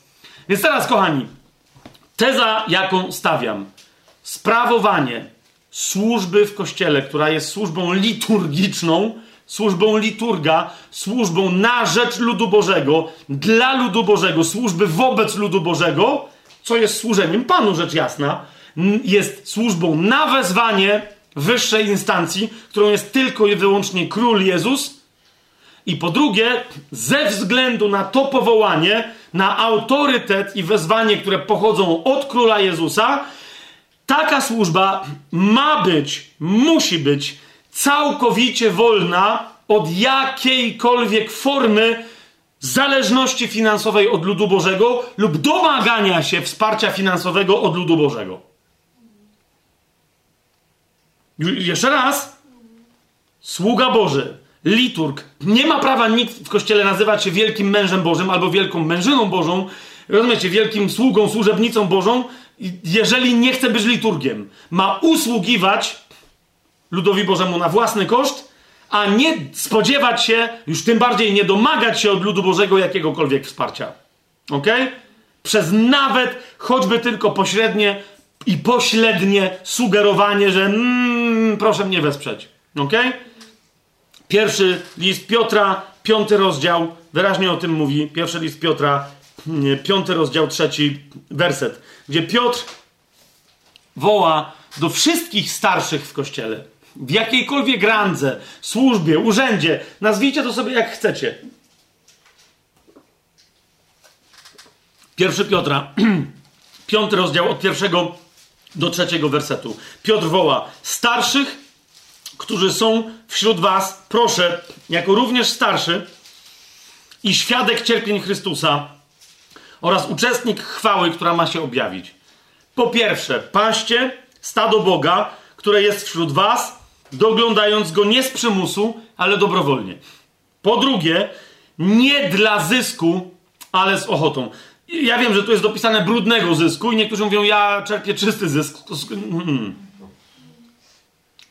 sprawdźcie sobie dokładnie, jak tu jest zdefiniowany ten wyraz. Tu nie chodzi o jakiś nieczysty zysk jako wynik kradzieży i tak dalej. Tu chodzi o, o to, że ktoś się spodziewa po prostu zysku, no nie? Wzbogacenia się na Bożym stadzie. Więc mówi nie dla zysku, ale z ochotą. Po trzecie, nie jak ci, którzy panują nad dziedzictwem Pana, lecz jako wzór dla stada. Pierwszy list do Tymoteusza. Pierwszy list do Tymoteusza, trzeci rozdział.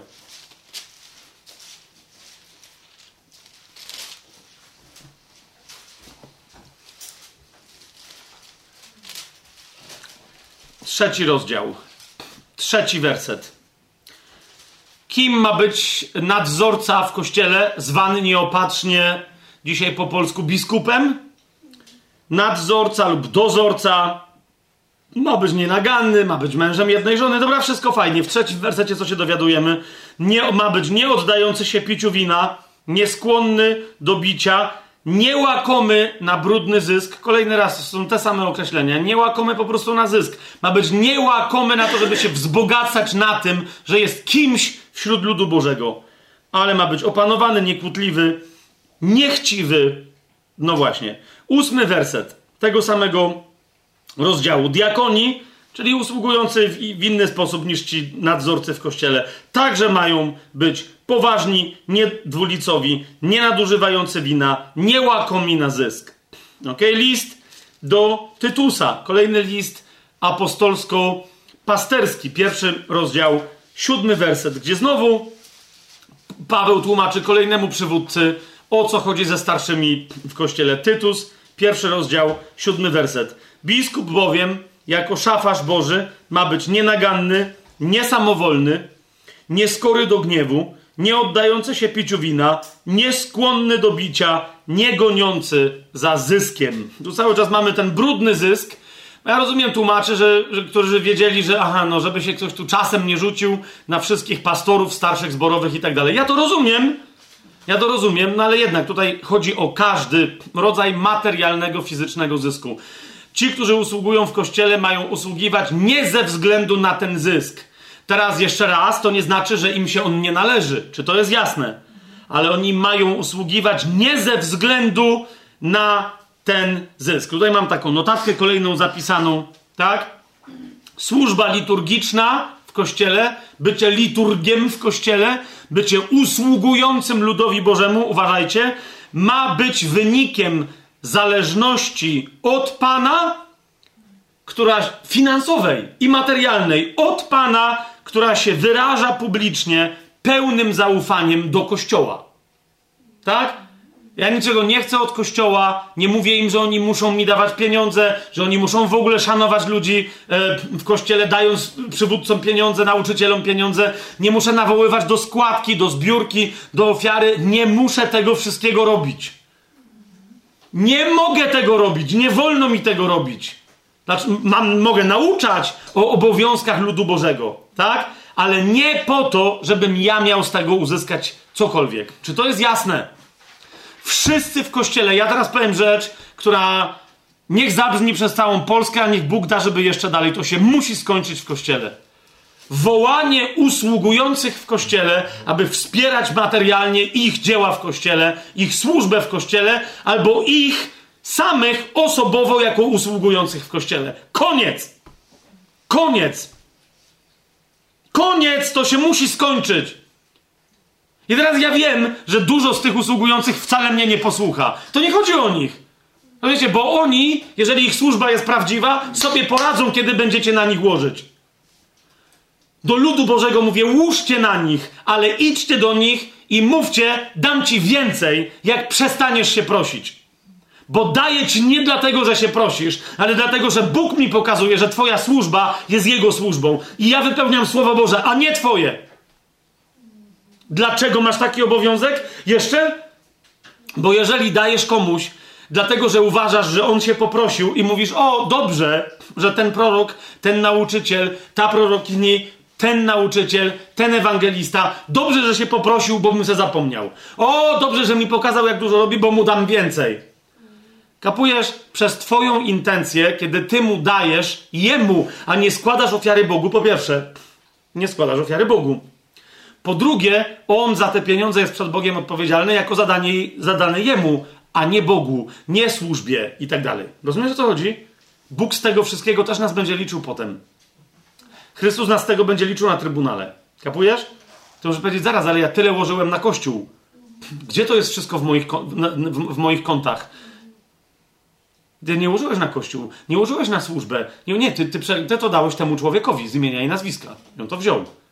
On ci powiedział, że on tego potrzebuje, ale nie, nie, ja to dałem na jego służbę. Fantastycznie. Wie, wiecie, ile bogacze tego świata, Rothschild, Rockefeller, Morgan, e, Bill Gates, ile, ile wyłożyli pieniędzy na różne służby, włącznie ze służbami kościelnymi? Myślicie, że to im będzie policzone gdzieś? jeżeli nie uczynili tego jako swojej liturgii, jako części swojej diakonii w ramach Bożej liturgii. Wiecie o co mi chodzi? Ale widzisz taki Bill Gates, o tym w paru miejscach, na przykład Watchman nie wspomina, taki Bill Gates, jeżeli dał słudze Bożemu pieniądze, swoje jemu lub swoje, żeby wesprzeć to, co on robi, a nie dzieło Boże, może stanąć, ma prawo Bill Gates stanąć na sądzie, jeżeli nie będzie zbawiony, ma prawo stanąć przed Bogiem i powiedzieć, panie, czy został policzony ten twój sługa, który się tłumaczył, że bierze dla ciebie, ale wziął dla siebie. Który się tłumaczy, że bierze, żeby wesprzeć twoje dzieło, ale wsparł swoje. I co mówił Watchman, i się z nim absolutnie zgadzam, bo Słowo Boże w wielu miejscach to potwierdza, i Bóg wtedy będzie się tłum musiał tłumaczyć przed grzesznikiem, który idzie do piekła, za ciebie. Obczajacie to? I Bóg to zrobi. Dlaczego? Bo Bóg jest sprawiedliwy. Tak? Tylko rozumiesz, to się nie stanie bez twojej wiedzy. Jest to jasne, co ja teraz gadam? Rozumiesz, to nie jest. Niektórzy mówią, o, ale bo ten krzyczy i on mówi i, i on coś tam mówi, może tak trzeba, przecież tyle ludzi. Kapujesz, to jest twój. Są tacy, którzy to ja już więcej nie będę im dawał. Obczajasz, ale jeżeli ty słuchasz tego nauczyciela, ty słuchasz tego ewangelisty, ty słuchasz tej prorokini, ty słuchasz, rozumiesz, i dajesz tam pieniądze, zaraz nie wystarczy tylko nie dać, tylko trzeba pójść i tam powiedzieć, ej, słuchaj, Twoja służba jest Boża. Jeżeli jego albo jej służba jest Boża, czemu nie masz dawać? Rozumiesz, o co mi chodzi? Dlaczego nie masz dawać? Galacjan 6:6. Czemu nie masz dawać? Tylko wytłumacz tej osobie, żeby się zamknęła. Bo psuje twoje dawanie, nawet jeżeli nie psuje swoje, twojego dawania, to psuje swoje branie w ramach twojego dobrego dawania. Czy to jest jasne? Teraz, pierwszy list do Koryntian, dziewiąty rozdział. Więc, więc mówię o tym, mówię o tym, że usługujący w kościele mają usługiwać na własny koszt. Jeżeli kościół zechce ten koszt wziąć na siebie, to halleluja. Ale ty masz zaufać Panu, że On pobudzi stosowne osoby, żeby wsparły ciebie i twoją służbę. Przestań się prosić. Koniec z takimi wezwaniami w kościele.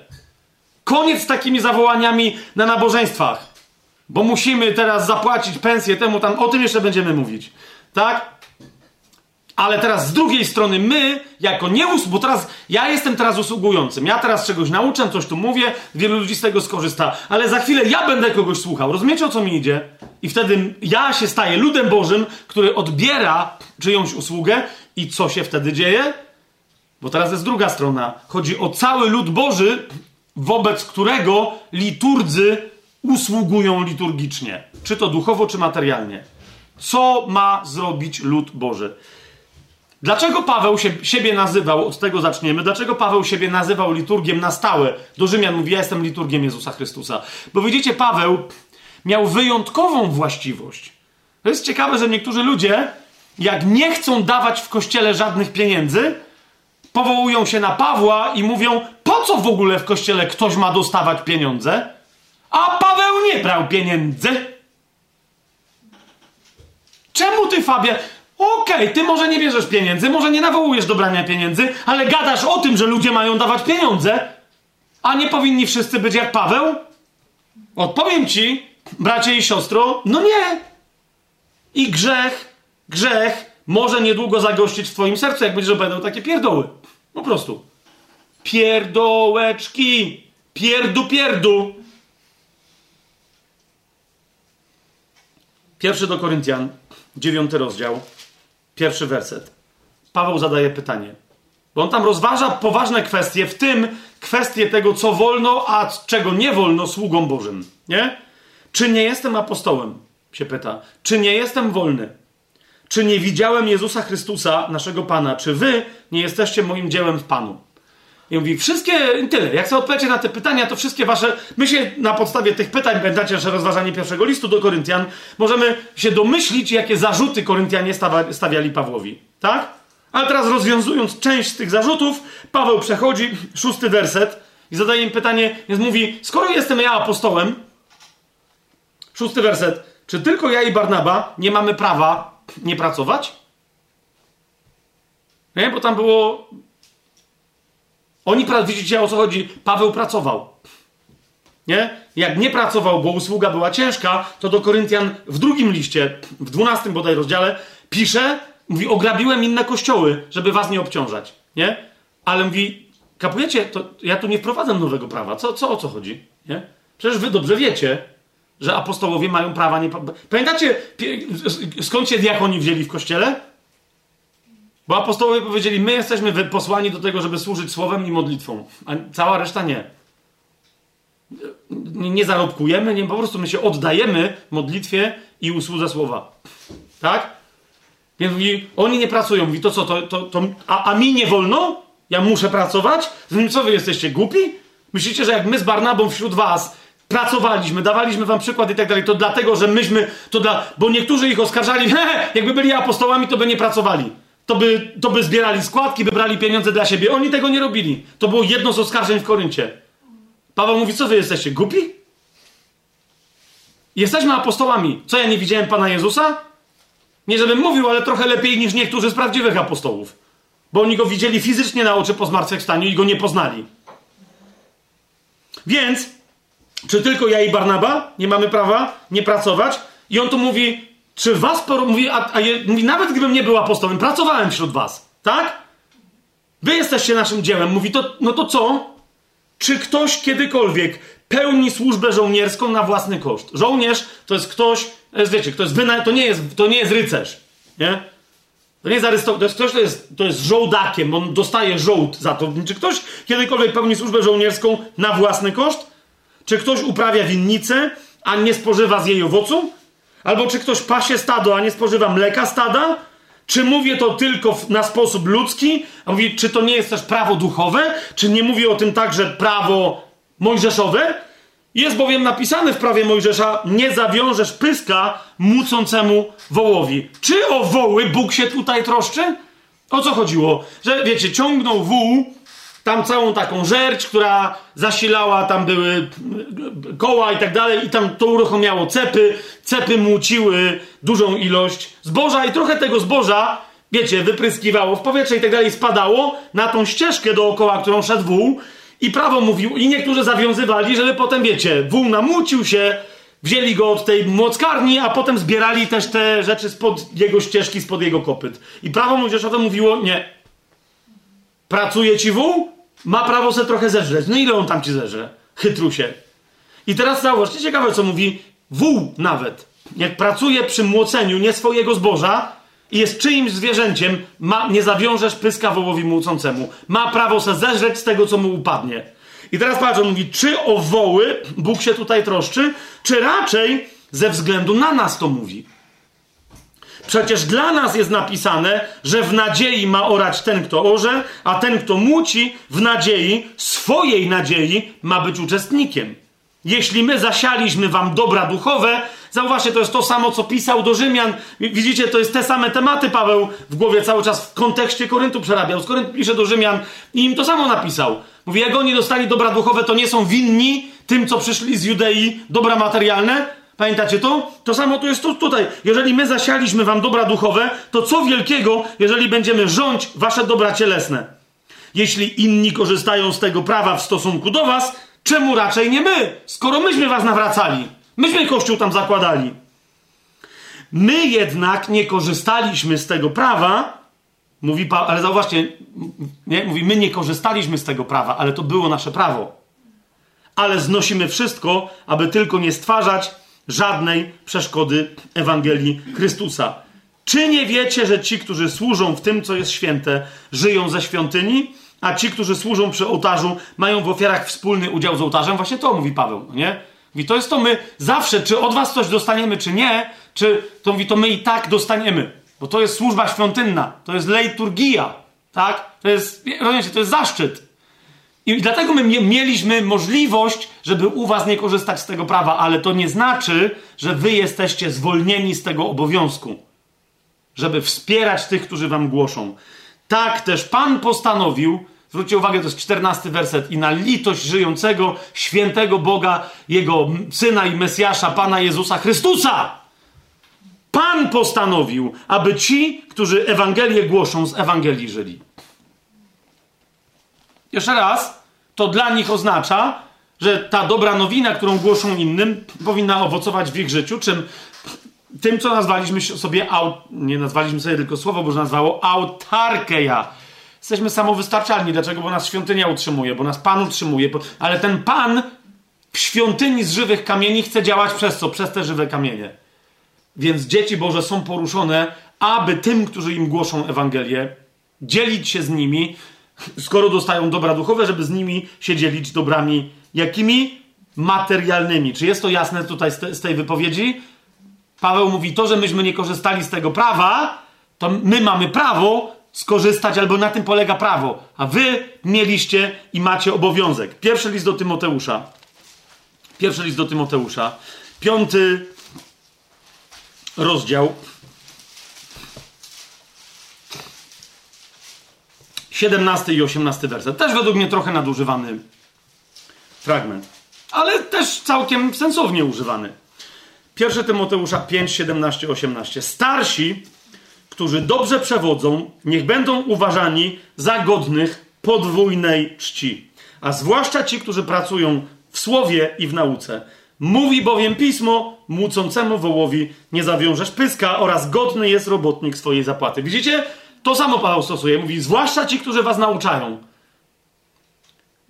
Oni, się, oni nie mają prawa się niczego domagać, ale wy macie oddać im podwójną cześć.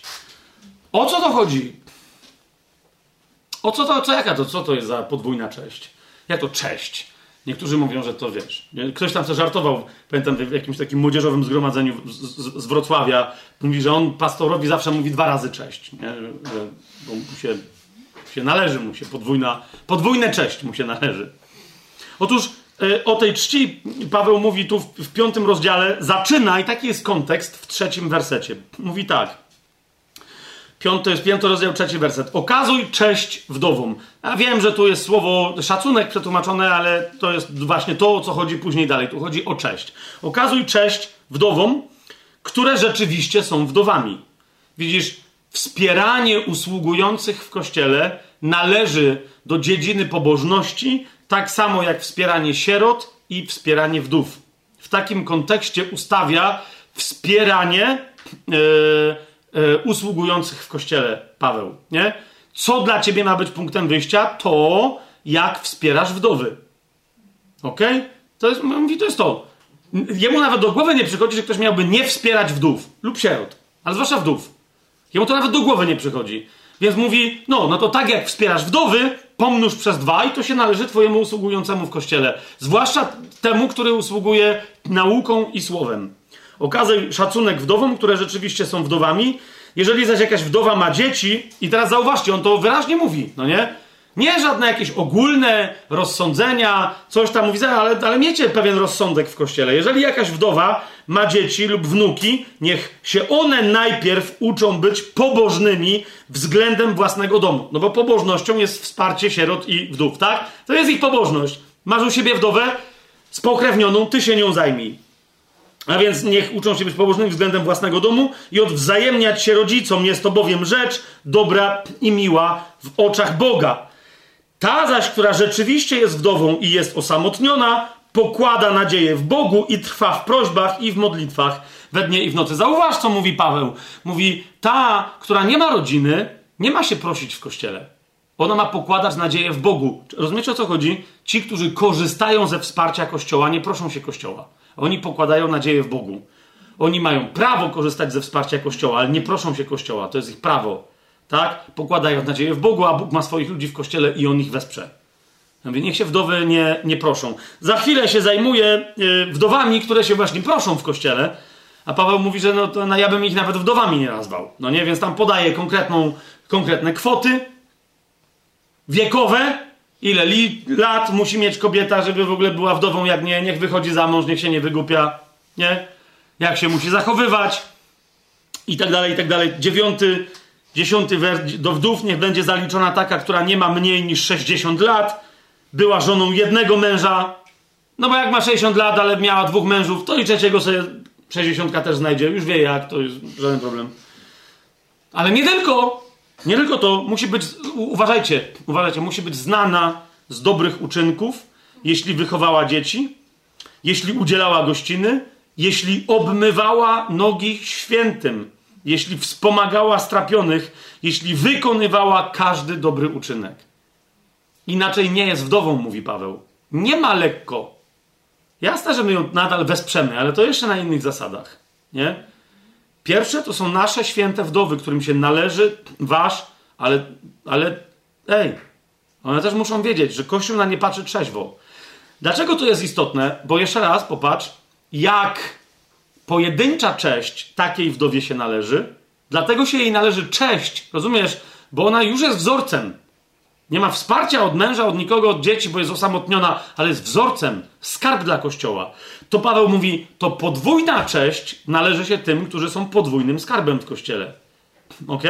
Zwróćcie uwagę, jeszcze raz, e, wróćmy sobie do, do tego 16. E, mm, o właśnie, od 16 wersetu do 18 poczytamy. Jeżeli jakiś wierzący lub wierząca ma w rodzinie wdowy, niech im pomaga, aby Kościół nie był obciążony. Zwróćcie uwagę, to jest najpierw obowiązek pojedynczych wierzących, którzy rozpoznają tę sytuację u siebie. Ale nie ma takich. Wtedy Kościół, konkretna społeczność, tak? Jeśli jakiś wierzący lub wierząca ma w rodzinie wdowy, niech im pomaga, aby Kościół cały nie był obciążony. Po, dlaczego? Żeby mógł przyjść z pomocą tym, którzy rzeczywiście są wdowami. Plus dwa, oprócz wdów, żeby przyszedł z podwójną czcią do kogo? Do starszych ale jakich starszych? Starsi, którzy dobrze przewodzą. Zwróćcie uwagę, nie każdy starszy, który się nazywa starszym, który był wybrany, siedzi od 40 lat, coś tam cuduje, politykuje. Starsi, którzy dobrze przewodzą, niech będą uważani za godnych podwójnej czci. A wśród nich, zwłaszcza ci, którzy oprócz tego, że dobrze przewodzą, także pracują w słowie i nauce. Widzicie o co mi chodzi?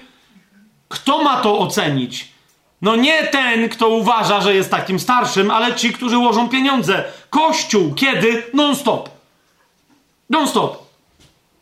Nie może być żadnej instancji, która ustawia kogoś takiego na stanowisku. No wiecie, kto ma funkcję, w ramach której się należy pensja za to, że on ma tę funkcję. Po prostu. Czy się nie należy komuś, kto jest starszym, czy nie może być zbór? Rozumiecie, obsługujący lokalny 50 kościołów domowych, który na jednym zgromadzeniu zbiera 2,5 tysiąca ludzi. Może być, czy nie może być usługujących dla tego dużego zgromadzenia 40, ależ mogą być. Tylko co ja mówię? Mówię o tym, że rozumiecie, oni wychodzą pokazuje się ich całemu kościołowi raz na miesiąc. Wiecie o co chodzi, tak? To jest trzecie spotkanie w miesiącu. W ramach każdego trzeciego spotkania w miesiącu zbieramy pieniądze na pensje dla naszych usługujących, którzy usługują nam wszystkim. Tak? Tych znacie, bo głoszą kazania, tych znacie, bo to, to są dobrze przewodzący, pracujący ciężko w nauce i w słowie starsi i starsze, których znamy. I ludzie mówią halleluja! Po! Ale jak mówią, to okej, okay, 39, ale 40, kiedy on ostatnio coś usługiwał? Bo jakby co się tam dzieje? Czy się tak plącze psim swędem, żeby się załapać, ale tylko dlatego, że, że my pamiętamy, że rok temu coś głosił? Rozumiecie? Wtedy ludzie się zgłaszają, okej, okay. cała społeczność się zgłasza, mówi okej, okay, ale bez tego 40. Nie ma, rozumiecie, nie, nie, więc nie ma tak, że nie należy się, należy się, mi tylko chodzi o to, jakie mechanizmy Kapujecie? De facto są wspierane przez te fragmenty. Bo te fragmenty wspierają pewną postawę w kościele, ale nie pewne struktury i nie pewne mechanizmy, które są usprawiedliwiane przez te fragmenty, bo te fragmenty nie usprawiedliwiają tego rodzaju układów w kościele. Następna rzecz. Bum! Mówi bowiem pismo, mucącemu wołowi nie zawiążesz pyska. Więc niech najpierw ten wół muci. Oraz godny jest robotnik swojej zapłaty, więc najpierw niech zacznie pracować i niech będzie realnym robotnikiem. Ok? Jakub, e, list do Galacjan. Jakuba już mamy przecytowanego. List do Galacjan wyraźnie właśnie w kontekście prawy, prawa, zasady siania i zbierania, właśnie w kontekście nie łuczcie się, Bóg nie da się z siebie naśmiewać. Szósty rozdział Galacjan, szósty werset mówi: Ten, kto jest nauczany słowa, ma udzielać ze wszystkich swoich dóbr temu, który go naucza. Jeszcze raz, ja naprawdę słyszałem, jak niektórzy mówią, że no nie będzie to tak do końca do, dosłowny cytat, ale o to w nim chodzi. Ten, kto naucza, ma prawo dostać od wszystkich, którzy są przez niego nauczani, wszystko, co mają. Serio? Serio? O to chodzi w tym, w tym wersecie? Tak? Po, tu chodzi o tego, kto jest nauczany, a nie, ten, te, a nie tego, kto naucza. Tak? Ten, kto jest nauczany słowa, niech udziela ze wszystkich dóbr temu, którego naucza. Jak? Jak chce. Bo tu nie ma powiedziane, ile ma dać.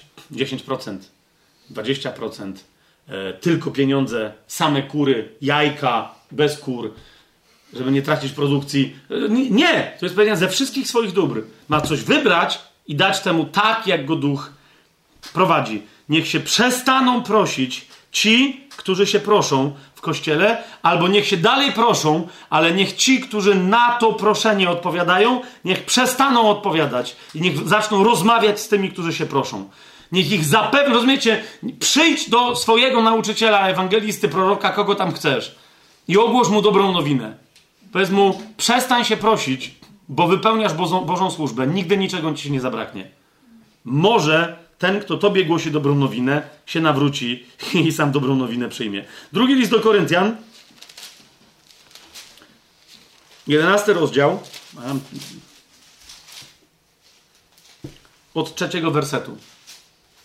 Boję się, by czasem, tak jak wąż swoją przebiegłością oszukał Ewę, tak też wasze umysły nie zostały skażone i nie odstąpiły od szczodrobliwości, która jest w Chrystusie. A jest szczerość, to jest prostolinijność, ale która zawsze skutkuje hojnością.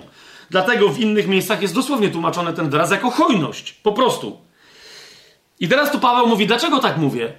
Bo ja dla was usługu, usługiwałem, ja dla was tyle usługuję, ja dla was tyle robiłem, więcej niż ktokolwiek inny. Mówi, ale inni przychodzą, bekną jakąś bzdurę przy was, be, i zaśpiewają poważną kwotę, wy im płacicie i jeszcze uważacie, że to było dosyć interesujące, co powiedzieli, bo im zapłaciliście. Paweł mówi, to może was wyrwać z prostolinijności i szczodrobliwości Chrystusa.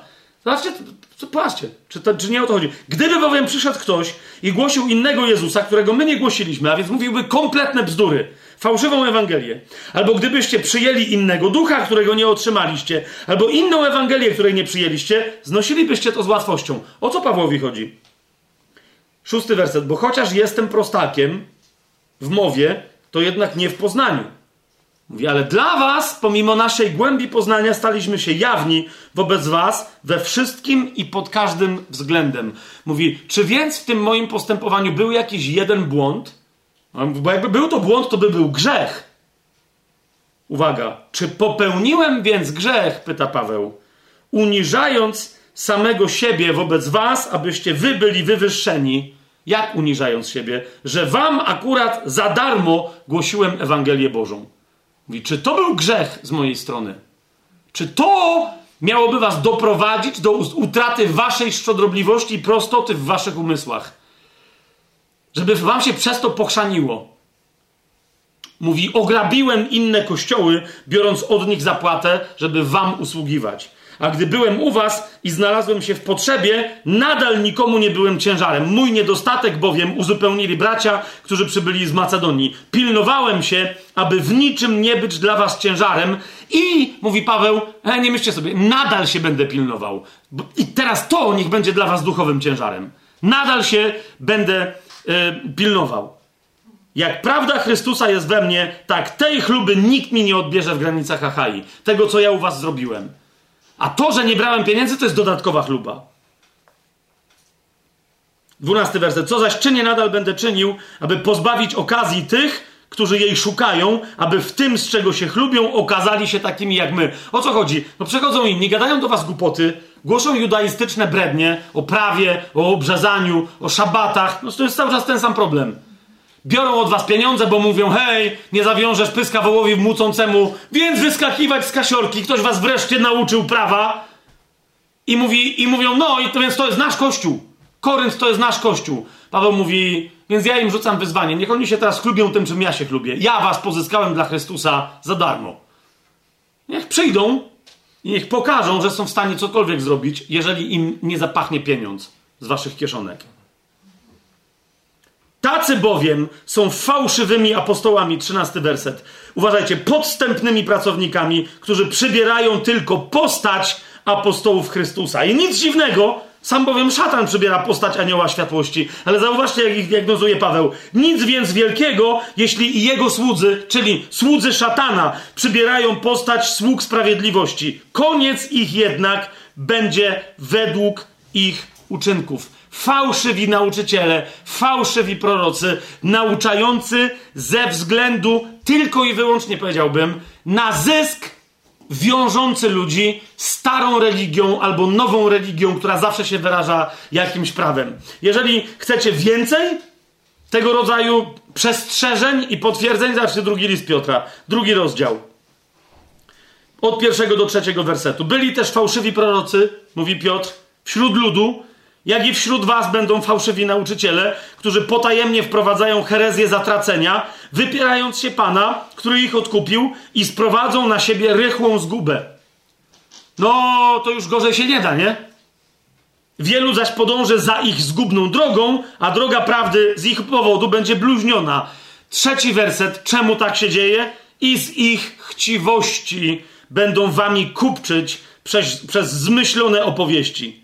Ale ich sąd od dawna nie zwleka, a ich zatracenie nie śpi. A ich zatracenie nie śpi. Czternasty jeszcze i piętnasty werset.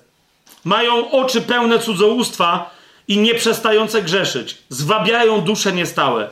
Serce mają wyćwiczone w chciwości synowie przekleństwa. Opuścili oni prostą drogę i zbłądzili, podążając drogą Balaama, syna Bosora, co to jest za droga? To jest ten, który umiłował zapłatę za niesprawiedliwość. Jeszcze raz, jeszcze raz. Ja nie twierdzę, że ci, którzy wołają w kościele o pieniądze, że już weszli na tą drogę, ale naszym obowiązkiem, moim obowiązkiem, Twoim obowiązkiem, siostro i bracie, jest przestrzec ich, że są bardzo niedaleko od drogi Balaama, syna Bosora, że już niedługo może ich serce popaść w bałwochwalstwo, które polega na chciwości w pierwszym rozdziale e, listu do Tytusa, bodaj, w jedenastym wersecie, dokładnie o tych ludziach, którzy przeszkadzali Pawłowi, między innymi w Koryncie, e, w całej Galacji i nie tylko, mówi, że są zwodzicielami i że zwodzą zwłaszcza wśród obrzezanych. To jest dokładnie cały czas to samo. Jedenasty werset, tak, to jest tytuł z pierwszy rozdział, jedenasty werset, Paweł mówi wyraźnie, trzeba im zamknąć usta, gdyż całe domy wywracają, nauczając czego nie należy dla zysku. Cały czas im tylko i wyłącznie o jedno chodzi. O pieniądze. W liście Judy znajdujemy to samo przestrzeżenie i ostrzeżenie. Juda woła w pierwszym rozdziale czyli w jedynym rozdziale, jaki posiada, w jedenastym i w dwunastym wersecie mówi: Biada im, bo poszli drogą Kaina, udali się za błędem Balaama dla zapłaty i zginęli w buncie Korego. Zwróćcie uwagę, dla zapłaty. Ktoś powie, no nie, nie, ale to oni przychodzą z zewnątrz, Kościół jest, jest, jest, jest impregnowany, nie wpuszcza ich do prawdy. Oni są zakałami na waszych ucztach braterskich, na waszych agapach, na waszych wieczerzach którzy z wami bez bojaźni ucztują, pasąc samych siebie, bo są chciwcami. Są to bezwodne chmury wiatrami unoszone, drzewa zwiędłe, bez owoców, dwukrotnie obumarłe i wykorzenione. Te wszystkie słowa, cały ten język yy, jest tylko, wiecie, ja tylko parę fragmentów przywołam. Jest, to jest język nowotestamentowy. Jeszcze raz nie mamy czasu, bo już pewnie się zbliżamy do końca czwartej godziny. Yy, a mam nadzieję się dzisiaj zmieścić w czterech, to jest naszym jakimś nowym standardem. Ale, ale chcę, żebyście zobaczyli jedną rzecz. E, przestrzeżenie dla Izraela, dla pasterzy i przywódców Izraela przed chciwością, przed zdradą wobec Pana, przestrzeżenie, że kiedy pasterze przestają ufać Panu, przestają ufać mechanizmom, które On stworzył, na przykład w ramach świątyni, tak? I mówi, ej, to wszystko działa dla was, to jest dla was pomyślane. Czemu mi nie ufacie? Kiedy przestajecie mi ufać, stajecie się fałszywymi pasterzami, fałszywy, fałszywymi prorokami, fałszywymi nauczycielami. To dokładnie, dlatego, do, rozumiecie, do tego Balaama i tak dalej, do Starego Testamentu cały czas nawiązuje Nowy Testament, bo mówi, to jest ten sam duch. Przestańcie jako pasterze nawoływać, żebyście byli wspierani. Przestańcie się bać o to, że Pan was nie będzie wspierał finansowo. Najdrobniejszy szeregowy chrześcijanin czy chrześcijanka jest arystokratą w Królestwie na litość boską. Wy macie być wzorcami świecącymi tej pewności, że wszystko materialnie macie zapewnione i hojności, wielkoduszności i szczodrobliwości. Macie w tym przodować, macie być wzorem a nie być wzorem chciwości i zapewniania sobie najpierw od Kościoła utrzymania. To są powtórki takich fragmentów, jak na przykład Izajasz 56 yy, rozdział.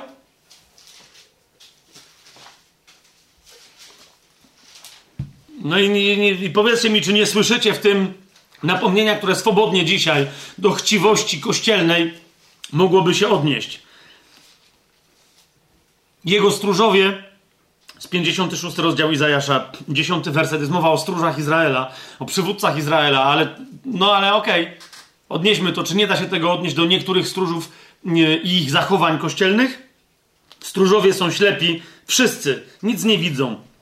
Wszyscy są niemymi psami, nie mogą szczekać, są ospali, leżą, kochają drzemać, ale mówią, hej, hej, ale jestem, jestem przewodnikiem, jestem pasterzem, jestem czymś tam. Należy mi się, a Słowo Boże mówi, no nie zawiążesz pyska wołowi, ale mucącemu, a nie psowi śpiącemu. Psu. Ps, psu. Są to psy żarłoczne i nienasycone. Są to pasterze niezdolni do zrozumienia. Wszyscy udali się w swoją drogę, każdy w swoim miejscu szuka własnego zysku, mówiąc: Przyjdźcie, wezmę wino i upijemy się razem tym mocnym napojem. Jutro będzie tak jak dziś, tylko tyle, że bardziej obficie. Ewangelia sukcesu! Sypcie na mnie pieniądze, a Bóg na was wtedy posypie pieniądze. Błogosławieństwo. All the money, all the money to you, to you. All the money. But first, money to me, to me money, to me money. Co będzie jutro? Jutro będzie jeszcze lepiej. Dzisiaj opijmy się, szalejmy. A, aha, a, Bóg, Duch Święty. Mm, mm. Czujecie, jak płyną pieniądze? Czujemy. Znaczy, najpierw czujemy, że odpływają. Tak, ale poczujcie, jak przepływają. Musisz coś wyrzucić, zrób miejsce na jeszcze więcej w portfelu. Nie mówcie, że nie widzieliście. No, może, może Bogu dzięki, że nie widzieliście takich sytuacji. Jeremiasz, szósty rozdział. To się musi skończyć w imieniu Jezusa Chrystusa. Nasze tolerowanie takich rzeczy to się musi skończyć. Jesteśmy kpiną wtedy wobec świata. Świat zawsze zrobi taką imprezę, która będzie lepsza, w której będzie więcej pieniędzy, zawsze będzie mieć bogatszych milionerów. Tylko prawdziwi chrześcijanie, którzy wiedzą, że mają wszystko, są zagrożeniem dla tych w cudzysłowie prawdziwych milionerów, bo prawdziwi milionerzy mogą być miliarderami, ale nadal mają skończoną ilość zasobów. Tylko my mamy nieskończoną. Jeremiasz, szósty rozdział. Od trzynastego wersetu. Od najmniejszego z nich aż do największego. Wszyscy oddani są chciwości. I od proroka aż do kapłana wszyscy popełniają oszustwo. I leczą niby rany córki mojego ludu, ale tylko powierzchownie. Jak? Mówiąc pokój, pokój, ale nie ma pokoju. Czy zawstydzili się, że popełnili taką obrzydliwość? Bynajmniej, wcale się nie zawstydzili. Nawet się nie potrafili zarumienić. Dlatego upadną wśród tych, którzy mają upaść. W czasie, gdy ich nawiedzę, upadną, mówi Jahwe. Tak mówi Jahwe. Stańcie na drogach, spójrzcie i pytajcie o stare ścieżki. Gdzie jest ta dobra droga? I tą drogą idźcie, a znajdziecie odpoczynek dla waszej duszy. Ale co mi powiedzieli? Nie pójdziemy. Ustanowiłem nad wami stróżów, mówiąc: Słuchajcie głosu trąby. Wtedy powiedzieli: Nie będziemy słuchać. Dlatego słuchajcie narody. Poganie! Nie Izrael. Nie ci, którzy uważają, że im się należy, bo im się należy. Dlatego słuchajcie narody. Poznaj o zgromadzenie. Kościół! Co się wśród nich dzieje? Słuchaj cała ziemią. Oto sprowadzę nieszczęście na ten lud. Owoc jego myśli na niego sprowadzę, gdyż nie słuchał moich słów ani mojego prawa, ale je odrzucił. Widzicie, co się dzieje? Prawo siania i zbierania mówi. O czym myśleli, to dokładnie to dostaną. Chcieli dla ciała, to dostaną dokładnie to, co zawsze owocuje w ciele. Zniszczenie. Ezechiel. Ezechiel. Trzynasty rozdział. Tylko daję wam smaczki tego wołania przeciwko fałszywym stróżom ludu Bożego jest mnóstwo w Starym Przymierzu. 13 rozdział Ezechiela. Od 17 e, wersetu. Ale ty, synu człowieczy, zwróć swoją twarz przeciwko córkom swojego ludu, które prorokują z własnego serca. I teraz ty prawdziwie prorokuj przeciwko nim. I mów. Tak mówi Pan Jahwe. Biada tym prorokiniom, które szyją poduszki pod wszystkie łokcie rąk mojego ludu, i robią nakrycia głowy dla ludzi każdego wzrostu, aby w ten sposób czarodziejsko łowić ich duszę. Czy będziecie łowić duszę mojego ludu? Aby zachować dusze, które przybędą do was, chcecie je wziąć na zawsze, na własność? Wiecie, jakie to jest oskarżenie? Dziwne praktyki duchowe, które sidlą duszę ludu Bożego. I teraz Pan jak to diagnozuje? Bezcześcicie mnie wobec tego ludu, z, z jakiego powodu? Mówi nawet nie z jakiejś wielkiej chciwości, z lęku o swoje życie. Bezcześcicie mnie wobec mojego ludu dla garści jęczmienia i dla kęsa chleba, zabijając dusze, które nigdy nie powinny umrzeć, a oszczędzając dusze, które nie powinny żyć, gdy okłamujecie mój lud, który słucha kłamstwa. Dlatego tak mówi Pan Jahwe, oto wystąpię przeciwko waszym poduszkom, które szyjecie, którymi łowicie dusze, aby je zwieść, zerwę je z waszych ramion i wypuszczę dusze, które łowicie, aby je zwieść. I rozerwę wasze nakrycia i wybawię swój lud z waszej ręki, aby już nie był łupem w waszym ręku. Poznacie, że ja jestem Jahwe. Ponieważ zasmucacie kłamstwem serce sprawiedliwego, chociaż ja go nie zasmuciłem, a wzmacniacie ręce bezbożnego, aby się nie odwrócił od swojej złej drogi, ożywiając go, dlatego nie będziecie już mieć widzeń złudnych i nie będziecie prorokować żadnej wróżby. Wyrwę bowiem swój lud z waszej ręki i poznacie, że ja jestem Jahwe. Żadnych praktyk wiedzionych zabezpieczeniem samej siebie czy samego siebie. Micheasz. Twórzmy sobie Micheasza.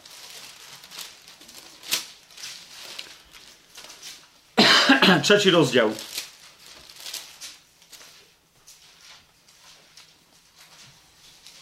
Oskarżenie Pana przeciwko Izraelowi. Przeciwko Syjonowi i Jerozolimie. 10-11 werset trzeciego rozdziału Michała. Tam jest na początek słuchajcie tego naczelnicy domu Jakuba, czyli to jest do przywódców. Każdy buduje Syjon, ale krwią, a Jerozolimę nieprawością. Jej naczelnicy sądzą za dary. Jego kapłani uczą za zapłatę, a jego prorocy prorokują za pieniądze. Polegają jednak na Jachwę, mówiąc, czy Jachwę nie jest wśród nas? Nie spotka nas nic złego. Jakbym słyszał nauczanie w wielu kościołach dzisiaj, w wielu zborach, w wielu usługach, w wielu służbach, w wielu zgromadzeniach, Przecież my jesteśmy pod imieniem Jezus. Prawie, nawet jak troszeczkę jest w tym manipulacji, jak trochę jest nieznajomości Słowa Bożego, trochę jest nawoływania o pieniądze. Hmm? Uczą za zapłatę, prorokują za pieniądze, sądzą za dary. Ale mówią, ale my polegamy na Jachwę. Przecież Jachwę jest pośród nas. Przecież Jezus jest, jesteśmy zbawieni, jesteśmy namaszczeni Jego duchem, jesteśmy. Rozumiesz, od kiedy to się stało mniejszym grzechem? W Nowym Przymierzu to jest zniewagą wobec Boga jeszcze większą, a nie mniejszą. List do Rzymian. 16 rozdział.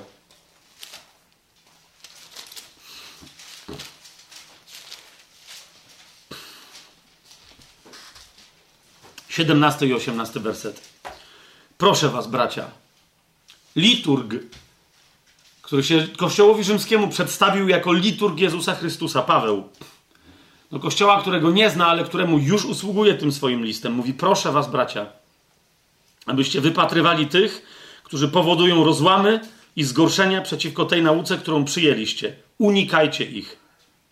Cóż to są za ludzie? rozłamy, zgorszenia, heretycy, a więc na pewno ich nauczanie jest niewłaściwe i tak dalej. Zapewne, wszakże 18 werset, gdyż tacy nie służą naszemu Panu Jezusowi Chrystusowi, ale własnemu brzuchowi, a przez gładkie słowa i pochlebstwo zwodzą serca prostych ludzi. Służyć własnemu brzuchowi znaczy służyć własnemu ciału, służyć własnemu dobru materialnemu. W drugim liście do Koryntian, zamykamy już y, temat y, powoli, w drugim liście do Koryntian w dwunastym rozdziale. Zobaczcie, jak, jak to jest mocno związane ten temat z dwunastym, z drugim rozdziałem, z drugim listem do Koryntian. W dwunastym rozdziale czytamy od trzynastego wersetu. Paweł tam mówi, że on jest apostołem, miał znaki apostoła w, 12 rozdziale, w 12 wersecie, znaki, cuda, przejawy mocy. Teraz zauważcie, w jaki ton uderza, kiedy do tego swojego umiłowanego kościoła, jednego z umiłowanych kościołów pisze. W czym jesteście gorsi od innych kościołów? Zauważcie, ile tu jest sarkazmu u Pawła. Jak dobrze on się musi znać z nimi, że oni rozumieją, że okej, okay, Paweł już nawet nie jest wkurzony na nas, po prostu z nas, z nas trochę kpi. W czym jesteście gorsi od innych kościołów? Jeżeli nie tylko w tym, że nie byłem dla was ciężarem. I mówię, we wszystkich innych kościołach brałem pieniądze od nich, zbierałem składki i tak dalej, tylko u was nie. Mówi, no to w tym jesteście gorsi. Takže mówi, przepraszam was za tę krzywdę. Od was nie wziąłem ani grosza. Bardzo was przepraszam. W czym jesteście gorsi od innych kościołów, jeśli nie w tym tylko, że nie byłem dla was ciężarem? Wybaczcie mi tę krzywdę. I teraz Paweł mówi: Oto po raz trzeci jestem gotowy przybyć do Was. I znowu nie będę dla Was ciężarem. E? Dalej trochę sarkazmu, pół żartem, pół serio, ale zaczyna być bardzo serio. Nie szukam bowiem tego, co wasze, ale szukam was, ponieważ nie dzieci rodzicom powinny gromadzić skarby, ale rodzice dzieciom. Kolejna bardzo fundamentalna zasada. Nie? Paweł mówi: Ja jestem dla was jak ojciec, ja wam zapewniam wszystkie skarby. Ja wam to wszystko donoszę. Jak trzeba będzie, tak jak do Jerozolimy, to do was przywiozę. Całe worki pieniędzy. Nie? Tylko wy nie pomylcie jednego z drugim. Nie? Że to w związku z tym oznacza, że ja was próbuję jakimś podstępem chwycić, że już bym was nie wziął na pieniądze, to was próbuję wziąć na e, darmową służbę. Tam były różne oskarżenia pod adresem Pawła. Mówi, mm, mm, ja wam wszystko daję. Ale wy zrozumiejcie, kim wy ja chcę, żebyście się wystali. Ja bardzo chętnie, 15 werset, poniosę wydatki i samego siebie wydam za wasze dusze. Chociaż im bardziej was miłuję, tym mniej jestem przez was miłowany. Ale niech i tak będzie. Nie byłem dla was ciężarem, ale będąc przebiegły, zdobyłem was podstępem. Zauważcie, Paweł że ma takiego nerwa, że po prostu jest cały czas pół kpina, pół poważne stwierdzenie. Czy wyzyskałem was przez kogoś, z tych, których do was posłałem, bo Paweł cały czas pije, mówi, zobaczcie co wy robicie. Przychodzą do was fałszywi, durnie, głoszą nie Pana Jezusa, jakieś fałszywe Ewangelie i im płacicie. Ja o coś od was nie chciałem? Nie, no to jestem gorszy. Ale może to był taki podstęp. Chyciłem was, ja nic nie biorę, ale za chwilę przysłałem moich ludzi, którzy powiedzieli, ok, a teraz wyskakiwać z pieniędzy, bo Paweł wam dobrze usłużył. Więc ja nie byłem dla was ciężarem, znowu nie będę ciężarem. Czy ludzie, którym was, y, których do was posłałem, czy oni byli dla was ciężarem? 18 werset. Uprosiłem Tytusa i wysłałem z nim brata, o którym wcześniej jest mowa w tym drugim e, liście do Koryntian. Czy Tytus was wyzyskał? Czy nie postępowaliśmy wszyscy w tym samym duchu? Czy nie kroczyliśmy tymi samymi śladami? Więc Paweł mówi, to jest pewna zasada, którą ja stosuję. O innych już wiecie. Nie? Więc ode mnie się uczcie tego, co najlepsze, to jest wyjście na jeszcze wyższy, lepszy poziom e, usługiwania w kościele. Że masz prawo do tego, aby ktoś cię wspierał i nie korzystasz z tego prawa. Nie? Przynosząc jeszcze ekstra ulgę, oprócz tego, że dajesz coś z siebie innym, nauczasz i tak dalej, przynosisz ekstra ulgę tym, którym usługujesz. Ale Paweł mówi, ale pamiętajcie, jaki jest wasz obowiązek. Zatem, kochani, ofiary, jeżeli składamy ofiary, to zawsze ich celem, celem ofiary jest Bóg. Bogu się składa ofiary, nie ludziom. Tak? Możemy też w kościele organizować zbiórki, bo może, bo, bo są, bo mamy różne potrzeby. Tak? Ale kochani, te zbiórki, które organizujemy, lub też kiedy chcemy złożyć ofiarę Bogu, bo jest organizowana zbiórka i teraz to jest zbiórka, ale ja chcę, żeby to była ofiara. Nieważne, muszą się charakteryzować następującymi yy, cechami. Wszystkie ofiary, wszystkie zbiórki w kościele, żeby były po myśli Bożej, zgodne z wolą Bożą. Okay? Po pierwsze, mają wynikać z inicjatywy ludu Bożego, a nie z nawoływania, manipulacji, obciążania poczuciem winy, yy, twierdzeniem, wywoływaniem chciwości w ludzie Bożym i tak dalej, i tak dalej. Tak? Jasne, ktoś wychodzi do ludu Bożego i mówi: Słuchajcie, wspieramy dzisiaj coś tam, albo potrzebujemy zapłacić za salę, za światło i tak dalej. Więc chodzi o to, że ktoś inicjuje tego rodzaju e, ruch, ale nadal nie może z drugiej strony od ludu Bożego pojawić się ruch gromadny, że wszyscy coś musimy i tak dalej. Otóż ofiary i zbiórki w kościele, aż to sobie zapisałem, wypisałem sobie parę tych cech, mają być po pierwsze jawne, po drugie celowe, po trzecie kompletnie dobrowolne. Nie ma być w nich żadnego nacisku duchowego, psychicznego, żadnego. Muszą być kompletnie dobrowolne. Muszą być nieprogramowe, to znaczy muszą być spontaniczne. I zawsze zależne od indywidualnego rozeznania i decyzji, która jest podjęta wobec konkretnego wezwania. Już Wam wyjaśniam bardzo szybko, co mam na myśli. Potem będzie raz, dwa, trzy cytaty i kończymy cały ten sezon. Jest nieco dłużej, ale rozumiecie, finałowy odcinek, jak mnie pouczył brat Piotr, musi zawierać w sobie finałowy odcinek jakiegoś sezonu całego serialu, to mnie brat Piotr pouczył, że w tym finałowym odcinku musi się odbyć spektakularna bitwa. No to się właśnie odbywa. No już powoli się kończy. Już wrogowie leżą i jeszcze tylko, wiecie, potrzebujemy cały sezon pozbierać i poporządkować. Co to znaczy? Ofiary i zbiórki w kościele, wszystkie mają być jawne. Nie, nie może być takiego nauczania w kościele, że jest jakaś, jakieś gremium, które zbiera pieniądze i ono wie, co zrobić z tymi pieniędzmi. Kapujecie?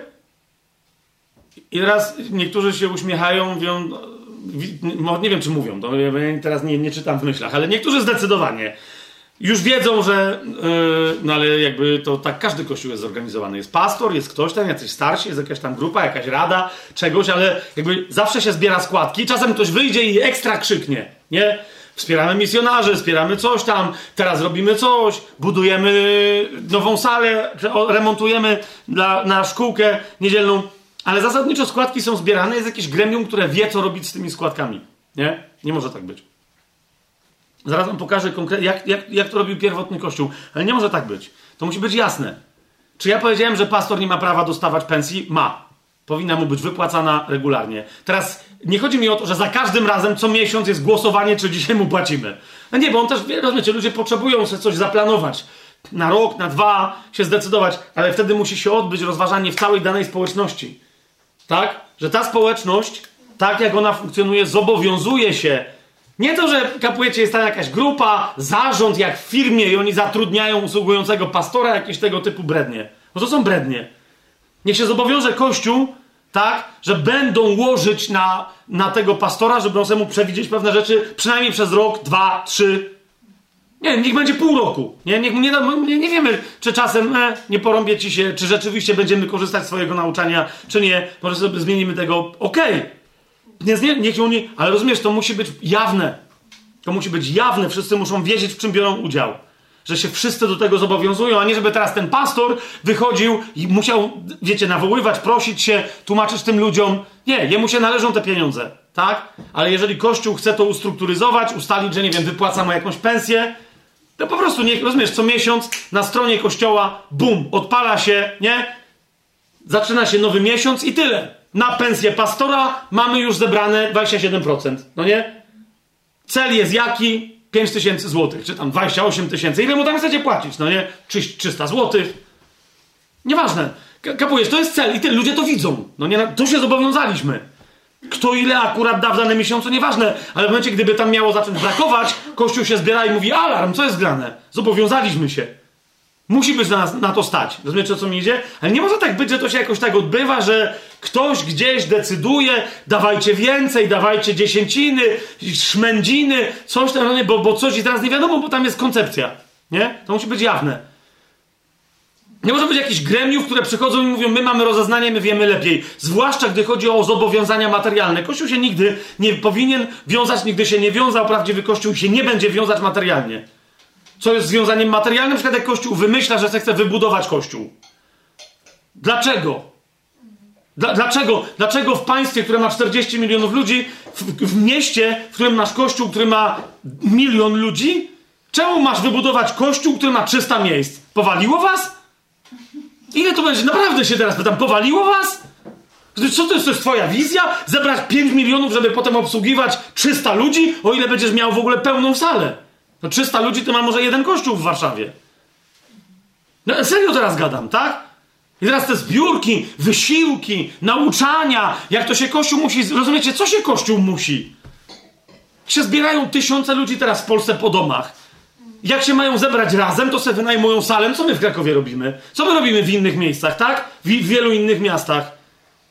Czy są na to potrzebne pieniądze? Są, tak. Trzeba zapłacić za prąd, za ogrzewanie w zimie, za dużą salę, za coś trzeba zapłacić. Ale rozumiecie, czy my mamy się wiązać z jakimś jednym pomieszczeniem? No to kupmy stadion. No ale po co mi stadion? Ja wiem, czy będziemy mieli teraz 40 tysięcy ludzi za chwilę. Pewnie nie. Jak będziemy mieli, to jak nas potem wyzabijają, po co mi stadion? Rozumiesz, jak będzie potrzebował stadion, to będziemy mieli stadion. Nie wiem, czy, ty, czy wy to rozumiecie, kochani. To jest to. A, a wychodzi pastor, coś tam, bo myśmy rozeznali, Słowo Boże, przyszedł prorok, powiedział, mm, i teraz zbieramy 17 milionów, bo musimy wybudować kaplicę. Będzie w niej to i tamto i siam. Weźże się uspokój. Naprawdę, naprawdę trzeba zapłacić półtora miliona, żeby była specjalna salka dla szkółki niedzielnej, bo trzeba obsługiwać dzieci za półtora miliona. Ogarnijcie się, ludzie.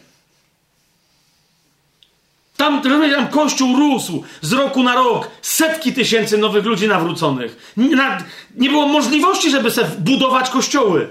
To wszystko było nielegalne. A to, że dzisiaj jest legalne, to ma coś zmienić? Więc jeszcze raz, to musi być jawne i cały Kościół musi wyrażać na to zgodę. A nie jacyś ludzie, którzy myśląc, że są przywódcami, mają prawo mieć swoje wizje, a potem narzucać je Kościołowi, żeby Kościół zbierał pieniądze, żeby oni swoje wizje e, urzeczywistniali. To się też musi skończyć. Jeden z drugim. Temu Pan pokazał, tamtej Pan pokazał, tym we czwórkę coś, coś Pan pokazał. Niech się teraz całe chrześcijaństwo zbiera. Nie zbierze się, to może naciągniemy Amerykanów. Znowu, czy ja wiem o paru takich akcjach? Wiem. Czy ja o tych akcjach mówię? Nie, mówię o zasadzie, żeby zaś nie było, że atakuje tego albo atakuje tamtego. Inna rzecz, że są ludzie, którzy zbierają pieniądze, dowiadują się, jest konkretne dzieło. Będzie taki budynek, tu, proszę bardzo, zdjęcia. Zebrali, nie zebrali. Oddał im ktoś pieniądze? Nie oddał, bo co? Bo po drodze rozeznaliśmy, że pan coś innego chyba powiedział i my te pieniądze przeznaczymy na coś innego. Dlaczego? Bo taka jest zasada w kościele. My wiemy. My zbieramy pieniądze, my nimi zarządzamy. Kłamstwo! Diabelskie kłamstwo! Diabelskie kłamstwo, nawet jeżeli mąż Boży, któremu nie odbieram charyzmy żadnej, ani posłannictwa Bożego, które wypowiada, bo najbardziej uświęcony mąż czy mężczyzna Boże może kłamać i mówić diabelskie rzeczy w kościele.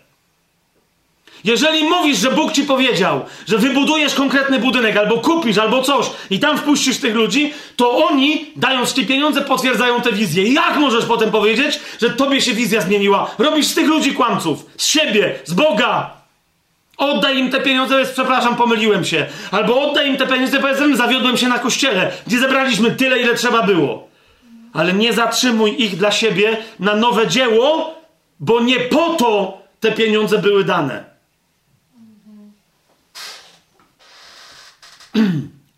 Jawna zbiórka celowa musi być wiadomo po co. Ok? Zbieramy teraz pieniądze. Dlaczego? Bo musimy zapłacić za tę salę. Za to za miesiąc, za rok, nie, za to spotkanie konkretne musimy zapłacić. Jak nie zbierzemy tych pieniędzy, pewnie będziemy mieli je skądinąd. Pan da, ale może pan chce dać przez ciebie. Byłeś na tym spotkaniu? Rozumiem, kazanie było nudne, trwało 6 godzin, gadał Błaszkiewicz. Co zrobić, no nie? Ledwo wysiedziałeś. Mogłeś wszakże wyjść. Oddychałeś tym powietrzem, było ciepło, była zima. Może się dołożysz 5 złotych, nie? Nie ma. Nie, nie, nie może być takiego nauczania. Wiecie o co mi chodzi? Po prostu. Jak ktoś na to nie wpadnie, może, może nie jest duchowy, może jest duchowy, ale mu pan powiedział, żeby nie dawał. Że, czemu ja mam mu nakładać, hej, oddychałeś naszym powietrzem, płać. Ogrzewałeś się naszym ciepłem, płać. Nie dołożysz się? Co to jest, kurna? Pierwsza klasa w podstawówce? Co to jest? No, pierwsza. Siódma klasa? Składka klasowa, każdy po 6 złotych? Robimy wspólnego Mikołaja? Co tu się dzieje? Zbiórki, ofiary mają być w kościele jawne, celowe, kompletnie dobrowolne. Co to oznacza? Nie może być żadnego nacisku na lud Boży. Żadnego nacisku. Ale ludzie są chciwi, głupi, jacyś tam. Po pierwsze ich przeklinasz, zamknij się. Po drugie, nawet jak tacy są, to się módl, żeby byli lepsi. Jesteś usługującym, to jaka jest twoja usługa, jak oni pod wpływem twojej usługi są tacy? Dziękujesz? Składki i ofiary w kościele mają być jawne, celowe, kompletnie dobrowolne, spontaniczne, to znaczy nieprogramowe. Nie może ktoś powiedzieć, że istnieje pewien program finansowy w kościele i że wszyscy muszą w nim uczestniczyć. Widzicie, to jest jeden z elementów, który uważam, że jest diaboliczny w nauczaniu na temat dziesięciny chrześcijańskiej dzisiaj. Oryginalne to nauczanie jest nauczaniem niechrześcijańskim, ale jest nauczaniem znanym w magii, znanym w okultyzmie, znanym we współczesnym New Age'u, który się odżegnuje od okultyzmów, ale jest przywiązany do prawa przyciągania, yy, manipulacji we wszechświecie itd., itd., itd. Jak sobie znajdziecie, nie pamiętam teraz jak ta książka się nazywa, może ktoś szybko mi to sprawdzi. Yy, yy, autor się nazywa Joe Vitali, pisze się Vitali. I on napisał coś w stylu Dekalog, ja nawet tej książki nie kupiłem. Parę jego książek kupiłem, bo trzeba poznać wroga, ale akurat tej książki nie kupiłem. Przeczytałem ją e, szybko e, w księgarni. Wziąłem ją z półki i ją przeczytałem i ją odłożyłem. Nie była zbyt długa, no nie? I nie będę dlatego, jak się nazywa jakiś dekalog, wiecie, duchowego człowieka, czyli New Age'owca. I teraz rozumiecie, do dekalogu New Age'owca kogoś, kto w ogóle nie wierzy w Boga, wierzy, że on, że on sam jest Bogiem że jest centrum wszechświata, że jak będzie wzywał, wizualizował, mantrował, składał ofiary poszczególnym bóstwom i tak dalej, to będzie miał w życiu wszystko, co chce i będzie żył długo i szczęśliwie. Jednym z elementów obowiązkowej dyscypliny duchowej New Age'owca jest płacenie dziesięciny. Rozumiesz? Z czego? Dokładnie z tego, co po kościołach protestanckich się głosi, tak? Z tego, co ci przyjdzie. Odpła zapłaciłeś podatki, wszystko i tak dalej. Ile ci zostało? Tyle. To z tego jeszcze 10%. Dziesięcina bowiem jest świętym nauczaniem wszystkich magów, okultystów, czarownic, czarnoksiężników, wiedźminów i wiedźmy. Co wy na to?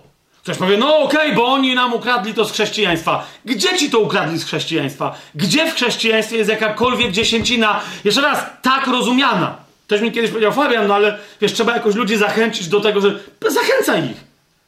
Wołaj, nie? Jeżeli nie macie 50% dzisiaj, żeby wyrzucić z portfela, dajcie dziesięcinę.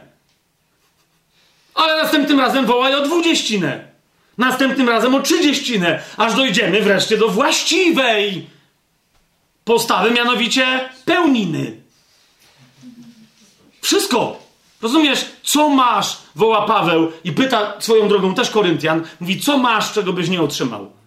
Rozumiesz, co ty, co ty masz Bogu, po co, jaka dziesięcina? I cały, zobaczcie, przy dziesięcinie tej, nie tylko, że ona jest programem, że ty musisz mieć cały czas, to jest, rozumiesz, to, mm, komu jest ten program potrzebny? Tobie?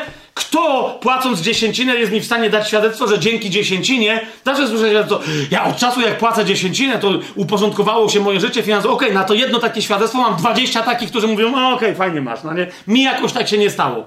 Ale nigdy nie usłyszałem świadectwa, dzięki dziesięcinie zaczęło mi się lepiej pościć. Dzięki dziesięcinie zacząłem się więcej modlić. Takie mam doświadczenie duchowe, że normalnie, ła, jak Paweł 14 lat przed tym, jak się przyznał. Tak, no nie, nikt tak nie mówi. Dlaczego? Tylko jest cały czas, mm, daje Bogu i On też mi daje. Nie? A w każdym razie nie odbiera. No normalnie medalik z Matką Boską niepokalaną. No słowo daje. W razie czego? Żeby coś złego na mnie nie padło. Serio? Bałwochwalstwo. Dziesięcina. Bałwochwalstwo. Tak. Ktoś tam, jeszcze raz mówiłem na początku, powiem to jeszcze raz. Czekam na tych pastorów, czy tego pastora, jednego, drugiego przywódcę, którzy się odgrażają i tłumaczą w swoich ruchach i zborach i w swoich kościołach i denominacjach, że już niedługo skonfrontują to straszne nauczanie Błaszkiewicza, które rozbija kościoły. Czym? Bo mówię, żeby zamiast dziesięciny dawali wam wszystko? To czy kościół rozbija? Czy może wcale nie chcesz wszystkiego, tylko chcesz mieć zabezpieczone. Bo kogo zabezpiecza taki program? Tego, co daje? To poprawia jego życie duchowe, czy też zabezpiecza finansowo tego, co bierze? Wiesz o co mi chodzi? Jeszcze ty możesz kontrolować kogoś takiego, nie? No wiesz, że pan Heniek, jak 3 lata temu zarabiał 3,5 tysiąca na rękę, teraz jest dalej w tej samej firmie, w tej samej robocie, na tym samym stanowisku, no to ile może więcej zarabiać? 3,800? No doliczmy do tego, że ma dobrego szefa, może inflacja 4 tysiące na rękę. Ty wiesz dobrze, że jak minie miesiąc, nawet nie musisz mówić, jak masz właściwe nauczanie manipulacyjne w kościele, o sianiu, zbieraniu, o dziesięcinie, te wszystkie brednie, wiesz dobrze, że jako przywódca tego kościoła możesz panu Henkowi po prostu spojrzeć w twarz i powiedzieć to jest ten czas w miesiącu, niektórzy mają taką miesiączkę, to jest ten czas w miesiącu, kiedy byłoby dobrze przypomnieć sobie o tym błogosławieństwie, które płynie z dziesięciny. Nie? Niektórzy, ja tylko przypominam, bo niektórzy sobie zapominają i patrzysz na pana Henka. A pan Heniek wie, że ty wiesz, że to są jego cztery stówki. Wiesz o co mi chodzi? To, to, I teraz powiedzcie mi, że tak nie ma po kościołach. Bracie, pastorze, siostro pastorowo, po, powiedz mi, że tak nie ma w kościele. Powiedz mi, że nie wiesz, że tak jest. Idź, tylko puść to, co ja teraz mówiłem, tym ludziom, skonfrontuj mnie, ale puść to i zapytaj swoich ludzi, czy tak nie ma. Albo ci powiedzą prawdę, albo cię będą kłamać. Wiesz, jak jest. Więc zbiórki i ofiary w kościele mają być jawne, celowe, kompletnie dobrowolne, spontaniczne. Nawet jak ktoś spontanicznie się zdecyduje, że będzie jakieś pieniądze oddawać przez miesiąc, rok, co, wszystko gra. Rozumiesz? Ale to nie ma wynikać z tego, że jest jakiś program Boży w Biblii zapisany na to, że ludzie mają regularnie jakieś pieniądze dawać. Nie ma czegoś takiego w Biblii. Jest w judaizmie, ale nie ma w chrześcijaństwie biblijnym.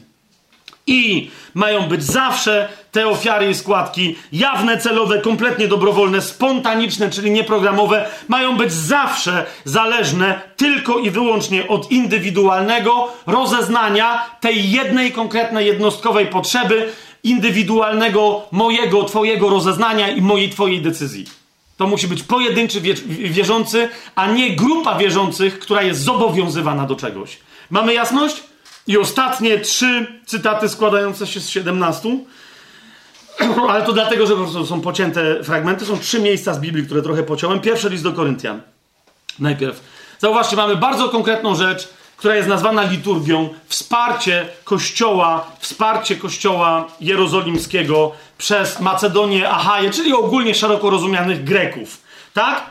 Zauważcie, jaką poradę w pierwszym liście do Koryntian w 16 rozdziale daje Paweł Koryntianom. To jest pierwszy list do Koryntian, 16 e, rozdział od pierwszego do trzeciego wersetu. Czyli Paweł mówi, E, jest składka, jest sprawa. Wiecie o co chodzi. Pierwszy list do Koryntian i pisze tak. Co do składki na świętych, to i wy zróbcie dokładnie tak samo, jak zarządziłem w kościołach Galacji.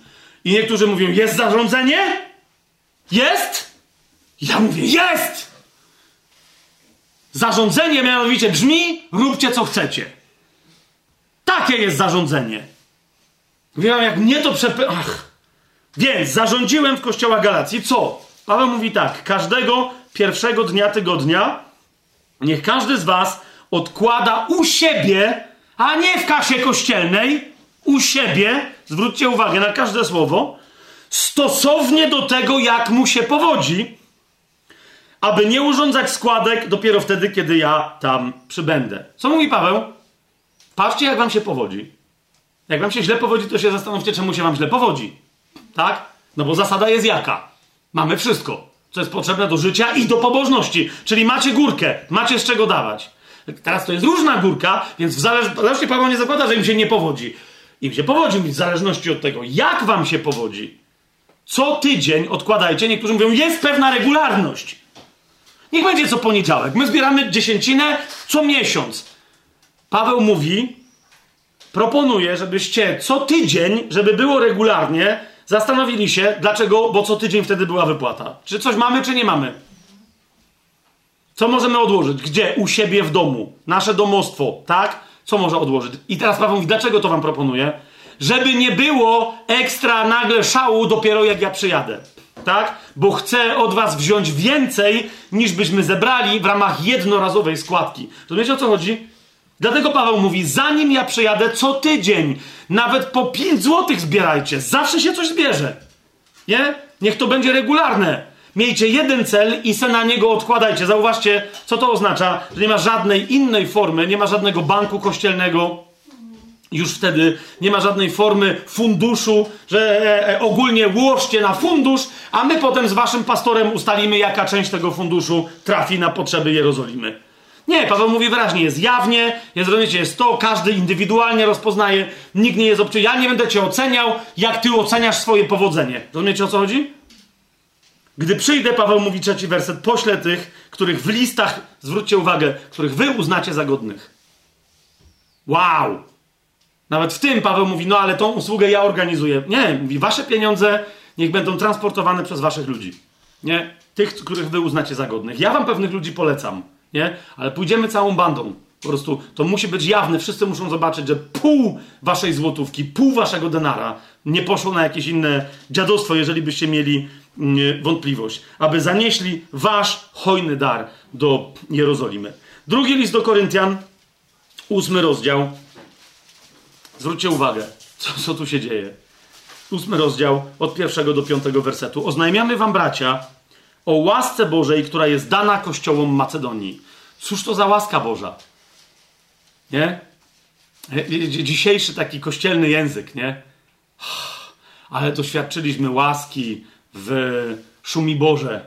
Nie wiem, czy istnieje taka miejscowość, przepraszam, ja wymyśliłem ją teraz, ale bo szukałem takiej nazwy, żeby, ale jeżeli istnieje jakiś szumibór, to przepraszam, tak nie, nie o was chodziło. To abstrakcyjnie zupełnie. Ej, jakiej łaski doświadczyliśmy w Szumi Boże. nie? Pobłogosławili nas. No to przecież każdy z was wie, co ja powiedziałem, nie? Tam była składeczka. Mm, tak! Ha! Pięć ludzi było, sześć tysięcy żeśmy wywieźli. No łaska nieprawdopodobna, nie? A tu Paweł mówi, oznajmiamy wam bracia o łasce Bożej, która jest dana kościołom w Macedonii. Pierwsza myśl protestancka dzisiaj? Ty! Sześć osób wygrało w Totka, co tam się stało? Ty ktoś odziedziczył? Nie o co chodzi, nie? Pastor wydał książkę, jak żyć życiem pełnym obfitości i być milionerem, nie będąc nigdy bidokiem? Bom! Pierwsze miejsce przez 16 tygodni Washington Post, czy co tam jeszcze innego. Wszyscy kupują, całe Stany Zjednoczone. Otóż jaką oni dostali łaskę? Otóż, pisze Paweł, w ciężkiej próbie ucisku ich obfita radość i skrajne ubóstwo zaobfitowały bogactwem ich ofiarności. Zaczekaj, no to oni w takim razie chyba komuś udzielili łaski. Nie, Paweł mówi, to, to była dla nich łaska. Rozumiesz, jaką łaskę oni otrzymali? Że w skrajnym swoim, zaświadczam bowiem, że według możliwości, a nawet ponad możliwości, okazali gotowość, z wielkim naleganiem, naleganiem prosząc nas, abyśmy przyjęli ten dar i ich udział w służbie na rzecz świętych. Wiecie, co to jest za służba? A postąpili nie tylko tak, jak się spodziewaliśmy, ale samych siebie najpierw oddali Panu, a potem nam za wolą Boga. Rozumiecie, co się tam stało? Ten kościół powiedział: My nie mamy tyle, ile wierzymy, że, że Jerozolima potrzebuje. Nie wiemy, czy ktoś jeszcze inny odpowie w ogóle na to wezwanie. Kapujecie? Więc oni zebrali takie pieniądze, z tego wynika jasny kontekst, zresztą po grecku to wyraźnie widać. Jakby Paweł z, tam z całą resztą powiedział, wiecie co, ale przeginacie, nie? Bo daliście tyle kasy, jakbyście mieli teraz umrzeć z głodu za, przez najbliższe pół roku czy coś, a oni ich błagali, nie, weź, nie, nie wytłumaczyli, co się stało. No wiecie, ale oni się ofiarowali Bogu i powiedzieli, panie, nie, możemy, nie możemy dać tyle, ile możemy. Chcemy dać tyle, ile chcemy.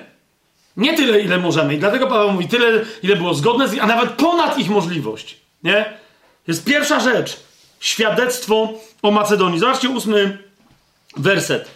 I teraz Paweł mówi, no więc teraz od was też trochę oczekujemy jako nieco bogatszych niż Macedończycy, ale Paweł mówi, nie mówię tego jako rozkaz, ósmy werset, ale abym przez zapał innych wypróbował szczerość waszej miłości. Nie? Paweł mówi, co, co czym innym jest, jest teraz to, ta zbiórka? Jest tylko dowód na to, jak, jak wy kochacie. A więc, jak, jaką dużą wiarę macie. Bo wiara działa przez miłość. Tak? Dziesiąty werset do dwunastego. A w tej sprawie daję wam swoją radę, gdyż jest to pożyteczne dla was, którzy nie tylko zaczęliście to robić, ale już ubiegłego roku wykazaliście chęć. No pamiętacie, że Paweł do nich pisał list, nie? A po tym liście nie przyszedł. Więc mówi, no wykazaliście chęć, zaczęliście, bo on im tam poradził, żeby zbierali co tydzień. Teraz więc to, co zaczęliście robić, dokończcie, aby tak jak była gotowość w chęciach, tak też, aby było wykonanie z tego, co macie. Jeśli bowiem najpierw jest gotowość, jest przyjmowana według tego, co kto ma, a nie według tego, czego nie ma. Więc Paweł tylko mówi, nie, dobra, powiedziałem wam o Macedończykach, ale to, co wam mówiłem ostatnio, to pozostaje w mocy. Według tego, co macie, według tego, jak się wam powodzi, róbcie dalej, bo i tak pewnie zbierzecie więcej niż Macedończycy. U nich to jest bida, no nie? U was, jak wy od ponad roku co tydzień coś odkładacie i jeszcze dalej tak będziecie robili, to nawet jak niedługo przyjdę, to będziemy mieli, wow, full wypas. Nie?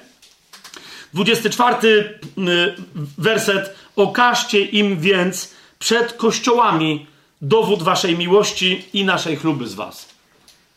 Chcesz pokazać, że kochasz? Okaż hojność. Nie, nie, będę tego dalej komentował. Drugi do Koryntian, ostatni zestaw cytatów. Dziewiąty werset, dziewiąty, drugi do Koryntian, dziewiąty rozdział, od piątego do siódmego wersetu.